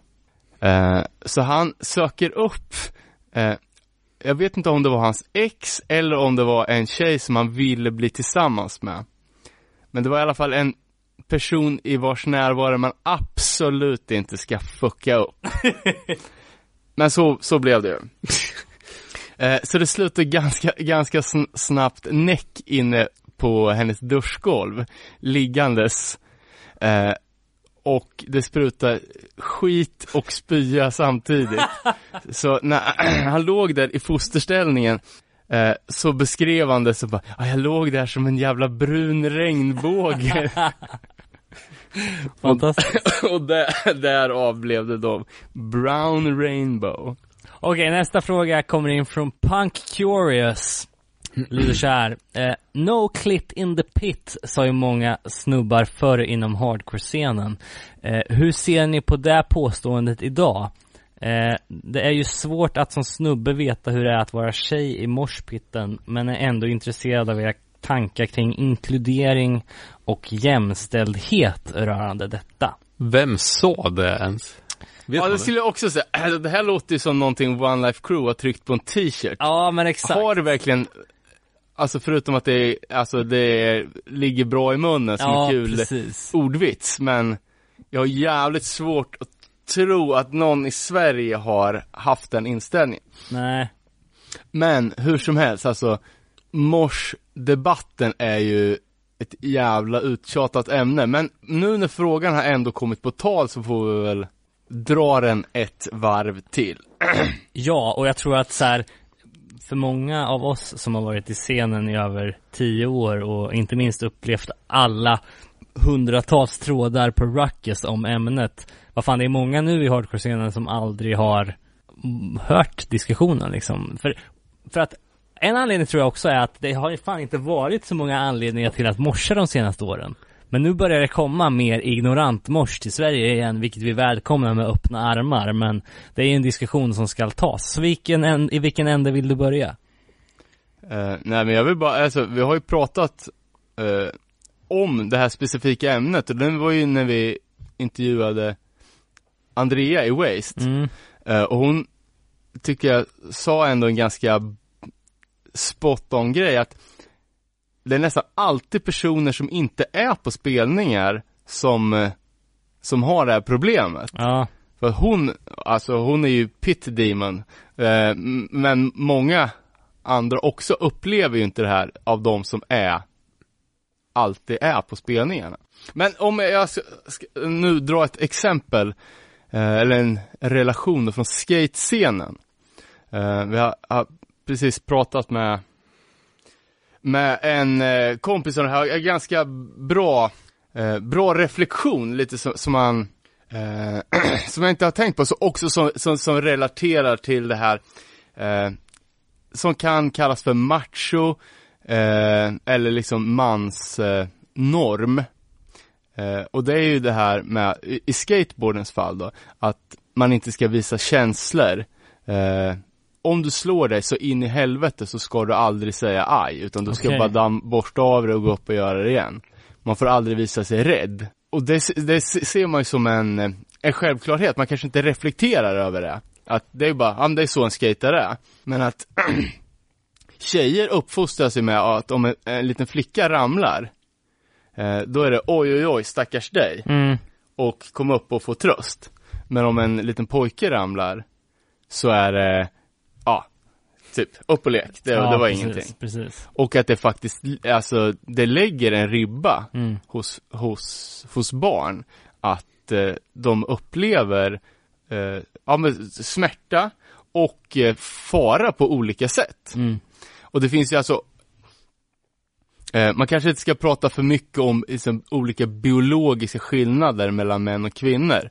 Men det finns absolut ingenting som säger att män klarar smärta bättre än kvinnor. Utan snarare tvärtom i och med att kvinnor föder barn. Mm. Utan det är ju en helt, alltså en social konstruktion hur folk blir uppfostrade. Eller hur man ha- hanterar det. Ja, ja men precis. Ja, exakt. Upp, upplevelsen av smärtan är säkert detsamma, men hur man hanterar det. Mm. Mm. Eh, och alltså, det är klart att alla typer av, ja men sä, säg, mosh, oavsett om det är spin kicks eller stage dives eller en liksom benitad krustnäve kan ju resultera i eh, fara eller att det gör ont. Mm. Och med det liksom i tanken att faktiskt tjejer och killar inte uppfostras lika Nej, så kan ju det göra att pitten känns eh, mer skrämmande Ja, för en som inte är uppfostrad för att ta vad fan som helst. exakt. Men det borde ju gälla oavsett vad man håller på med. Jag menar typ, i, om man tänker på i hockey. Det är liksom, det spelar ingen roll om du väger 200 kilo eller om du väger 50 kilo. Det är okej att tacklas ändå liksom. Du får ju, det är ju Men liksom, tjejer får ju inte tacklas. Nej okej, så det var en dålig Nej men det är väl o- Det är också så. en klockren att det här är inte ett hardcore-problem. Nej, Det här är ett samhällsproblem. precis. Men som hon skrev att det är svårt för oss att veta hur någon annan upplever det. Ja, Men Eh, ja. man har ju alltid tänkt på det som Man tänker inte kille, tjej Det spelar ingen roll. nej, Mors är mors. precis. Ja. Och, men då, då Men tänk- då får man ju liksom lägga in det att man får ju, får ju tänka på att alla har inte samma förutsättningar. förutsättningar. Så, alltså tyvärr så är det ju så i samhället att folk får inte samma, har inte samma bagage med sig. Och en annan grej liksom, att, Men då också Fan, en punkspelning ska ju vara intensiv. ja, ja, men ja, eh, jag ska bara säga en annan grej som också är, liksom, som hör till, till eh, den här teorin liksom att män och kvinnor inte uppfostras lika. Det är ju också att kvinnor har ju lättare att accepteras i en mansnorm och i det här fallet då hardcore-scenen.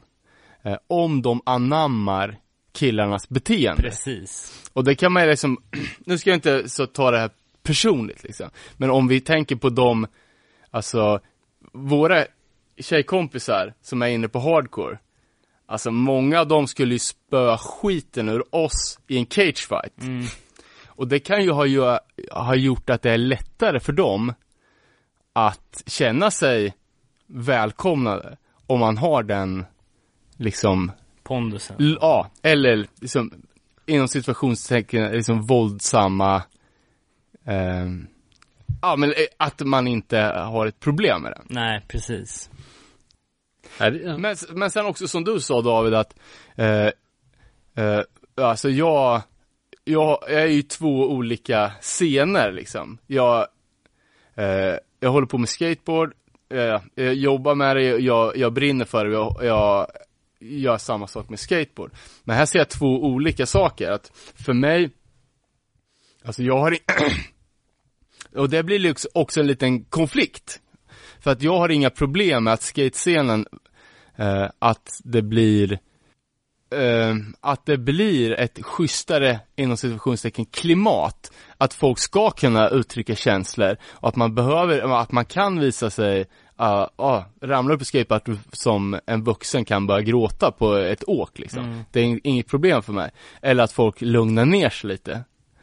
Men det finns ju någonstans inom hardcore att det är ju just den här grejen. Alltså, eh, eh, publikdeltagandet, det är ju det som gör hardcore unikt. Det här är ju vårat kultur, det är ju våran kultur. Precis. Eh, Men det är det som blir konflikten i en själv också. För jag är, jag kan, jag är inte villig att byta bort det här mot att det ska bli mer inkluderande. Förstår du vad jag menar?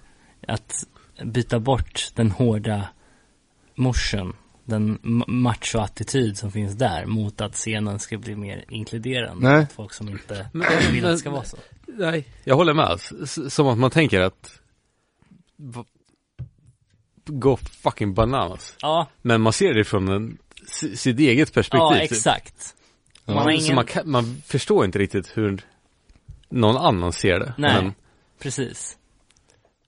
Nej, och det här är ju att skjuta problemen lite framför sig, för jag vill inte heller kompromissa. Alltså jag, jag, jag tror ju helt ärligt att sjuka spelningar, när det finns ett element av fara och det är kaos, det är det som gör att både tjejer, killar, icke-binära, att alla kan lockas till den här grejen om man känner det. Alltså hardcore är inte för alla, men alla som, som känner det ska kunna delta. Också, och då ser man inte kön eller något sånt. Nej, Det är, en, det är en person. men då skjuter man ju problemet lite framför sig. Att jag skulle säga att om folk uppfostrar sina barn jämlikt, då skulle vi alla kunna mötas i pitten Ja, precis. på lika villkor. Och att det är samhällets problem, eller samhällets fel att det är som det är. Det är inte hardcore-scenen, för att det här är vårt uttryck. Och, alltså, det här är, det är våran grej, att det ska vara kaos. Oavsett om det är krustnäve eller stage dives eller spinkicks. Mm. Att det är vårt kulturella uttryck och det är det som är, som är våran grej. Ta gärna rättningar på det om det är någon som, som tycker något annat. För jag, är, jag är, så, tycker det är sjukt intressant att diskutera de här grejerna och att eh, man måste alltid vara, vara ödmjuk och vara beredd och omvärdera sina åsikter. Eh, nästa fråga då. Eh, Magnus, Into the Void Podcast, skriver Vilken är den creddigaste hardcore-platta man kan ha i sin ägo? Grupp, format och så vidare. Eh, ja, det här borde ju, det är ju eran typ av fråga liksom. Sean King eller? Ja, alltså det, fin det finns ju vissa, Fast det är inte credit. Nej, men- Det är bara ja men alltså, att det var mycket pengar. Sh- Sh- Shungen, Judge, Mm. eh, första inspelning av Bringing It Down som heter Sean King Can Suck It. Jag gillar att den kallas för Tjungen inom skivsamlarkretsar. Eh, det är ju en skiva som kostar i, i dagsläget, ja, senast den såldes på den öppna marknaden var ju 6600 dollar. Eh, och likadant Necros 6 Drive 7 som bara släpptes i 100x är också en sån här, alltså, eh, du får sälja ditt hus, din njure och din bil. Men cred går inte att köpa för pengar. Alltså, Nej, exakt. Nej. jag är ju skivnörd och, och, och ja, håller mycket på det på, med, på sociala och, och kontakt med skivsamlare och så. Alltså, om man hade obegränsat med pengar, då skulle det här, alltså, då, då är det helt meningslöst. Det enda som är intressant att samla på skivor, det är ju om man är fattig Ja, och måste välja bort något annat. Det är då man kan se lite dedication. Ja. Liksom, jag har inte köpt ett par skor på 20 år, men däremot har jag ju en bra skivsamling. ja, exakt. Eh, Men sen finns det ju, det finns ju dock ett, ett, en grej till. Som jag skulle säga är fan beyond alltså. Och det är ju första Warzone 7 Lower East Side Crew. Eh, som är det första släppet på Revelation. Eh, och det finns ju då en special sleeve som heter The Lion Sleeve. Som inte ens finns på bild. Fast den finns ju på bild. Ja, det finns på bild, men alla bilder är manipulerade. Så att ingen vet, eller väldigt få personer vet hur det här ser ut. Det är någon känd tavla väl? Eh, ja, alltså, ja, ja, det är ju en, jag tror att det är en, en bild ur en känd tavla som heter The, The Wild Hunt. Eh, det är samma, samma tema som, som Rival Mob har haft och även, eh, Batain. kanske, ja, och Brace War har också haft det. Men det är ju en, eh, ett lejon som attackerar en häst, typ. Mm. Men däremot så hur logon ser ut är alltid dolt. För att det inte ska någon ska kunna kopiera det. Okej. Och den här är gjord i 6X. Och alltså det, det finns ju några olika pressar på Lower East Side Crew som ligger på, alltså det är ju, ja, nu vet jag inte. P- eh, skivpengarna har ju gått upp något galet. Men vi säger att det här är ju en, en hundratusing liksom. Okej. Och att den är helt omöjlig att hitta. Men, det finns en snubbe, spansk tror jag, eh, som finns på Instagram som folk ska kolla upp. Inte Pablo Punks. Pablo X Punk. Det, han är fan helt sinnessjuk alltså. Ja, det är den sjukaste människan Ja. jag har stött på. Va, vad är det som är så speciellt? Eh, han har allt.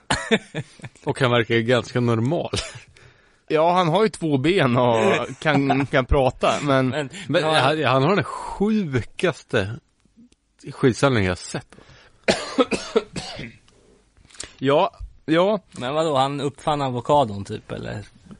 Han måste ju ha någonting som har gjort att han har råd att köpa ja jag vet ing, ingenting om den här, här snubben, men eh, det han lägger upp är ju liksom dels allt inom US Hardcore, Mm. men han har också allt inom svensk krust. Alltså alla de dyraste, sjukaste, mest, alltså Kagland fast tripplade. Jävlar. Så, Eh. Den la upp första april. Såg du den? Nej. Vad fan var det? Skitsamma, fortsätt ska jag kolla. Nej, men samtidigt som man har allt från Österrike, allt från Australien, från Japan, från, alltså you name it. Alltså, all hardcore från hela världen. Men det låter ju som att han, han, har han även den här Warzone? Ja, han är väl den enda kända människan som har det. För det är ju, det känns ju som skivsamlingens Bigfoot. Ja, ja men det är ju det. Att den, Det är ju liksom, Någon har eh, the, sett the någon white whale för de vita valarna. Liksom. ja exakt. Nästa fråga då kommer in från Mark UÅ. Eh, frågan då. Eh, både 90-talets och 80-talets hardcore har gått igenom trendfaser i nutid.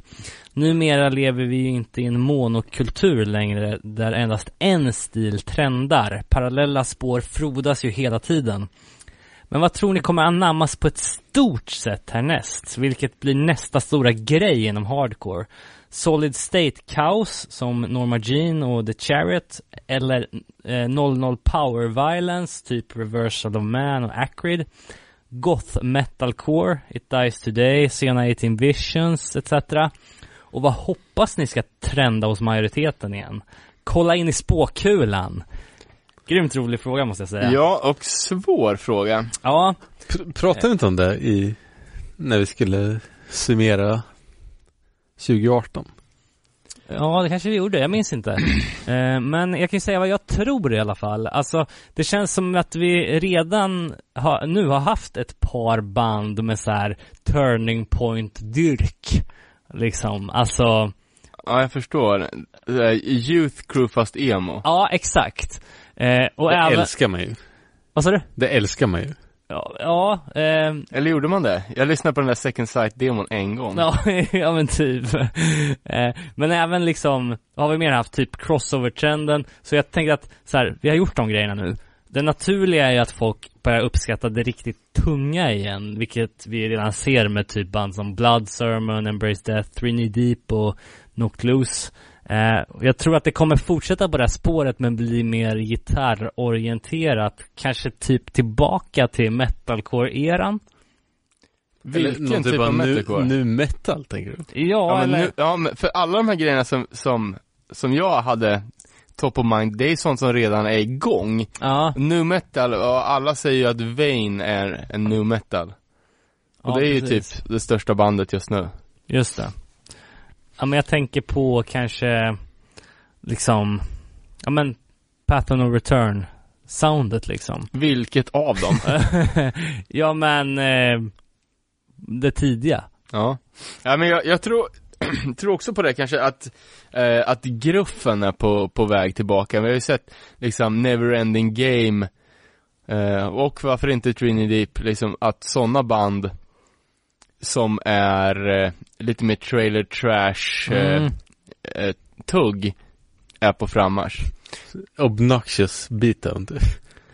Ja, men kanske. Mm. Men, eh, ja alltså, vi har ju pratat om Rebirth of Skatepunk Pride, men det var ju ett halvår sedan. Alltså, hardcore rör sig ju så jävla snabbt, så att alla de här grejerna är ju lite i görningen. Ja. Det som är, alltså, det som är den rådande trenden nu, jag skulle nästan säga, om, om Marx säger att det inte är en monokultur, så är det en, en duokultur Mm.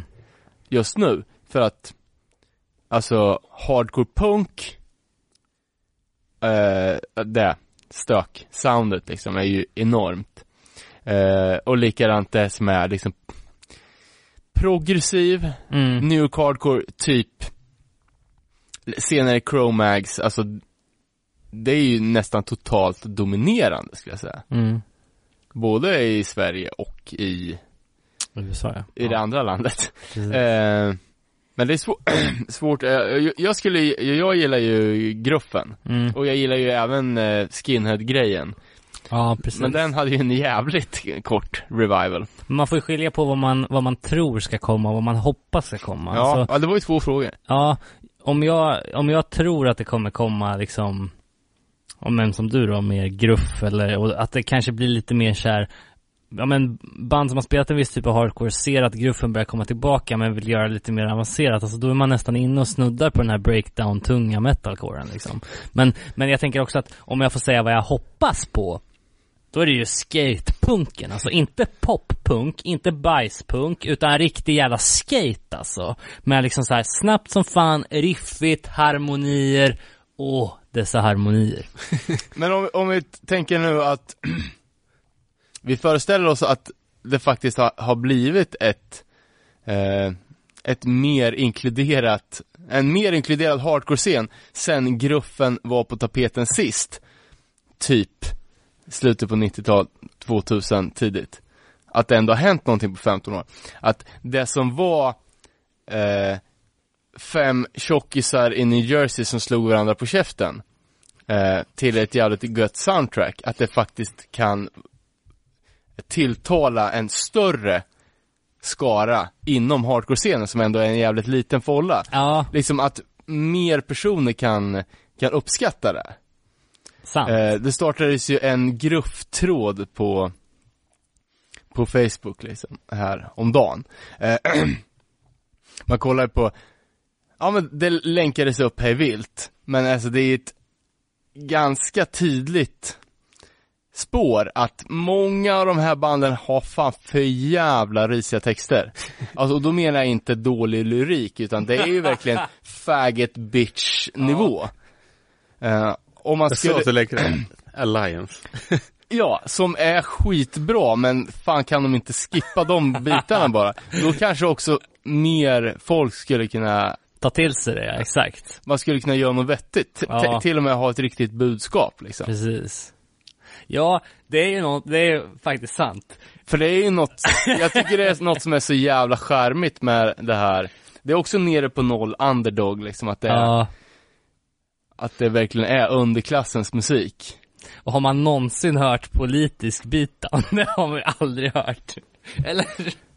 Ja, jag tror vi har, har vi inte en fråga om det om flat earthers och sånt där? För det finns ju en del band i den skaran som, som, som jobbar med ganska skeva teorier. Ja, eh, det kommer vi säkert till. Vill ni säga någonting mer om, om trender inom hardcore på Max frågade, eller ska vi gå vidare? Ja, men jag, jag, jag tror på, på gruffen och Ja. hoppas på skinhead. Just det. Och så kommer ju det motsatta, då är det ju Blacklisted, American Nightmare och sånt. Ja, eller power violence. Och då är inte power violence som att The Hammer helt plötsligt var power violence, utan då menar jag den ursprungliga power violencen. Mm. Som också verkar ganska hype. Ja, ja, ja, verkligen. I alla fall som begrepp. Sen vet jag inte om originalsoundet är så stort. Nej. Ja, men grymt. Eh, nästa fråga då från Jürgen. Tjena, vad har ni för tankar och reflektioner kring Punk Rock City Kumla? Eh, Kumla var ju med tidigt ändå i skatepunksvängen. Det arrangerades feta gig på Rockcaféet med The Hives, Adhesive med mera. Eh, tidigare band förutom The Pricks tog sig kanske aldrig längre än till län- länsgränsen. Men eh, senare har vi även band som Subways, Ett sista andetag, Without a Trace och Ond bråd död för att nämna några. Eh, numera är väl punken relativt död i Kumla dock, vilket är synd, skriver Jörgen. Nej men bara Andreas eh, som var här tidigare idag och lämnade lite skivor till oss. Eh, gav oss en liten eh, eh, lektion i Kumla Punk History. ja, precis. Och Nej. det fanns ju många bra band men jag vet inte, det är liksom Kumla, vad fan. Det är mindre än de flesta orter i Säg vad Sverige. du tycker, det är en skitstad. Nej men alltså, men de har ändå lyckats eh, producera en hel del bra band. Men det är också det här, vart får man tag på det idag liksom? Och det är ju in, inga direkta aktuella band därifrån. Utan det är vi som bor lokalt som har relation till det liksom. Ja, alltså, ett band som jag funderar på, eh, när vi snackar om Örebro Hardcore och hu- huruvida, eh, vilket var det första bandet i Örebro som spelar riktig hardcore? Ja, Eh, då hade jag ju tankarna på ett band från Kumla som heter Torso. Eh, som vi fick lite upplysningar om nu, men eh, ja, jag vet inte fan om det trots allt var ett riktigt hardcore-band. Eh, tror det lutar mer åt skate-hållet, som allting gjorde på den tiden, så nu snackar vi 90-tal. mm. Vad fan är Leprechauns? Ja, Leprechaun, det var ju Örebro-band, men det var ju, då var det ju hardcore alla 59 liksom. okej. Nästa fråga kommer in från Tor. Eh, är det sant att Earth Crisis förstörde hardcore? Då är frågan vad, vad han syftar på där. Eh, Är det att han själv var ett så pass die hard Earth Crisis-fan att när MTV på 90-talet gjorde en Earth Crisis-dokumentär så slog det så hårt? Eller vad, vad kan det vara? Nej, jag vet inte riktigt heller vad, vad, vad han fiskar efter. Men jag tror att det finns, alltså, eh, det är ju många ur den gamla scenen som, till exempel Dave Smalley från, från DYS med mera, sa ju att bara när fascister som Earth Crisis börjar kalla sig straight edge, då slutar jag. Ja, Eh, men för mig, alltså för våra generation så är det ju snarare Earth Crisis som har, som har Fått in en på hardcore? Ja, det är den Victory Records-generationen, så jag menar det. för mig är det snarare tvärtom. Jag, jag, jag är ju av den åsikten att Alltså Earth Crisis är ett extremt band, men det är ju de extrema grejerna som gör att det blir intressant. Mm. Jag håller med dig. Den All At War 7 är så jävla bra också. Och det är också liksom... Ja men vad fan, så, så, vi tog ju in årets bästa, folk fick ju skicka in års bästa, eh, årets bästa släpp för, till våran sammanställning och då var det väl många som skickade in Firestorm liksom. Ja, exakt. Eh, Nummer ett, två, tre varje år. ja, precis. Okej, nästa fråga kommer in från Danne. Vem inom HC slash punksvängen är mest trolig att vara en klimatförnekare och flat earther? Ja, alltså osökt så tänker man ju då på JJ, John Joseph i Chromax, men vi har ju faktiskt pratat om att vi inte riktigt visste vad han ha- faktiskt hade för teorier. Men rent auramässigt så är det ju han. Han känns Definitivt. påverkbar liksom. eh, Det finns ju några band som vi har pratat om tidigare som, som, eh, som har en liten foliehatt-vibe över sig med olika konspirationsteorier. Det var ju Mushmouth slash Out to Win, eh, som hade låtar om att de trodde på spöken. eh, vi har ju Jag även, inte att de trodde på aliens. ja kanske var så det var. eh, men även Indecision släppte ju den här Release the Cure. mm. Eh, som man kan tolka som att eh, den amerikanska regeringen sitter på nyckeln till botemedel på både aids och cancer. Men eh, håller inne med den för liksom public control. Just det. Eh, kan ju också vara en kommentar till det som är superaktuellt nu, det här med opium eh, krisen i USA, att Ja, folk det. är så sjukt beroende av läkemedel och eh, Opioider. ja, i USA. Just det. Ja, eh, annat band jag tänkte på var ju Crowd Deterrent. Eh, Jaha. Det känns också som ett gäng påverkbara snubbar. Ett gäng dumma jävla snubbar. Eh, ja. Ja men det går ju, så låg utbildningsnivå går ju ganska mycket hand i hand med eh, med, med konspirationsteorier. Ja, absolut. Eh, det finns ju ett band eh, inom gruff-realmen eh, som är fan mästare på, på dumheter och det är ju Wartime Manor. Har ni lyssnat på dem? Nej. Nej. Eh, ja, det är ju ett svinbra band, men de har ju mycket knepiga åsikter alltså. Deras hjärtefråga är ju second amendment, vilket är vapenrättigheter. Eh, och de är ju alltså, de, de är ju 100% Charlton-hästen. Eh, och sångaren har ju ett, ett patronbälte tatuerat på kroppen liksom och, ja de är ju, är, alla låtar handlar ju om, om, om rätten att försvara sig, om krig och sånt. Ja, okej. Lökometern är Och de, de släppte ju på, på senaste plattan, eller det är ju deras enda fullängder som kom på ja, 2012 kanske. Då har de en låt som de också gjort video till som heter Prepper. som handlar, ja. Och det här är ju någonting som man, man, man kanske skulle kunna göra en låt och göra narr av preppers, men de här är ju liksom bara vi bunkrar upp för snart är det dags liksom. Snart är det dags. Call to arms och så vidare. Ja, de, ja, de är ju, de är full-blown koko. Men det är fan en bra spaning då att de skulle kunna vara flat earth. Ja, alltså det enda som, som, det är ju det att deras skiva, deras senaste släpp är ju liksom släppt tidigare än att Flat Earth blev ett begrepp. Ja, okej. Annars hade de ju varit där. Ja, ja, ja. Så det är bara att hålla koll på nästa då. Ja, ja, det blir ju temaplatta, 100%. rakt, rakt av. eh, ja, nästa då. Eh, inskickad av Old El Paso. Hur mycket tacos äts det inom HC-scenen i Göteborg? Eh, Får du svara på? ja, där kan jag ju bara bekräfta att det äts extremt mycket tacos. Men tacos är gott. Ja. Eh, nästa då, från en hemlig beundrare. När kommer avsnitt om Boris? Svaret på det är väl när Boris ställer upp. Ja, nej, Vill ju inte. nej, frågan är när det kommer ett avsnitt om Boris, inte när det kommer ett avsnitt med, Med Boris. Boris. För Ja, han är okej. ju en av de få som har vägrat att medverka, konstigt nog. Ja, Eh, senast i fredag så hörde jag en story om när Boris på fyllan hade, hade vaknat eh, på en Finlandskryssning och gått i sömnen och knallat ut i bara kallingarna på båten och försvunnit. så det finns ju mycket guld att hämta där kan jag säga. ja, ja, ja. Ja, men eh, om inte han vill vara med så får vi väl ta med någon som kan berätta om honom. Men det är ju lite oschysst kanske. Nej. Eh, ja, vi får se helt enkelt. Nästa då, från Mr X. Eh, finns det någon som är straight edge söder om Ljungby? Kolla upp Ljungby, vart det låg. Det är lite så här eh, mitten av Sverige. Ner, Småland. Ja, nedanför Göteborg någonstans där. Ja, Småland, exakt. Absolut inte mitten av Sverige. Eh, men, eh, ja, det är högst otroligt. Eh, det är ju för nära till Europa. Eh, så jag antar att det är, eh, Göteborg ligger väl söder? Alla ni är ju... nej det ligger inte söder om Ljungby faktiskt. Eh, så, ja. Men eh, ja, det är väl inget, Svaret är nej. nej precis. Eller om någon vill höra av sig. Precis.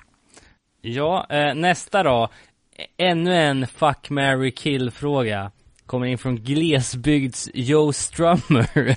eh, fuck, marry, kill. Mike Ness, Toby Morse och Rick Talife. Jag gillar ju att eh, Toby Morse återkommer i de här hela tiden. Eh, Ja du Lildan. är det någon som inte har skrivit eh, Rick Talife på kill eller? Nej. Ja, eh, och sen då sista frågan eh, från 73040, vilket är ett Örebro län postnummer va? Eh, frågan är i alla fall, vad skulle ni säga är själva grunden i hardcore?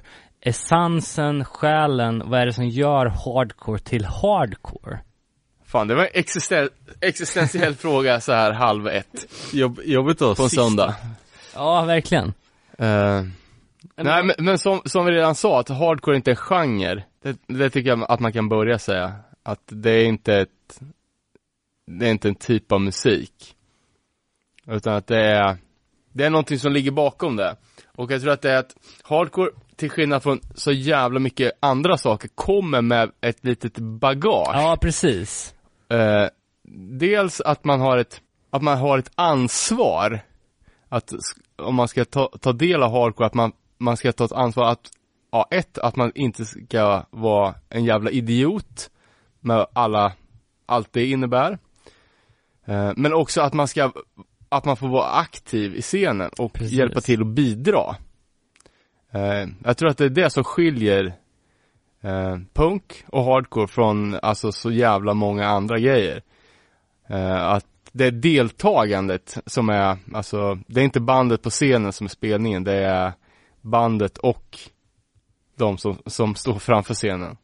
Precis, och det är också så att man som publik har lika stor eh, plattform som banden på något vis. Att bidra till den energibubbla som det ändå är på spelningar liksom. Att eh, ger jag en del av min energi för att spelningen ska bli bra, då kommer andra också ge en del av sin energi och då blir det liksom Ja, eh, ja, jag tycker fan du beskrev det helt perfekt där. Men också att det är, alltså det är någonting som man inte riktigt kan sätta finger på, så Nej. att det faktiskt är en känsla. Precis. Verkligen. Eh, antingen så förstår man det eller också förstår man det inte. Det går liksom inte att, man kan inte köpa den creddigaste, dyraste skivan och tro att, att man automatiskt ska fatta grejen. Är Nej, någonting- exakt. Alltså det är det som är grejen med typ så här. Och man behöver inte göra det heller. Det är, som Rick Life sa, hardcore is not for everybody, typ. Precis. Och det är också, det går inte liksom att man kan inte köpa en skinnpaj, nitbälte och färga håret svart och liksom gå på spelning och se svår ut och vara en del av grejen. Utan det är, det är en känsla, det är liksom eh, Hardcore är ju en, Ens, liv. ja men liksom det är en livsstil, det är inte en trend liksom. Ehm, och det är det som gör att det skiljer sig från mycket annat som man varit inne på liksom. Och det är också därför det har hängt kvar tror jag i ens liv. För att det är, Ja, exakt. Man kan lyssna på olika saker, Ja. men att det betyder ingenting. Nej, precis. Eh, ja, fan fett. Det var ju näst, en bit över 50 frågor som folk skickade in. Ta de sista frågorna. Ja, David nöjde sig ju inte med att eh, vi, vi hade de här 50 att utgå ifrån, utan han efterlyste också lite på Instagram som vi skulle ta och svara på live här i podden. Eh, så det har kommit in lite här. Eh, Hammar skriver, får jag vara med igen? Självklart. Klart du får. Eh, tänk ut vad du vill snacka om, om det är något gammalt band som du tycker om eller någonting specifikt. Så är du jättevälkommen. Eh, Rotten Hutton skriver, vilket är det mest Windbreaker-kompatibla hardcore-bandet? Oh. Det, det väl bara plocka valfritt Youth Crew-band. Ja, eller Eller Vain. biten. Och Vain ja. Vain som slog igenom, de kom från ingenstans, men alla deras kompisar stod längst fram med matchande windbreakers och Mm. helt plötsligt vart de största bandet. Just det. Eh, Missfall 666 skriver eh, Varför har ni inget avsnitt med Rupture som huvudämne? För att vi inte vet vad det är. Bra svar. Eh, Jakob skriver Blood Sermon är svaret. Det håller vi med om. Bra gig i helgen. Eh, Vad står det? Edge metal. ja, precis. Eh, Danne rockar Blood Sermon merch dagen till ära. Eh, Psykopati Fansign skriver favvo-avsnitt ni gjort hittills. Det har vi väl redan besvarat lite va? Allting är bara att få s- s- sitta och snacka hardcore med mina bästa kompisar. Det är Ja, ja men verkligen. Det är fan en bra avslutning på avsnitt 100 att, att vi fan är lite stolta över vad vi har lyckats prestera här eh, med den här podden och eh, och fan också jävligt glada för våra lyssnare som fan backar upp oss och eh, Bidrar. Ja, det är det exakt. det handlar om. exakt, Dra sitt strå. precis. Så eh, det är bara, och ni som har eh, pre-ordrat t-shirtarna här så hoppas vi att vi kan skicka iväg dem här i veckan. Tusen tack. As kul att någon eh, var intresserad. Det Ja. var lite chansning från vår sida. Verkligen. Men eh, det blev eh, succé får vi säga. Ja, tusen tack. Asgrymt. Ehm, och som vanligt så är det bara att eh, skicka feedback till nerepanol.gmail.com eller att nerepanol på Instagram. Eh, vi finns också nerepanol på Facebook och eftersnacksgruppen som är ny nu som man kan kolla in. I övrigt, något mer ni vill tillägga innan vi stänger boken i avsnitt 100? Nej, vi är tillbaka om två veckor och då är det hiphop inom hardcore punk. Vi har mycket grejer i pipen nu. Ja, Så det, det ska snackas modernt tyskt. just Det det. är samlingsplattor, den ack så viktiga delen av punk hardcore.